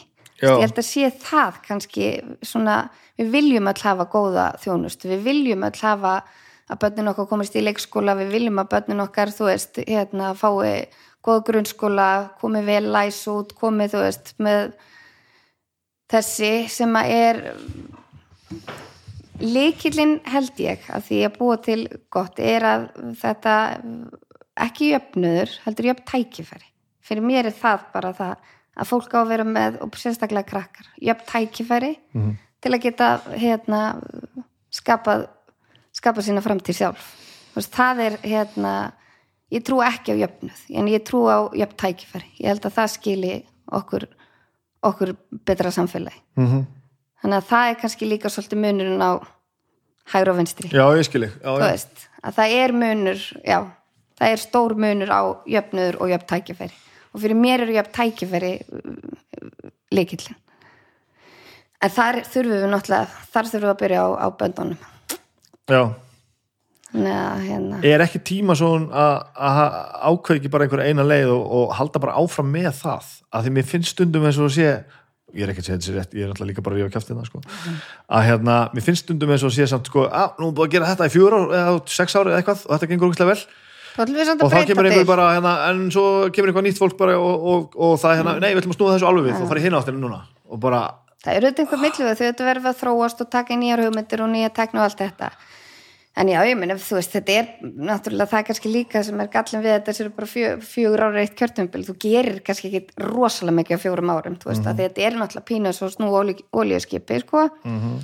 en ég held að allt sé hægt. Þú veist, ég held að sé líka bara já, ég held að sé mikil tækifæri og bara spennandi tímar framöndan. Já, absolutt, sko ég veit bara, ég er svo brjálar, ég myndi að fara að skipta mér þessu, ég, þú veist kemur alltaf að ljósa, maður hefur miklu fleiri skoðan en maður held, sko, og en þetta er líka borgin og sveitafélagin er eitthvað sem stendur, stendur öllum nær Já, maður finnur þetta það er bara, sko. stundum sér segi göturnar sér móka, ruslið sér sótt mm -hmm. þú veist, það er þetta sem að hérna, þetta eru stóru, stóru hlutinir þegar upp í staði sko. Já. bara leið og ekki búið að segja ruslið þá er þetta brjálaður Já, og þá ámaður líka að vera brjálaður auðvitað maður brjálaður Já, það er alveg þannig sko. það er þannig. Hvað hérna gerist þannig milli þess sem að þú keftir húsi og þá til núna? Bara svona hjá- fyrir utan vinnuna? Já, eða bara milli sem útskjáðast og núna. Að því að tala um þú ert búin að tala um tíu eða tólf verkefni svona, þú veist held tekur þetta einhvern veginn bara allt saman? Bara að- lifa og hrærast í þessu, Já. þessu jobbi? Það gerir það. Já, og svo er maður náttúrulega, ég er náttúrulega búin að vera með puttana þessi pólitíkinu, það tekur líka alveg tíma sko. Já, hefur verið að já, pikka í það. Svo er maður náttúrulega bara búin að vera að gera helling er búin að vera að ferðast og bara gera ótrúlega mikið af skemmtilegum hlutum. Já, ég var einmitt svolítið að fiska eftir Já. því sko því að þetta leitt svolítið út eins og þeir bara farið í skóla, eignast þau börn og svo bara þetta verkefni, þetta verkefni, þetta verkefni, þetta, verkefni. Nei, alls ekki, ég er mjög dugleg já, ég hef verið mjög dugleg og verið mjög sko, lánsum með að fá tækifæri til að gera alls konar búin að ferðast mikið ætla búin að fara nokkru sem til Tíle og við hefum verið dugleg líka að ferðast vinirnir. Ég er náttúrulega einstaklega rík af vinnum finnst mér. Ég á mjög stóran hérna, stóran vinahóp sem er mjög ólíkur. Þú veist, þetta er bara svona já, fólk úr mjög mismunandi áttum sem tala um fólk sem þekkist öll innbyrðis eða bara að Nei, tala um að þú að- er vinn í allar áttir já, og svo, og svo náttúrulega þekkjast þau líka Já, núna, já. eða þú veist, bara hópurinn er búin að hérna, stækka og það er líka svo, já, bara það er svo gaman að hérna, já, þú veist, þetta er bara einmitt allt frá, þú veist, löffræðingum, þú veist, leikarar, bara vinstri græni sjálfstaflokk, eða skilur, þetta er bara mjög svona fjölbreyttur Mhm. fjölbreyttur hópur og það er bara já, ég, aftur ég bara mér finnst ég vera ótrúlega fyrir utan bönni mín, þá held ég að vini mín sem sko mitt mesta ríkidæmi. Það er bara, það er það er ótrúlega, ég er mjög heppið með það og það er bara líka holdt að eiga Þú veist, við vorum að hlæja því sko, ég held að svona, já, eina minni sko miklu lökku í lífinu var að fara á badnaheimili sem heitir badnaheimili Ós, sem er hérna fóreldrarreikin leikskóli, sem ég fann þegar ég hérna, átti eldri stelpunum mín og þá var maður alltaf svona samverð, ég var búin að kenna mér alla leikskóla bara á höfuborgarsvæðinu, hvað voru margir menta í leikskóla, kennum þetta fór alveg þangað. Og fyrir nána fóreldrarreikin leikskóla sem er bara fóreldrarreikin að hérna, eða engareikin fóröldarnir bara sá um reksturinn og stvoralum bara menta fólki í, í hérna uh, leikskólikennarastöðunum allt þetta. Nema hvað, það er skildað allar að vera þarna, þá bara þarf að taka þátt í starfinu. Og það mæta á hérna, stórfund einu sinni í mánuði hittast allir fóröldarnir og það bara fara yfir þú veist bara vera að ræða alls konar mál og svo eru bara starfstæðar þar sem við komum og málum og græðum þar sem þetta gera og síðan einu svona ári fara allir fóreldrabötn og hérna fóstrur eins og þær voru kallar í sumabústafferð heila helgi. Ok, og þetta verði bara fjölskylda. Og, og þarna náttúrulega aftur sem sagðan þá átti enginn í kringum með börn. Og voru nú flestir þetta svolítið eldri en hérna ég og, og, og basvæði minn. Og þau tók okkur, eða bara auðvitað svona fjölskyldan okkar. Og þarna kynntist í fólki sem ég hefði annars Já. aldrei rekist á í lífinu. Og þú sér það eldri stelpa mín er að vera átján og þetta eru ennþá vinir mínir í dag. Veist, Já, það eru svona veist, og þarna er mitt, þarna kynntist í fólki sem ég hefði annars aldrei mjög líklega aldrei rekist á Mhm. í lífinu. Og það er bara svo, það er það sem er svo skemmtilegt lífinu, að maður hittir fólk á svo já, bara alls konar fólk. Og, og það er líka gaman við, sem var að segja líka á hana bara þegar heimil mitt er félagsheimili svo gaman að sko leiða saman svona ólíkt ólíkt fólk. Og það líka bara opnar huga allra. Eða eitthvað svona maður er þegar maður festist ótrúlega oft í því að vera með fólk sem að hugsa eins og maður sjálfur vinnu við svipa og maður sjálfur. Og þá einhvern veginn sér maður ekki út fyrir út fyrir kassan sko. Samfélagsmiðlaðinni fara, Já, það- fara að hrópa það sama Já, og sem maður fyrir að halda þessi einn eini rétti sannleikum Já, og þetta er líka aðhald á mann sjálfan að vera með fólk í kringu sig sem að er ósamála manni. Já. veist, mér er finnst líka mest gaman þegar við erum með mjög ósamála Já, og ég kemst að því að við erum samt eiginlega alveg sammála. Það er uppáhaldið mitt sko.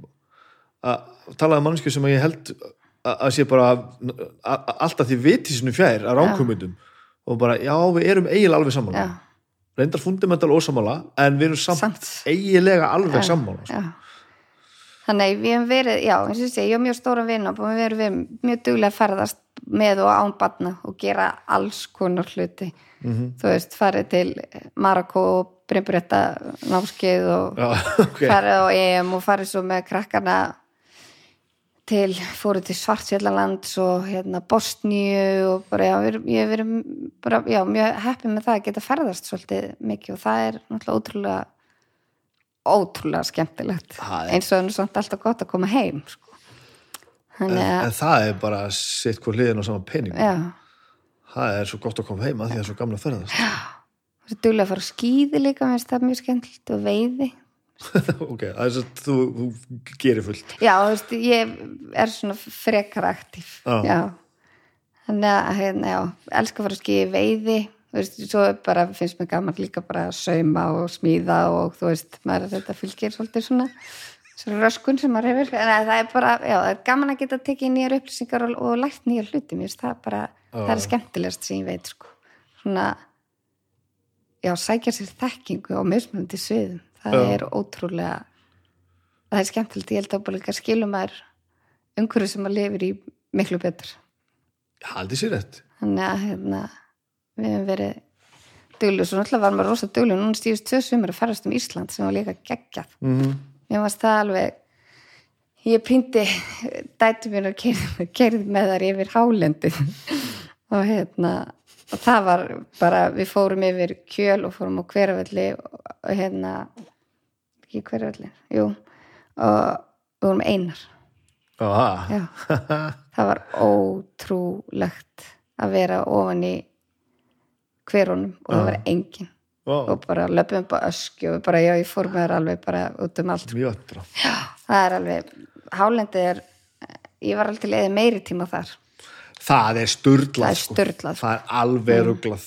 Og maður veit ekki nema bara eitthvað brot. Brota brot, sko, þetta er náttúrulega svo ótrúlega magna land sem við búum í, sko. Já, það er líka, hérna það er líka sem að fattar þegar maður kemur heim já. frá útlöndum Já, hvað Íslandi er fallegt, sko. Já, stráttur og útlöndin sé líka fallegur og öðru sé falleg. En við höfum bara við höfum allt hérna kannski nema mætti vera aðeins meira sól mætti bara vera aðeins minna myrkur sko. Með sólin væri alveg lúksu sko. Ég er enda svo heitfingur og mér er alveg saman á alltaf sól. Já. en eftir því sem að ég er aðeins safna árum þá, þá, þá, væri betra að væri meira bjart sko. Já, það væri þetta er, er, er ekki gott. Nei, en snjórin það er nú eitt af því sem ég sakna að norðan yfir vetratíma, það er snjórin á þú veist, bara fá byrtuna og það er líka bara jólalegt og, loftið einhvern veginn, Já. ég sakna alltaf það er einhver held ég aldrei sagt þetta upp átt það er einhver stemning sem fylgir í að fara út og anda að sér þegar það er rosalega mikið af snjó í kringum Já.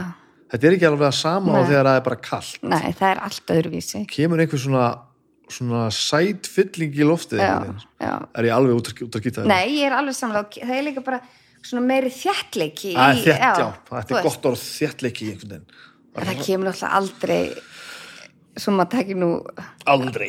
landsbyðar hrókana á þetta, það kemur alltaf aldrei svona Hvað heldur að þyrla sé að gera núna? Þetta er ekki vist að þetta sé gott. nei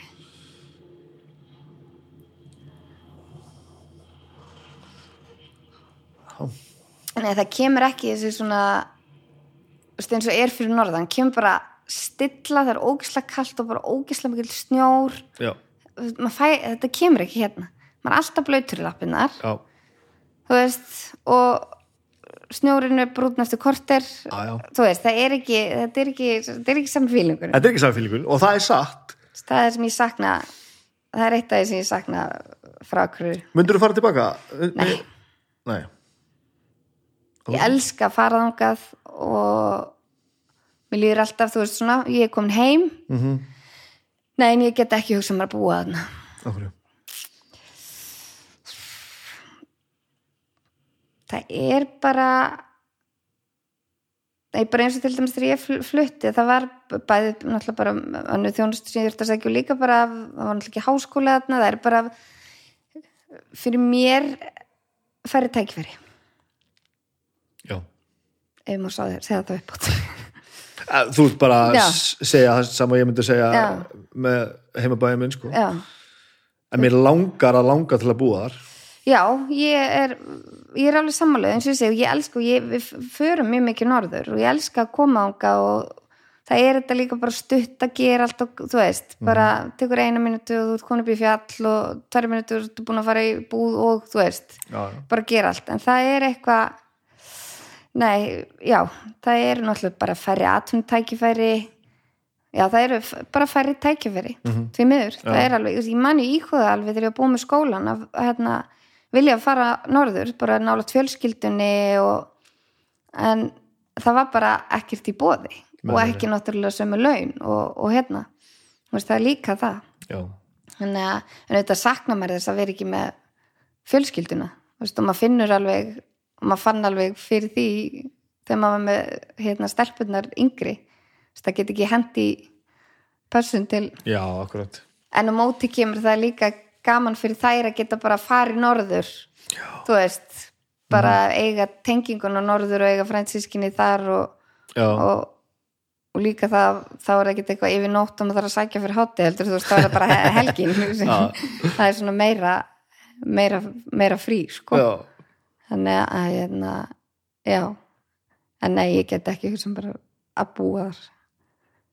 En það er gott að fara þangað. Já, þú ert að lýsa lýsa mínum veruleika bara alveg Já. með, með Húsavík sko. Já. bara nákvæmlega þetta og mér bara líður hvergi betur að að heimsækja, sko, mér er ógeðslega gott að koma en en ég man ég líka bara að upplifa sem úlingur og kannski og, að það var líka og það er kannski líka bara að maður er minni samfélum að það er það minna svigrum að vera synda ekki alveg með strömmunum já, það er það líka sem að, að hérna, ég, að það svona situr í mér se- sem úlingur að einhvern veginn af því að maður syndi ekki alveg með strömmnum að þá, þá var það ekki einhvern veginn, Nei, það var ekki klappað upp.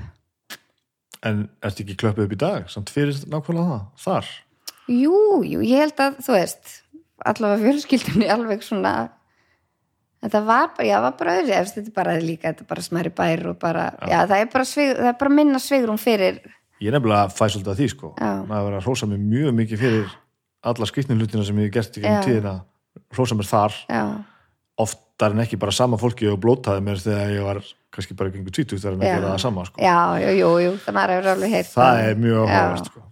Nú, já, þú ert svona ánað með núna Já, Já, já. segi rockljómsitt að Já. gera það svona gott já, af því þér fannst ég bara óþólandi Já. en því ég var, var 18 ára Jú, ég eða fekk, 16 ég, ég fekk rosa mikið viðbröð frá gamlu vinnum og líka bara fólki fyrir norðu bara þegar ég var að gera upp húsið og þú veist, hérna og þetta kom hann í Gulla byggi Já. við setna skipti sem ég tók húsi í gegn að hérna, þá fekk ég já, já, já. það var líka já, þá fekk ég rosa mikið bara, já, bara jákvæð viðbröð bara ekki það, bara allstaðar bara, hérna, það var það var skemmtilegt, bara Mhm. hvað fólk er fólk elskar náttúrulega að sjá svona fyrir og eftir og, og, og hérna og sjá, hérna, fólk gera hlutina sjálft, það er líka það sem já, svona öfgafullar aðgerð líka já, þetta það, það, þetta er líka, þú veist, á þetta horfum við líka til þess að að því að okkur langar svo að vera að gera þetta sjálf. Já, ég er alveg að horfa hérna, það er loft þetta fyrir ofan sem ég á, sko það vext mér mm, algjörlega í augum alltaf að gera eitthvað við það, sko, hvort sem það var að opna hérna upp eða, eða búið til stig upp á háaloft og inn eftir eitthvað hérna uppi, sko, ég sitt bara hérna Það er en það er fínt að horfa á þig gera það bara í sjónvarpinu? Það er bara gönnið það. Það er bara, það er bara þú veist, bara um leða maður ég byrjaði þarf fleiri ár hjá sálfræðingum á en ég geri það sko. það er, þetta er en þetta er nefnilega góðu hérna, þetta er góð hugur að vera í svona þú veist, þetta er bara Þe- þessu trúi ég nú bara ekki neitt sko. þetta er bara, jú, þetta mér fannst þetta ótrúlega skemmtilegt þetta er bara næði skemmtilega sem ég gert sko. en það er aftur þetta af því maður sér hlutin einhvern veginn verða bara, bara byggjast upp fyrir framann Já. augunum það er alveg, það er það sem er, er frábært Akkur seldur húsi? Herðu, ég fór að búa Þú fórst að búa Já. Og hús mitt var ekki nógu stórt. Lífið tók yfir. Lífið tók yfir. Svo var þetta líka bara að vera með gamalt hús þetta er eilífar vinna. Já. og hérna og ég var búin að, og við mækurna búin að eiga eindislegan tíma þarna og, og hérna en þetta var bara komið gott. Já. þú veist, þetta eins og ég segi þú veist, er, þú veist með gamalt hús það var endalust þú veist, næst er það gluggarnir svo þakkið og svo játnið og svo þarf að dreina og svo, veist, þetta er bara Lagnirnar, Já, lagnirnar. helvítis lagnirnar þannig að hérna ég hef búin að gera eh, þetta fallegu heimili og búin að ávaksta peningana minna Mhm. þannig að hérna að þá bara tók nýr kapli við. Og maður fattar líka að ég var í gríðarlegum kvíða yfir að mér þætti erfitt að kveðja húsið. Líka af því þetta var bara svolítið svona hluti af Já, mér. emitt að hérna en svo kom það mér á óvart að ég var bara alveg tilbúin til þess. Eða líka bara heimili er bara það sem hún leggur hattið niður og það sem bara um leiði og búin að setja eitt dót inn á hérna inn í nýja húsi eða þú veist hitt húsi sem við vorum að flytja í að þá bara þetta er bara heim. Eða veist það var líka einhvern veginn svona svolítil upplifun að fatta það bara að bara maður býr bara til heimilið. Þú veist, það er alveg mikil gerstagangur og þú veist, það er alveg bara þú veist, bara öðru stað og þess meira pláss og svona. Uh, þannig að hérna, Og bara gaman að breyta til. Já og það, er líka bara sko. gaman að breyta til. Og líka, kendi mig líka það sem strákandi voru reynda mjög svona bara aldrei að tengjast tilfinningarlega uh, steipu eða fastegn en ég gerði það sko. Að hérna að þannig að á móti þessu finnst mér samt koma að þegar við fluttum hingað og ég svona frekar kærlaus og rótlaus búin að vera alla tíð sko, og líka bara lengi bara, bara með sjálfa mig bara gera eitthvað og bara, þú veist, ég er ótrúlega þarf mjög lítið þegar upp í staði sko, eða þurfti sérstaklega sko. bara ég gæti lagt mig einhver staðar og bara fekk að borða eins og dag, þú veist, þá, þá og veist svo náttúrulega var ég svona með, með allt svo, svona pínlítið draðandi og eftir mér einhverja vilsu.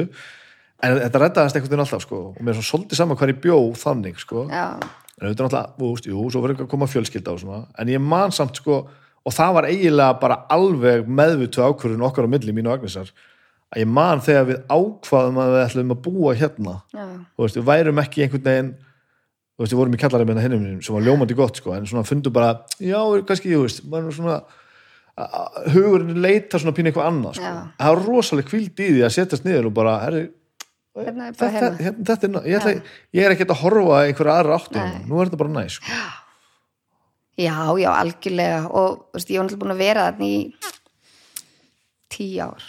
Já, níu ár. Já, já, og þetta var líka já, þetta var og náttúrulega bara æsku heimili stelpnana og þetta var einmitt líka veist, af því ég keipti þetta á þessum tímapunkti og flutti þarna inn þegar hérna, ég var að skilja að hérna að það var þetta líka svona eitthvað bara sjálfstæði líka bara þú veist, bara ég á þetta og þetta er bara, þú veist öryggi okkar, Já. hérna maðugna þannig að hérna en já, ég finn að ég hérna, ég var alveg tilbúin til að, til að fara að selja, eða þú veist bara að fá, ég veist ég segi líka bara meira pláss og Já. ekki það að það er ómitt það er bara meira að taka til en hérna, ég held að þetta segi, segi enginn sem að hefur ekki pláss nei en það er alveg já, bara ekki alltaf algjörst lúksusvandamál en, hérna, en það er alveg því líka þetta með að vera ekki góð maður getur ekki góður í öllu, ég til dæmis ekkert þú veist, mér finnst þetta ekki skemmtilegt. Mæri að hérna maður langar að eða tímanum mínum í, í eitthvað, eitthvað annað eins og örgulega flestum sko. En hérna, en þetta er náttúrulega algjör algjör lúksus að við höfum helvít gott sko. Já, það var mjög gott. Þannig að þið eru nýkomið bara í nýtt samingi ný, ný samsett fjölskylda á nýjum stað já, já maður. En við erum í sambóstnúmeri með þau hundra einum hvernig, hvernig er að byrja þetta á nýtt? Það er bara skemmtilegt sko. Ok, það er bara, þú veist náttúrulega ekki neina yngri börn og hérna Nei, já. já. kærasti minn er með eina sem er bara að vera tvítug já, og er bara úti í háskóla og, og hérna þannig að það er líka einfaldara að já það setja, svolítið, aðra fórsetu þannig já, að- setja saman heldur en að vera með já, yngri börn, það væri aðeins flóknara sko. Hefur þú forðast þetta áður eða, eða gerðist þetta bara ekki? Ég var, í, ég var nú í einu sambandi en við, þá byggum við byggum ekki saman. En uh, nei eða, ég veit það ekki fókusin kannski var líka bara eða þú veist, mér leið bara okkur leið bara vel einmitt. mæðgunum saman og hérna þannig að hérna, nei, ég var ekki að forðast það sko, alls ekki þetta er bara öðruvísi já, það er líka pínu skrítið að hérna að, að því við erum alltaf verið þrjár stelpur eða þú veist Já, já, já. bara það er, það er öðruvísi hérna, svona öðruvísi dýnamik sem er bara frábært sko uh -huh. Það er bara gaman að pröfa pröfa nýja hluti en, já já, að því það er pínu spennandi sko já. það er eitthvað líka skrítið maður er að búa þú veist, einn ekki með börnum Þú veist, líka bara að fyndi hvað maður verður vanafastur í einhvern veginn sínu Shit, það er alveg það er alveg hérna getur verið hættulegt sko. maður getur svo lengi talið sér trúum að maður sé, sé ekki servitur og maður er alveg galinn maður er sko. fullkomlega mjög mikið servitur sko. Og bara, já, ég er nú svona frekar kærlust bara og gera hlutina bara svona sem þau koma fyrir, nei, Nei, ég ger alltaf allt í sömu röð, allstaðar alls staðar. og það skiptir engum máli, þau eru upp í stað ég bara, þarna, þarna, bara ef þetta er ekki svona, þá er ég bara, Já. og bara nei, ég er nú svona frekar free spirit, bara og allt í góða fylging sko. þetta er góð hérna, þólmaðisæning svona, að, að skiptum gýrin já. Og svona umburlindi, eða þú veist, já. Já, já, já, um og svona velja, velja hlutina sem maður letur færi töðunar og og ekki hversu mikið af, af Tíli einhvern veginn býr í þér? Hver- hversu mikið tengjur þarna, þú varst að segja og þið farið þarna reglulega núna. Já, við eigum sko, sískil við eigum hérna, jörðat núti sem að uh, hérna, þið sískinin, íslensku sískinin þá? Já sem að pappi átti. Já, uh, sem að er verið að rækta svona eukalyptus á. Og þetta er jörð sem að sem að amma eða fjölskyldinu ömmu átti og svo eh, hérna eigum við líka verslunarhúsnaði með bróðarins pappa sem var líka það sem við fengum eftir pappa ok. Og við höfum reynd að fara annarkvert ár en það hefur náttúrulega verið erfitt núna út á COVID en förum að stefnum að fara núna aftur út eftir sem sagt janúar næst. Þið, þið eru bara með eitthvað skona rek, rekstur þá því eða? Nei, bróðurins pappa sér um það. Þetta er nú bara eitthvað svona lítil já, verslunarhúsnaði sem hann bara leir út og, og hérna, þeir gerðu í mörg ár. Já, þannig að en svo hefur verið að sagt, það er alltaf verið að höggva svona part og part af skóginum sem er svo selt bara í gyrðingastaura og eitthvað svona þannig að og við hefum verið heppið með að frænda okkar hefur séð um það. Þannig að hérna að því að sko við erum ekki með ríksborgarrétt núti. Nei, nei, nei Nei, líka bara allt þetta flókna pappisvinnan og allt þetta dót sko sem að, að hérna uh, en við, draumurinn er að allavega byggja hús á jörðinni. Þannig að tölvirt ótir er heldur en að byggja hér. Að hérna og, og geta farið með bönninu út og bara þetta, menna, við erum hálf tílensk já, og geta haldið svona tengslum við fjölskylduna. Ég þarf aðeins að fara að spýta lóna með spænskuna. Já. En hérna en, en finnur þú fyrir það að þú ert já.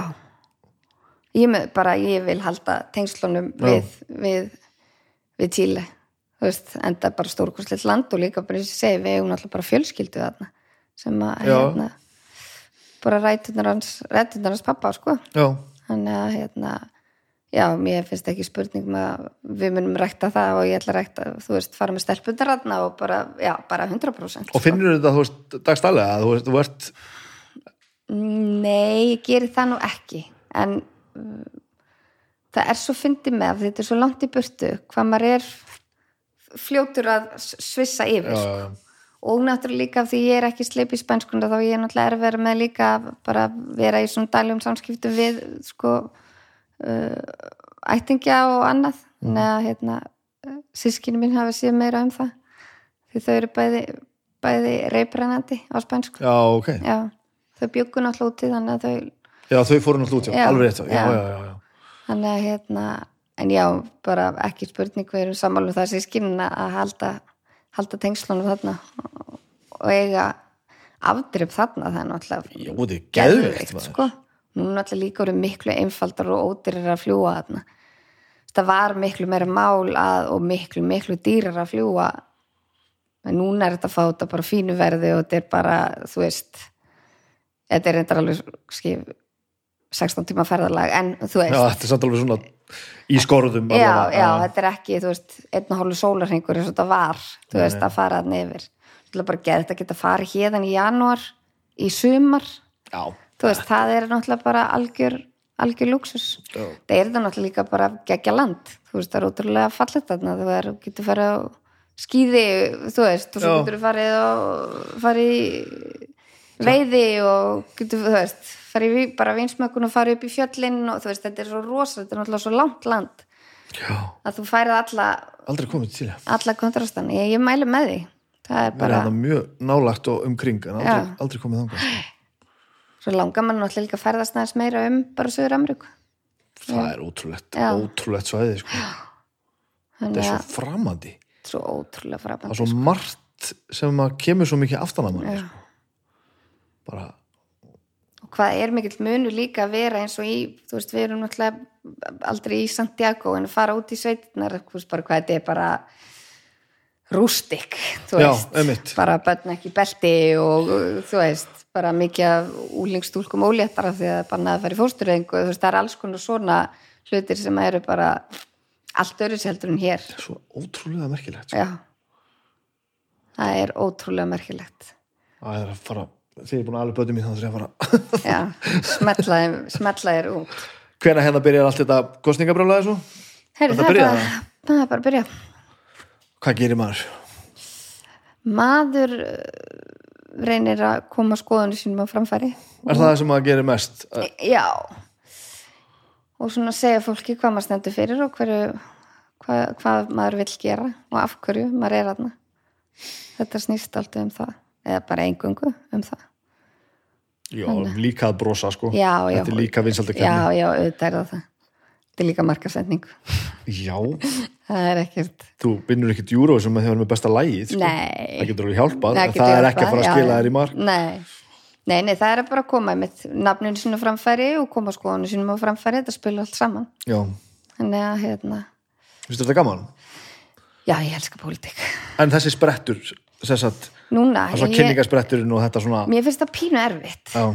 Af því ég verið náttúrulega svona, var náttúrulega sigurkostningastjóri síðast fyrir hérna flokkin hérna í borginni og verið að nokkru sinnum í svona prókjörsbaráttum fyrir aðra. Já, já, og þú þekkir, þú þekkir prósessin ég þekki prósessin en það er svolítið skrítið þegar að maður þarf að fara að koma sjálfum sér á framfæri. Það er miklu erfiðara heldur en að að koma öðrum á framfæri. Þessum eru kostningastjórur og umbósfólk Já. og allt þetta dót til. Að, og maður hugsa oft, veist, af hverju ætti ég eitthvað, þú veist, að vera frekar en næstumæður, æ, þetta, þú veist, maður fer, fer alveg hérna þangað. Ert þú í hljómsveit? Já, svona, já, já, já. stundum. Og maður er líka svolítið maður er svolítið berskjaldaður. Það er, Já, eða þú veist, að því leiti að maður verður einhvern veginn já, maður verður einhvern veginn já, meira bara sí- sýnileg. Ef mér finnst það pínu, bara mjög skrítið það er þráttur að vera með þetta í gulla byggir þættinum sem að var bara mjög hérna, svona veginn uh, nálagt mér, eða þú veist bara inn mínu heimila, þá einhvern veginn finnst mér þetta já, mér finnst þetta erfiðara að setja mig einhvern veginn fram í, í þessu.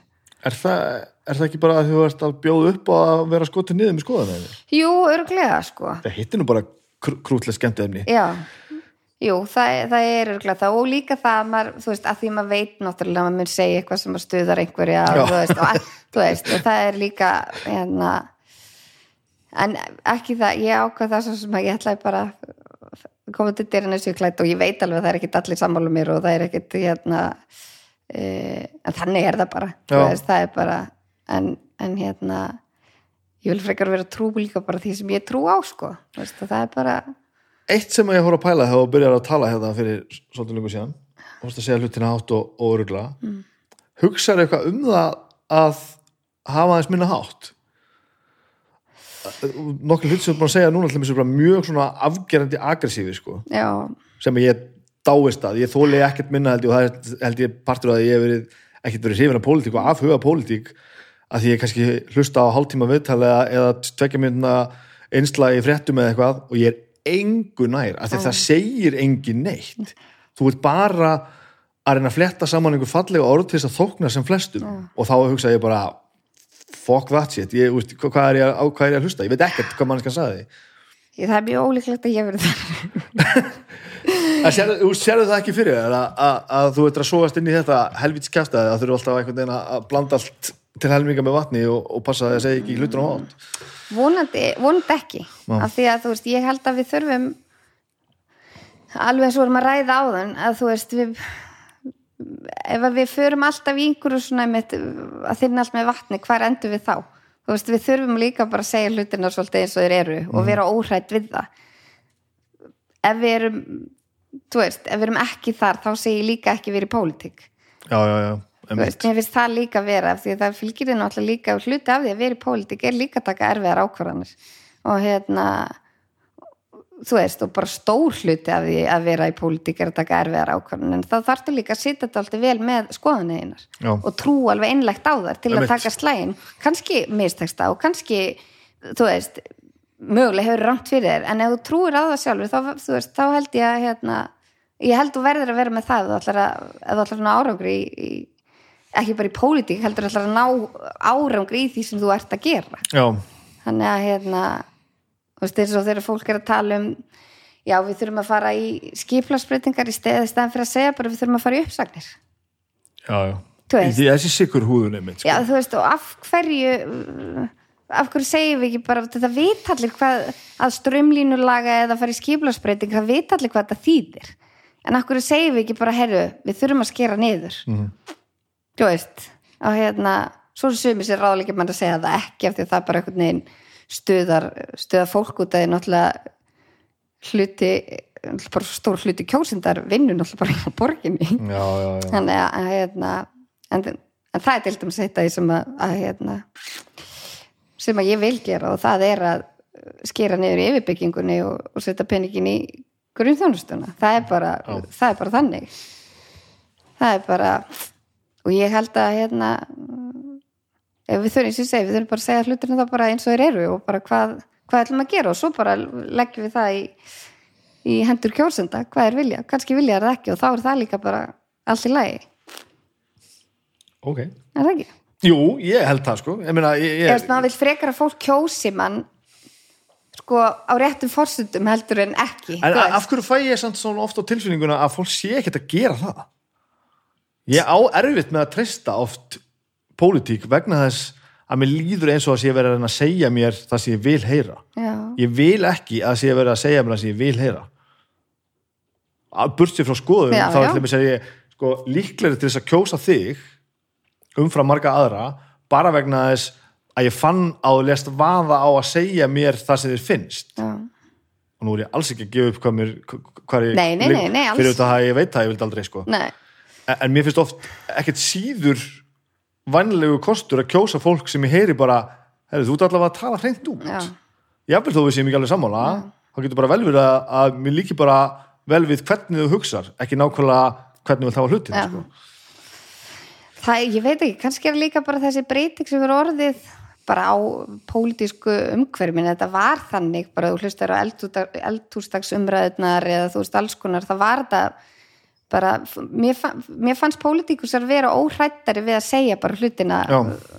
en ég veit ekki hvað það er kannski erum við orðinni mitt kannski bara písi þú veist að bara fólk þóru ekki að segja eitthvað þá mun að múka einhvern eða stuða einhvern og þá verður þú veist einhvern veginn mm -hmm. allt voru trillt á Twitter eða kommentarkerfanum og allt þetta en, en ég veit ekki ég, það er bara partur af jobbinu sko Já. þú veist að þá verður ég, þú veist, vilt ekki frekar vera umdeldur heldur en óumdeldur ég held að það, þú veist, ef þú ert óumdeldur og þá, hvað ertu þá að gera mm -hmm. þú veist, að því þú getur aldrei hérna þú getur aldrei sko plýsa alla.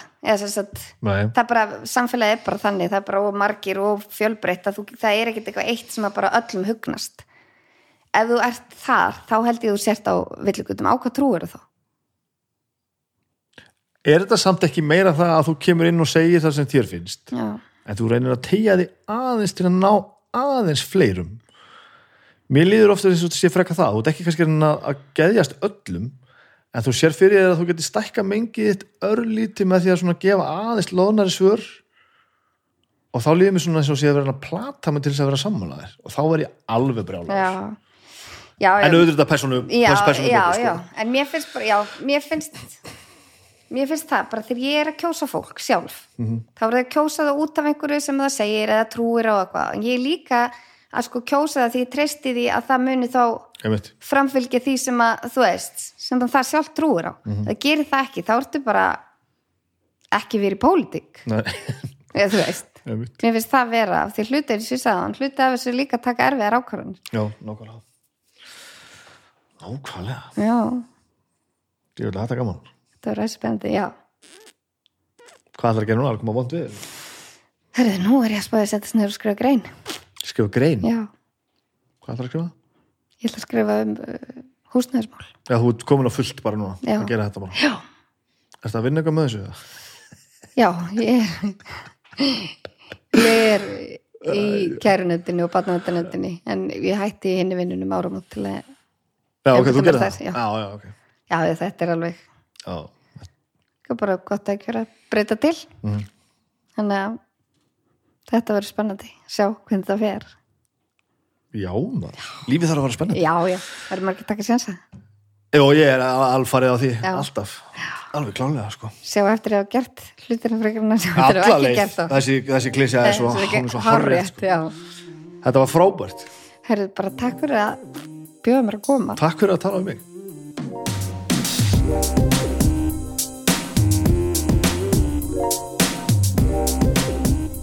Já, það var nú ekki lengra heldur en það. Akkurat. Þannig var þetta.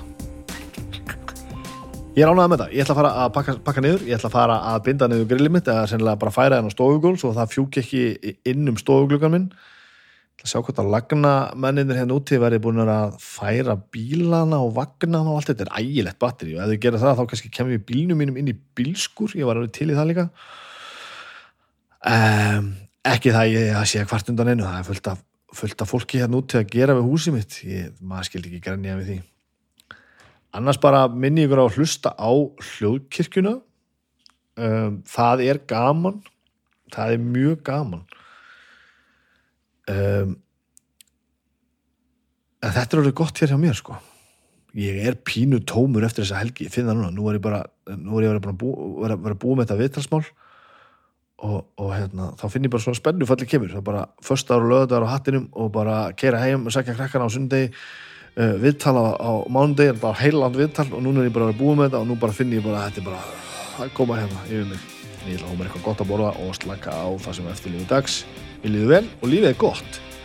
Takk Simin Pei, takk Bónus fyrir að vera með mér og takk þið fyrir að hlusta. Og svo heldur þetta bara áfram. Haldið ykkur fast, það er að koma mónt viður heyrjus næst, bye